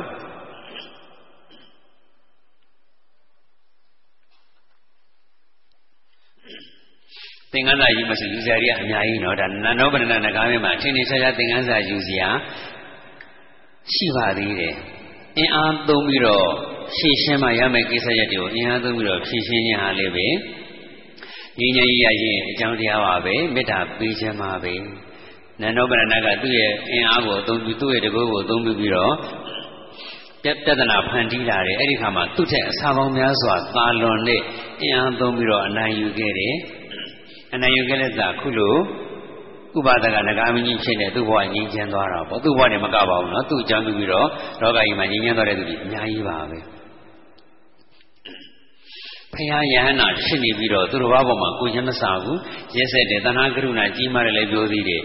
နန္ဒောပဏ္ဏနဂါမင်းကိုနာကျင်အောင်လုပ်တယ်ဆိုပြီးတော့ဖြစ်စဉ်နန္ဒောပဏ္ဏကိုနှိမ်နှင်းနေတဲ့အခိုက်အတန့်လေးကိုပဲကွက်ကြည့်ပြီးတော့အပြစ်တင်ခြင်းနေပြစ်တင်ခြင်းတဲ့လူတွေဆရာကြီးလုပ်ပြီးတော့ဝေဖန်ခြင်းတဲ့သူတွေလည်းလောကကြီးမှာရှိတာပါပဲအဖြစ်အပျက်တစ်ခုကိုဇလန်းဆုံးအောင်မကြည့်ပဲနဲ့ကိုလိုချင်တဲ့ဖြစ်ပျက်ကလေးကိုပဲကွက်ကြည့်ပြီးတော့ကိုလိုချင်တဲ့ကိုပြောချင်တဲ့အပြစ်တွေပြောတာမျိုးလေလောကကြီးမှာရှိတတ်ပါတယ် ဒါကြောင့်လို့ပြည့်ပြည့်တစ်ခုကိုဝေဖန်သုံးသပ်ခြင်းနဲ့ဆိုရင်ဇလန်းဆုံးအောင်ကြည်ပါဇလန်းဆုံးအောင်မကြည့်ဘဲနဲ့ကိုလိုချင်တာလေးပဲကွက်ကြည့်ပြီးတော့ပြပြောမယ်ဆိုရင်တော့မှားနိုင်ပါတယ်မြတ်စွာဘုရားရှင်နဲ့ရှင်မောင်မောက္ခလန်တို့ကနန္ဒောပဏနဂါမင်းပေါ်မှာတဏှာကရုဏာမရှိလို့ဒီလိုအနံယူခဲ့တာမဟုတ်ပါဘူးဒီလိုအနံယူမှသာလျှင် ဒေနာသုံးပါးစိကကုကွယ်ပြီးတော့ကုသိုလ်တရားတွေတူဝါပြီးတော့ကောင်းကျိုးချမ်းသာတွေရမယ်သူတယောက်တည်းနဲ့မကောက်ဘူးလောကကြီးမှာရှိတဲ့သက်ရှိတွေအများကြီးငြိမ်းချမ်းကြမယ်ဆိုတာသိလို့ဒီလိုမလွယ်မရှောင်တာအနိုင်ယူလဲရတာဖြစ်ပါတယ်နောက်ပိုင်းကိုကြည့်ရမှာနော်နန္ဒပရဏလေးပါးရေးသွားပြီးတော့ကုသိုလ်တရားတူဝါသွားတာတွေဆက်မကြည့်တော့ပဲအရှိပဲလေးတစ်ခုပဲကြွက်ကြည့်ပြီးတော့အသေးဆုပ်ကင်ပြီးတော့မျက်စိမှိတ်ပြီးတော့အပြစ်ပြောနေမယ်ဆိုတော့ပြောတဲ့သူဟာအသိဉာဏ်ကင်းမရကြတယ်မိုက်မဲရကြတယ် အင်အားသုံးပြီးတော့မငြိမ်မသက်မငြိမ်မချမ်းဖြစ်အောင်လုပ်နေတဲ့သူတွေနေလို့ထိုင်လို့မရလှုပ်လို့ကင်လို့မရအောင်လုပ်နေတဲ့သူတွေစူပူတောင်းကျမ်းနေတဲ့သူတွေကြမ်းဖက်နေတဲ့သူတွေရှိတယ်ဆိုရင်သူတို့ထက်အစာပေါင်းများစွာတာလွန်တဲ့အင်အားသုံးပြီးတော့အမြင့်ပြတ်ဖယ်ရှားလိုက်ခြင်းဟာငြိမ်းချမ်းရခြင်းအကြောင်းတရားဖြစ်ပါတယ်လူဖွဲ့စည်းကိုမေတ္တာပေးခြင်းဖြစ်ပါတယ် အင်အားသုံးပြီးတော့မငြိမ်းချမ်းဖြစ်နေလူကိုဒီတိုင်းပဲလွတ်ထားမယ်ဆိုရင်တော့လူ့ဘယ်စီဟာဘယ်တော့မှငြိမ်းချမ်းမှာမဟုတ်ပါဘူးဒါမြတ်စွာဘုရားရှင်ကိုရနိုင်ကျင့်သုံးခဲ့တဲ့နည်းဗျူဟာနော်အင်အားသုံးပြီးတော့ဖြည့်ရှင်းမှရမယ့်ကိစ္စကိုအင်အားသုံးပြီးတော့ပဲဖြည့်ရှင်းကိုဖြည့်ရှင်းရပါမယ်ဒါဟာငြိမ်းချမ်းရခြင်းရဲ့အကြောင်းတရားပါပဲနောက်ဆုံးကတော့ဗကဗြဟ္မာကြီးပေါ့ဗကဗြဟ္မာကြီးကတော့နေဆဝါဒမြဲတယ်ဆိုတဲ့အယူရှိတယ် သူ့ရဲ့ဓမ္မပြည်ကတက်တန်းရှည်လုံးအားကြီးတဲ့အတွက်ကြောင့်တော်တော်နဲ့မသေးနိုင်ဘူးလေမသေးနိုင်တဲ့အတွက်ကြောင့်ငါဟာဘရောမှမသေးတော့တဲ့သူငါရဲ့ဓမ္မပြည်ဟာတည်ခြင်းကင်းတဲ့နိဗ္ဗာန်ချမ်းသာအစစ်ကြီးပဲဆိုပြီးတော့ဆွဆွမြဲမြဲယုံကြည်ထားတယ်အဲ့ဒါမြတ်စွာဘုရားရှင်ကဓမ္မပြည်ကြောသွားပြီးတော့သင်ဟာသင်ရဲ့ဓမ္မပြည်ကိုပဲဘရောမှမသေးတဲ့နေရာလို့ထင်နေတယ်သင်ဟာသက်ရှိရလို့ဖြစ်လာတာခုဒီတဘဝတွေပဲရှိရလို့ထင်နေတယ် တကယ်တမ်းကျတော့သင်ဟာအရင်ဘဝတုန်းကဒုတိယဇံဘုံကနေလျှော်ကြလာခဲ့တာဒါသူ့ဘုံကဗြဟ္မပထမဇံဗြဟ္မဘုံနော်အနည်းဆုံးဘုံပဲဒုတိယဇံမတိုင်ခင်ကတတိယဇံဘုံတတိယဇံမတိုင်ခင်ကသုဒ္ဓဇံဘုံအဲ့ဒီမတိုင်ခင်တုန်းကတော့လူဘဝမှာဇံရယတိဖြစ်ခဲ့ဘူးတယ်စသည်အချင်းအတိတ်ကြောင့်လည်းပြန်ပြောပြတော့မြတ်စွာဘုရားပြောတဲ့စကားကိုတရားစူးစိုက်နားထောင်နေရင်းနဲ့ပဲဇာတိဒရဉာဏ်ကြီးရတာပြီးတော့အတိတ်ဘဝတွေပြန်မှတ်မိသွားတယ်မှတ်မိသွားတော့ အော်ငါကတော့တက်ရှိတရားဝါရဲ့လို့ဖြစ်လာတာဒီတဝါတွေပဲရှိလို့ထင်နေတာဘဝဆိုတာမွေးဖွားခြင်းနဲ့သိဆုံးခြင်းကြားပဲလို့လို့ထင်နေတာသိတောင်မသိဘူးလို့ငါကထင်နေတာတကယ်တမ်းကျတော့ဘဝတွေတကူပြီးတကူသိဆုံးလာခဲ့သိဆုံးနေတာပါလားပျက်စီးနေတာပါလားဆိုတာမမြဲပါလားဆိုတာသိသွားတယ်မြတ်စွာဘုရားရှင်ကလည်းယုတ်တရားနံတရားရှိနေသည်မြမမြဲခြင်းဆိုတာရှိတယ်မမြဲခြင်းဆိုတာရှိနေသည်မြချမ်းသာအစစ်မဟုတ်ဘူး နိဗ္ဗာန်မှာတော့ယုံနာမရှိတဲ့အတွက်ကြောင့်မမြဲခြင်းဆိုတာလုံးဝမရှိတော့ဘူးမမြဲခြင်းဆိုတဲ့သဘောမရှိတဲ့အတွက်ကြောင့်အသင်္ခတနိဗ္ဗာန်သားလျင်တကယ်ချမ်းသာအစစ်ဖြစ်တယ်ဒါလေးအကြောင်းကျိုးလေးနဲ့အပြည့်စုံရှင်းပြတယ်ဒါပေမဲ့သူ့ရဲ့ဝါဒကိုတော့မစွန့်လွတ်ပါဘူးစကားအရှိတွေပြောတာမနိုင်တဲ့ခါကျတော့နီးပြူဟာပြောင်းလိုက်တယ်အာယုံလွှဲလိုက်တယ်ယဟန်ကောရမကျွန်ုပ်ရဲ့ခန္ဓာကိုယ်ကိုကိုဖြောက်ပြမယ်ကြည်နေဆိုပြီးတော့ပြောတာအမှန်ကတော့စကားရှိတယ်ပြောတာစကား အနိုင်ယူပြောတာ तू မနိုင်တဲ့ခါကျတော့အာယုံပြောင်းလိုက်တာပေါ့လောကကြီးမှာလည်းပဲပြဿနာတစ်ခုခုအခက်အခဲတစ်ခုကြုံတွေ့ရတဲ့အခါမှာအဲ့ဒီပြဿနာအဲ့ဒီအခက်အခဲကိုပြည်လည်တော့ဖြည့်ရှင်းမဖြည့်ရှင်းနိုင်တဲ့အခြေအနေမျိုးမှာနောက်တစ်ခုပုံ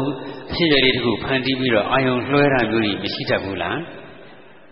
ရှိတတ်တယ်နော်အဲ့ဒါဒီကနေ့ကျတော့ဘဂဇမကြီးရဲ့နီးပြူဟာပဲ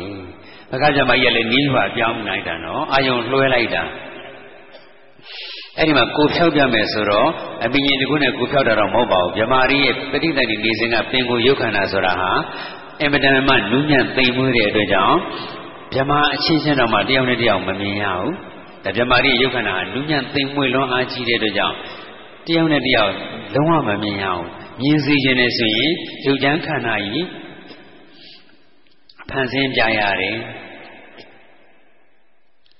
ဒါဥစ္စရလူပြည်မှာတော့မှလေဆိုတာရှိမှသိနေတာပဲဝါရောယုတ်ဒါပေမဲ့ဝါရောရုပ်လို့ခေါ်တဲ့လေကိုမျက်စိနဲ့မမြင်ရဘူးလေအဲ့တော့ဟိုမှာကတော့ဒါဘာဝါရောရုပ်ဆိုတာကပြည့်နူးညံ့သိမ့်မွေးတာတော့မဟုတ်ပါဘူးအဲ့တော့ဗြဟ္မာရီရဲ့ရုပ်ခန္ဓာကြတော့နူးညံ့သိမ့်မွေးလုံးအားကြီးတဲ့အတွက်ပင်ကိုရုပ်တိုင်းဆိုရင်မမြင်ရဘူးသူကအခုမြတ်စွာဘုရားရှင်တဲ့စကားစစ်ထိုးနေတာကလည်းပဲရုပ်ချမ်းခန္ဓာဖန်ဆင်းပြီးတော့မှစကားစစ်ထိုးနေတာဆိုတော့ပင်ကိုရုပ်တိုင်းပြန်ဖြစ်ပါစေလို့ပဲသူကစိတ်ညွှန်လိုက်မလို့အဋ္ဌံပြုမလို့ အဲ့ဒါကိုမြတ်စွာဘုရားရှင်ကအဋ္ဌံတဲ့အတိုင်းမဖြစ်အောင်လို့ပင်ကိုရုပ်အတိုင်းပရိသဏိရုပ်ပရိသဏိနေစဉ်တုန်းကပင်ကိုရုပ်တိုင်းအဋ္ဌံပြုလို့မရပါစေနဲ့ရုပ်တိုင်းဖြစ်ပါစေလို့အဋ္ဌံပြုလို့မရပါစေနဲ့ဆိုမြတ်စွာဘုရားရှင်ကအဋ္ဌံပြုလိုက်တယ်အဲ့ဒီမှာနေပင်ကိုရုပ်ခန္ဓာတိုင်းဖန်ဆင်းပြလို့မရတော့ဘူးကိုမပြောက်ဘူးဖြစ်နေတာပေါ့အဲ့ဒီမှာကိုဝင်ပြောတဲ့ခါကျတော့အမှောင်တိုက်ကြီးဖန်ဆင်းလိုက်တယ်မြတ်စွာဘုရားရှင်ကအလင်းတိုက်ကြီးဖန်ဆင်းလိုက်တယ်ဒါအမှောင်တိုက်ဖန်ဆင်းသူကိုမပြောက်တာမမြင်အောင်လို့ပေါ့နော်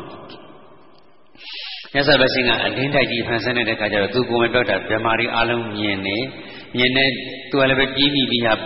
လုံပြီးလည်းပဲလုံတဲ့အနေနဲ့ဟိုနာပြည်ဒီနာပုံနဲ့ရှောက်လုပ်တဲ့ခါကျတော့ကျန်တဲ့ဗြဟ္မာတွေကဘကဗြဟ္မာကြီးသင်ပဲနေရာပုံတာမြင်နေတော့ဘယ်အောက်မှာရှိနေတာမြင်နေတော့နဲ့ဆိုတော့သူပုံတဲ့နေရာတိုင်းမှာလိုက်လိုက်ပြီးပြောတဲ့ခါကျတော့ရှက်လာတယ်အဲ့ဒီကမှမြတ်စွာဘုရားရှင်ကသင်ကိုမဖြောက်နိုင်မိမယ်ကျွန်ုပ်ဖြောက်ပြပါမယ်ဆိုပြီးတော့ဘ ဝိဝဟံဗယံတိတဝါအစရှိတဲ့ဂါထာလေးတစ်ပုဒ်ကိုရွတ်ဆိုရင်းနဲ့ပဲအတန်မဲချပြီးတော့ရုပ်မမြင်ပါစေနဲ့ဆိုပြီးတော့အဋ္ဌံပြုလိုက်တယ်အဲ့တော့ဂါထာလေးရွတ်နေတာတော့အတန်ကြားနေရတယ်ဒါပေမဲ့မြတ်စွာဘုရားရှင်ရဲ့ရုပ်ခန္ဓာကိုတော့ဗြဟ္မာတိကလုံးဝမမြင်ရတော့ဘူးဂါထာသာရွတ်မနေဘူးဆိုရင်လည်းပဲ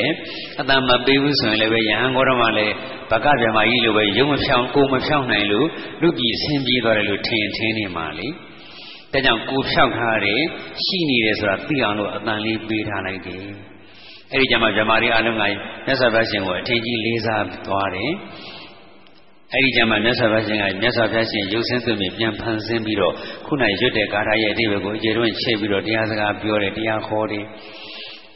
ဇမာပေါင်းတောင်းနဲ့ချီပြီးတော့သောတပန်တက္ကရကအနာဂယဟန္တာရီ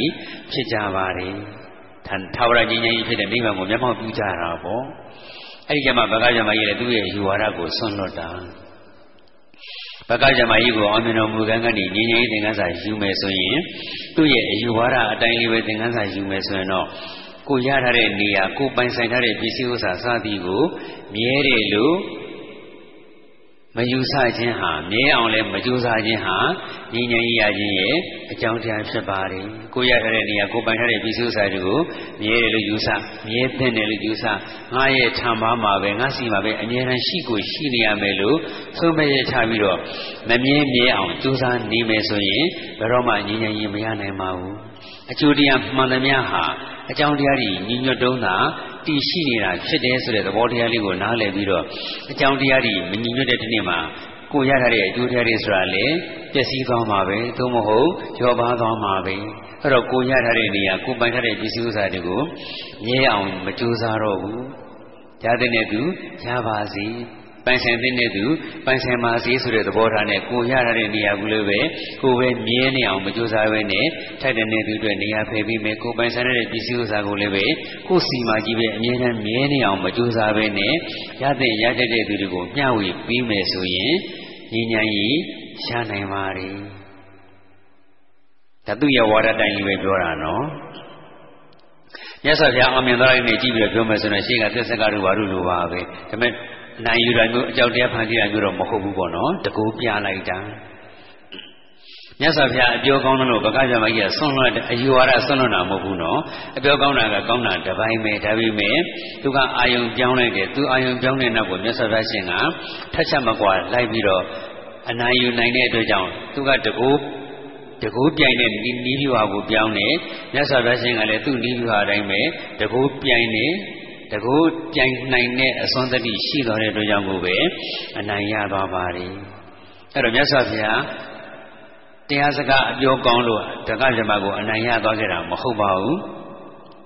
တကူပြလိုက်လို့သာနဲ့အနိုင်ရသွားခဲ့တာဖြစ်ပါတယ်ဒါကြောင့်မလို့အချိန်ဒီအချိန်ခါအရာလိုအပ်ချက်အရာကိုယ်မှရှိတဲ့တကူအရှင်ဝါဩဇာအာနာ ပါဝါတွေကိုထုတ်သုံးခြင်းဟာလည်းပဲငြိမ်းချမ်းရေးရခြင်းရဲ့အကြောင်းတရားဖြစ်ပါတယ်မေတ္တာပေးခြင်းဖြစ်ပါတယ်နေရာတကာသုံးရမယ်လို့မဆိုလို့ဘူးနော်အချိန်ဒီအချိန်ခါနဲ့လိုအပ်ချက်အရာလိုအပ်လာပြီဆိုရင်လားကိုယ့်ရဲ့အရှင်ယဝါတကူဩဇာအာနာပါဝါကို ထုတ်ပြီးတော့သုံးရပါတယ်မသုံးမဖြစ်တဲ့အချိန်မျိုးမှာတကူအာနာကိုထုတ်ပြီးတော့သုံးနိုင်ခြင်းဟာလည်းပဲ ဉာဏ်ဉာဏ်ရခြင်းအကြောင်းတရားပဲမေတ္တာပေးခြင်းပဲတကူထုတ်သုံးလိုက်လို့သာလျှင်ဓမ္မရီတောင်းနေချပြီးတော့ယံအရိယာပုဂ္ဂိုလ်တွေဖြစ်ကြတယ်လीဘဂဗြဟ္မာကြီးလည်းအကျွတ်တရားရသွားတယ်လीမာရန်ရက်ခံရတဲ့သူတွေဆိုကြည့်ပါအောင်မာရန်ရက်ခံအဆုံးထိဆိုခိုင်းတာနော်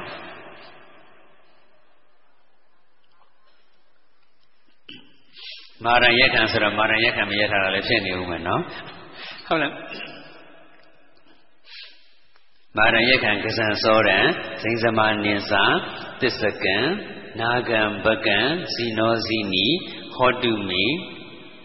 ဇယမင်္ဂလံဒါရထားပြီးတော့အခောက်ရည်များများမညွန့်နေပါခါသာလေးတော့အလုံးရပြီးတော့တစ်ခေါက်လောက်လေးစဉ်းစားပြီးတော့သူ့ရဲ့အတိတ်ပဲမာရန်ဆိုမနတ်ကိုဘလို့အောင်နေခုခုစဉ်ပြောခဲ့တာတကယ်တော့အနှစ်ချုပ်ပဲနော်သင်္ကန်းစာတိစာယူပြီးတော့ပြောတာဒါ တန်ချက်ဆက်ကနေဖြည်းဖြည်းချင်းပြောနေလို့ဒါကြားတယ်ထင်းနေရတာပေါ့ကိုယ့်ဘာသာကိုစိတ်နဲ့စဉ်းညာစဉ်းကျင်စဉ်းစားလိုက်ရင်ခဏလေးနဲ့ပြီးပါတယ်အဲ့တော့တရက်ထဲမှာရှစ်ခုလုံးမစဉ်းစားနိုင်ရင်နေပါအခါလျော်စွာတစ်ခုချင်းတစ်ခုချင်းစဉ်းစားမယ်ဆိုရင်ဒါဗုဒ္ဓနုဒတိပွားများပြီးသားလည်းဖြစ်ပါတယ်ဂုဏတော်၉ပါးထဲမှာအခုအောင်ကြီး၈ပါးကိုပြောတယ်ဆိုတာအောင်ကြီးရှိပါကိုပွားများနေတယ်ဆင်ញင်နေတယ်ဆိုတာအနုတ္တရောပုရိသဓမ္မတာရတိဆိုတဲ့ဂုဏ်တော်ရဲ့တတ္ထာဒီဝမနုဿာနဆိုတဲ့ဂုဏ်တော်ရဲ့ဒီဂုဏ်တော်နှစ်ပါးကိုပွားများနေတာပါပဲ ဒီနှစ်ပါးကိုဘ ਹੁ ပြုပြီးတော့ကျန်တဲ့ခုနှစ်ပါးပေါ့နော်ဂုဏ်တော်၉ပါးလုံးလည်းပွားပြီးသားဖြစ်နေတာပါပဲဒါကြောင့်မလို့မြတ်စွာဘုရား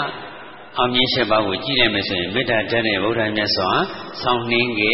အောင်မြင်အထမပါဒါနောက်ဆုံးရှစ်ခုတီကိုပြောတာပေါ့နော်ရှစ်ခုမြောက်ကိုပြောလိုက်တာပါ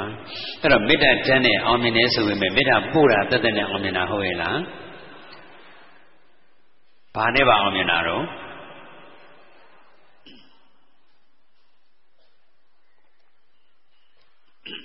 မေတ္တာပို့တာကတော့ကျမ်းမာချမ်းသာပါစေစသည်အပြင်အချိန်ချင်းချင်းနဲ့လည်းလျောညီပြတဲ့စကလုံးလေးသုံးပြီးတော့ဘာဖြစ်ပါစေညာဖြစ်ပါစေပဲပို့တာဆိုတော့တမျိုးတည်းပဲရှိတယ်လို့ပြောလို့ရတာပေါ့ဒါပေမဲ့လို့တမျိုးတည်းတော့မဟုတ်ဘူးပေါ့နော်မေတ္တာသုံးပါးကနာပရောပရဏိကုပိထဆိုတဲ့ဂါထာလေးရှိသေးတယ်အဲ့ဒါကြတော့ကျမ်းမာချမ်းသာပါစေရိုးရိုးပို့တာမဟုတ်တော့ဘူးနာပရောပရဏိကုပိထတရားကိုတရားဆင်းလဲတာတွေကောင်းကျစ်တာတွေညစ်ပတ်တာတွေစုပ်ပိတ်တာတွေကင်းရှင်းကြပါစေဒါကိုပြောတာနော် နာတိမိယထကတ္တစီနာကျင်စီဆိုတာကတယောက်ပေါ်တယောက်အထင်သေးခြင်းနှိမ့်ချခြင်းကျင့်ရှင်းကြပါစေနှိမ့်ချခြင်းဆိုတာသူများကိုနှိမ့်ချတာပြောတာနော်တယောက်ကိုတယောက်ထင်သေးခြင်းကျင့်ရှင်းကြပါစေနေညဗျာရောဒနာပဋိခတိညနေညမင်းကျဒုက္ခမိစီယဆိုတာကဗျာရောဒနာဆိုတာကကိုယ်နဲ့နှုတ်နဲ့ညှင်းဆဲခြင်းအပြင်သူတော်ရဲ့ဆင်းရဲဒုက္ခကိုမလူလာကြပါစေနဲ့ ပဋိကတိညာဆိုတော့ကစိတ်ထဲကနေသူတစ်ပါးကိုမကောင်းချင်ခြင်းအဖြစ်သူတစ်ပါးဆင်းရဲအောင်မလုပ်ကြပါစေနဲ့ဒါနေညမညတာဒုက္ခမိတ်ဆွေရရဲ့ရှေ့ကကိုနှုတ်စိတ်ကိုပြောတာပါပဲအဲ့တော့တရားကိုတရားလိညာချင်းလှက်ပတ်ခြင်းဆင်းလဲခြင်းကောက်ကြည့်ခြင်းကိချင်းကြပါစေတရားကိုတရားထင်သိခြင်းကိချင်းကြပါစေတရားကိုတရားဒုက္ခရအောင်လုပ်ခြင်းကိချင်းကြပါစေ ဒါကအဆိုးတွေကင်းရှင်းဖို့တဲ့မေတ္တာပို့တာပေါ့နော်အဲ့တော့ကောင်းကျိုးရအောင်ပို့တဲ့မေတ္တာလည်းရှိတယ်ဆိုးကျိုးတွေမဖြစ်အောင်ဆိုးကျိုးကိုဖြစ်စေနိုင်တဲ့အကြောင်းတရားကင်းစင်ပါစေလို့မေတ္တာပို့တာလည်းရှိတာပေါ့ဘာပဲဖြစ်ဖြစ်မေတ္တာပို့တယ်ဆိုမှတော့ဘာစီညာစီပဲပါတာပါပဲမေတ္တာပေးတာကြတော့အချိန်ဒီအချိန်ခါနဲ့လည်းလုံးညီထွေစွာလိုအပ်ချက်အရာလှုပ်တဲ့လှုပ်ထက်တဲ့အလုပ်ကိုလုပ်ရပါတယ်ရှေ့မှာရှစ်ပေါင်းလုံးပြန်စဉ်းစားကြည့် အတိညာပေးတဲ့အခါမှာအတိညာပေးရတယ်စိတ်ဓာတ်နုညံတဲ့အခါစိတ်ဓာတ်နုညံမှုကိုပြရတဲ့ချိန်ပြတဲ့ချိန်မှာစိတ်ဓာတ်နုညံမှုကိုပြရတယ်မာမနာကင်းစင်မှုကိုပြရမယ့်ချိန်မှာမာမနာကင်းစင်မှုကိုပြရတယ်စသည်အဖြစ်မေတ္တာပေးတယ်ဆိုတာကုညီတာပဲလေစားစရာဝတ်စရာစားတဲ့ရိုးထူပစ္စည်းပေးမှမေတ္တာပေးတာမဟုတ်ဘူးအတိညာလိုတဲ့သူကိုအတိညာပေးတယ်မာမနာကင်းကင်းနဲ့ဆက်ဆံတဲ့သူကိုမာမနာကင်းကင်းနဲ့ဆက်ဆံနေယူ သားဖြောင်းမမဲ့ကိစ္စမှာယူယူသားသားဖြောင်းဖြောင်းမလုပ်တယ်ဒါတွေကမေတ္တာပေးတာပဲသူသဖြင့်တော့အသိဉာဏ်ပညာပေးတာဟာလည်းပဲမေတ္တာပေးခြင်းပဲဘယ်အလုပ်ကိုပဲလုပ်လို့အချိန်ဒီချိန်ကနေလည်းလျောညီဖြစ်စွာမှန်မှန်ကန်ကန်ဆုံးဖြတ်တက်ခြင်းဆုံးဖြတ်ပြီးတော့ပြပြတတ်တလှုပ်ဆောင်တက်ခြင်းဟာမေတ္တာပေးခြင်းပဲအဲ့တော့ပို့မေတ္တာရောပေးမေတ္တာရောမေတ္တာတဲ့နှမျိုးလုံးလွှမ်းလို့သာလျှင်အောင်ကြီးရှိပါနဲ့လူဖွဲ့စည်းတလောကလုံးငြိမ်းချမ်းကြရတာပါဒါကြောင့် တရားနာပိတများအားလုံးပို့မေတ္တာရောပေးမေတ္တာရောမေတ္တာတဲ့နှမျိုးလုံးလွှမ်းအောင်ကြိုးစားအားထုတ်နိုင်ကြပါစေပို့မေတ္တာနဲ့မေတ္တာပို့ရင်ပေးမေတ္တာနဲ့မေတ္တာပေးရင်လည်းပဲ ကြည်လင်အေးချမ်းတဲ့စိတ်စသည်ကိုကြည်လင်တဲ့အေးချမ်းတဲ့စသည်အပြင်တတိပဋ္ဌာန်ဤတဲ့ဝိပဿနာရှုပွားနိုင်ကြပါစေရှုပွားနိုင်ကြတဲ့အတိုင်းလည်းပဲဝိပဿနာဉာဏ်နဲ့ဆက်ဆက်တက်ပြီးတော့နိဗ္ဗာန်ချမ်းသာကိုမိမိတို့ရင်မှန်းတောင်းတတဲ့ဘောဓိဉာဏ်နဲ့တကွာလျင်မြန်စွာမျက်မှောက်ပြုနိုင်ကြပါစေလို့ဆုမွန်ကောင်းတောင်းရင်းနဲ့ဦးဇင်းတို့ရဲ့မေတ္တာလွှမ်းမှာ ငြိမ်းချမ်းမယ်ဆိုတဲ့တရားတော်ကိုဒီနေရာမှာပဲညီကုန်းချုပ်ပါတော့မယ်။တရားနာပိဋကများအားလုံးလည်းဥချီထားကြပါ။အရေးအကြီးဆုံးစကားတစ်ခွန်းနဲ့တရားညီကုန်းချုပ်ပါမယ်။အပမဒီနာတမ္ပါဒီထာအပမဒီနာမမိမလျောမဘောမဆပြင်းပြထက်သန်မှန်ကန်သောတတိတရားဖြင့် တမ္ပါတိထသီလသမာဓိပညာဥသောသောသိက္ခာသုံးပါးတို့ကိုကိုယ်စီကိုယ်ငါဤဆုံးအောင်ကြိုးစားအားထုတ်နိုင်ကြပါစေကုန်သတည်း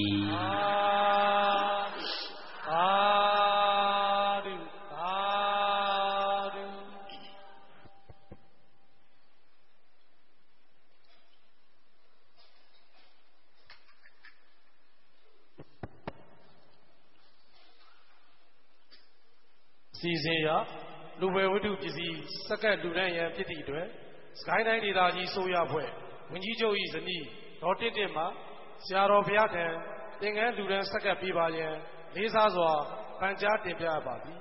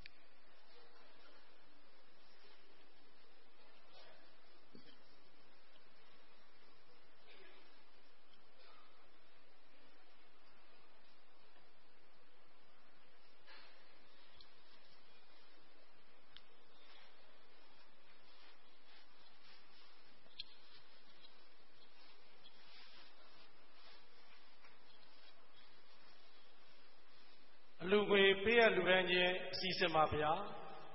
စကိုင်းတိုင်းဒေသကြီးဆိုရဖွဲ့မှမတီလူရန်ငွေကျပ်350နဲ့ဇေနာရှင်အလူရှင်များမှစုပေါင်းလူရန်ငွေ15သိန်း66,300စုစုပေါင်းလူစုစုပေါင်းလူရန်ငွေ65သိန်း66,300ကိုစကိုင်းတိုင်းဒေသကြီးတရားသူကြီးချုပ်ဦးဝင်းမြင့်စကိုင်းတိုင်းဒေသကြီးဆိုရဖွဲ့ဝင်လုံခြုံရေးနှင့်နေဆက်ရေးရာဝန်ကြီးဗိုလ်မှူးကြီးတန်းထွန်းအောင် စီပင်တရားရေးဝန်ကြီးဦးမြင့်ကြီးလူမှုရေးဝန်ကြီးဒေါက်တာဇော်ဝင်းတို့မှလူရန်ပေးပါရန်နှင့်ရွှေပါရမီဖောင်ဒေးရှင်းမှအိုင်ကာတူးမှလက်ခံရယူပေးပါရန်လေးစားစွာပန်ကြားတင်ပြပါသည်ခင်ဗျာ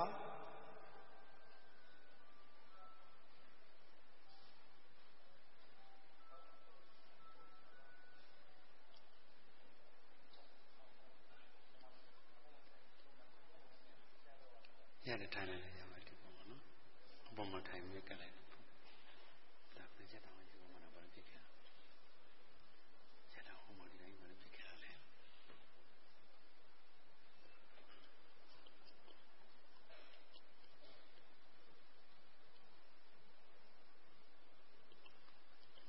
အကုန်လုံးဒီမှာနေတယ်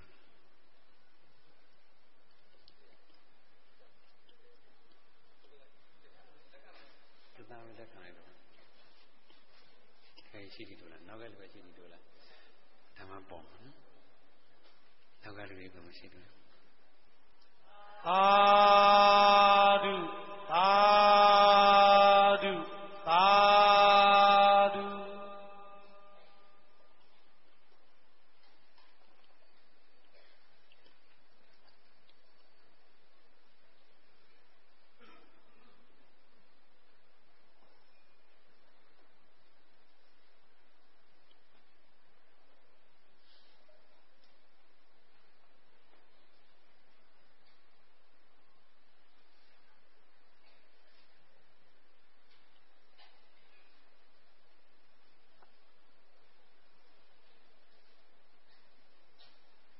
အစီအစဉ်အရ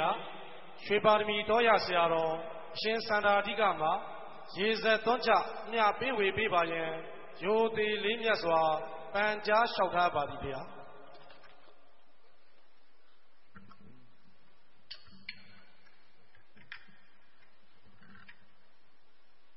ဒီကတော်မူပါဗျာဘုံရွာမြို့နယ်မြို့သားဒီမိုကရေစီအဖွဲ့ချုပ်နှင့်ပြည်သူများမှအလူငွေကျပ်၈သိန်းတိတိ ထပ်မံလူရန်ဆောင်ရွက်ပါလေဗျာ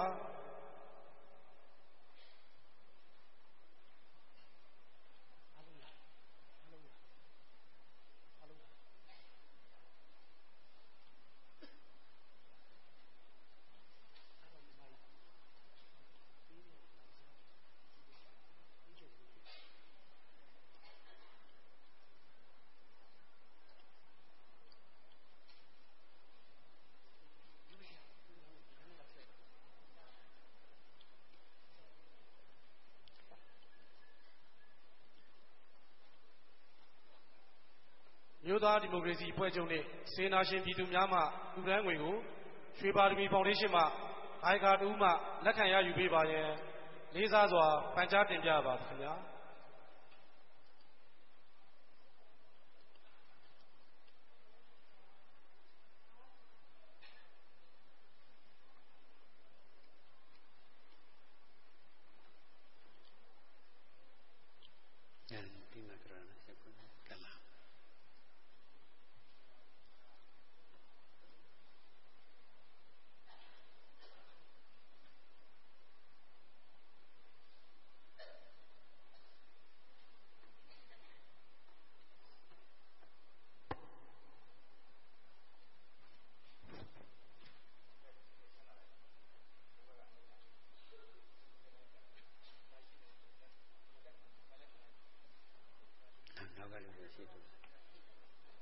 သာဓုသာဓုသာဓု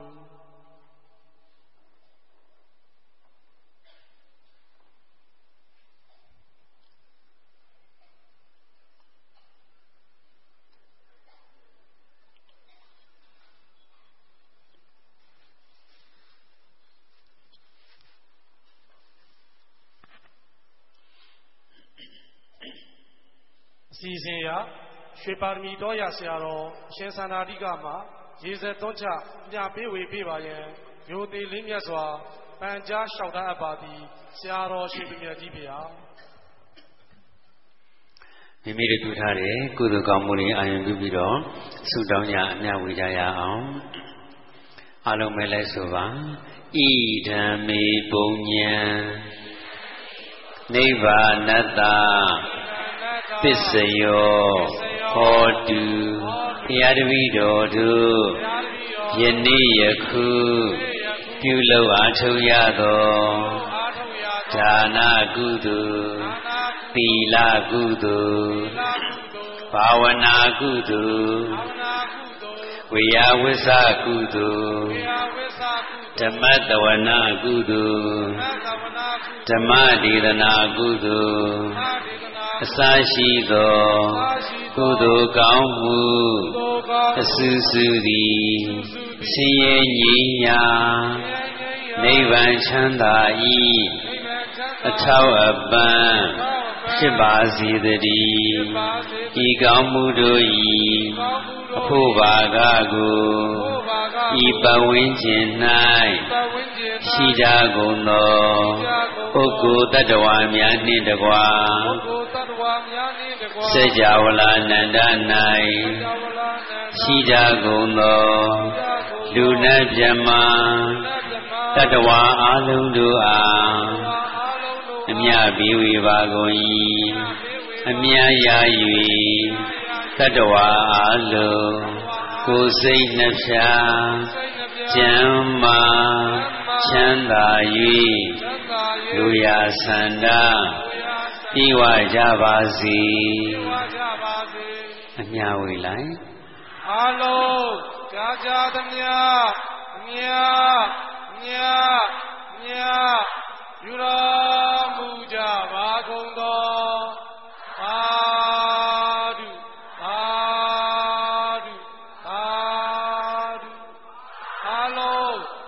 ကြားသမျှမြတ်မြတ်မြတ်ယူတော်မူကြပါကုန်သောသာဓုသာဓုသာဓုအလုံး အမြတ်အ မြတ်အမြတ်ယူတော်မူကြပါကုန်သောသာဓုသာဓုသာ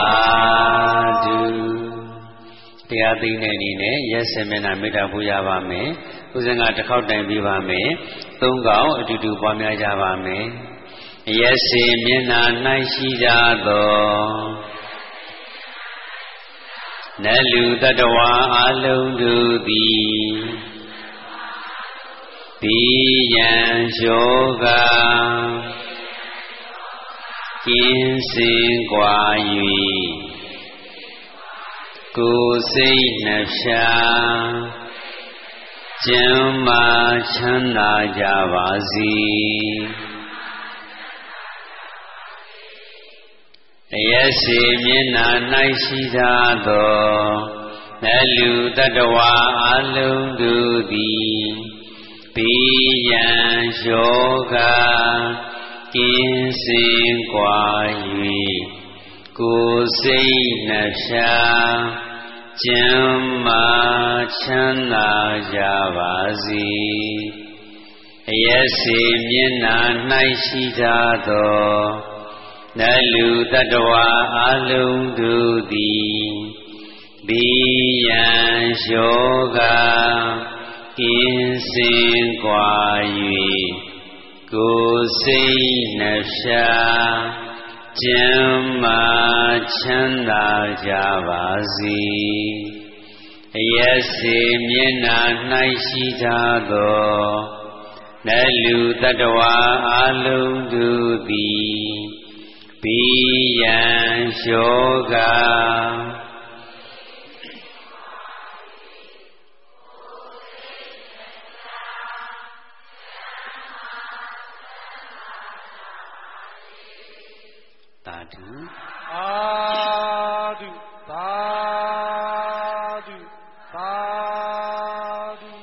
တရားနာပိသမျှအားလုံးကိုယ်စိတ်နှဖျားကျမ်းမာချမ်းသာ၍လူရဆန္ဒပြေဝကြပါစေ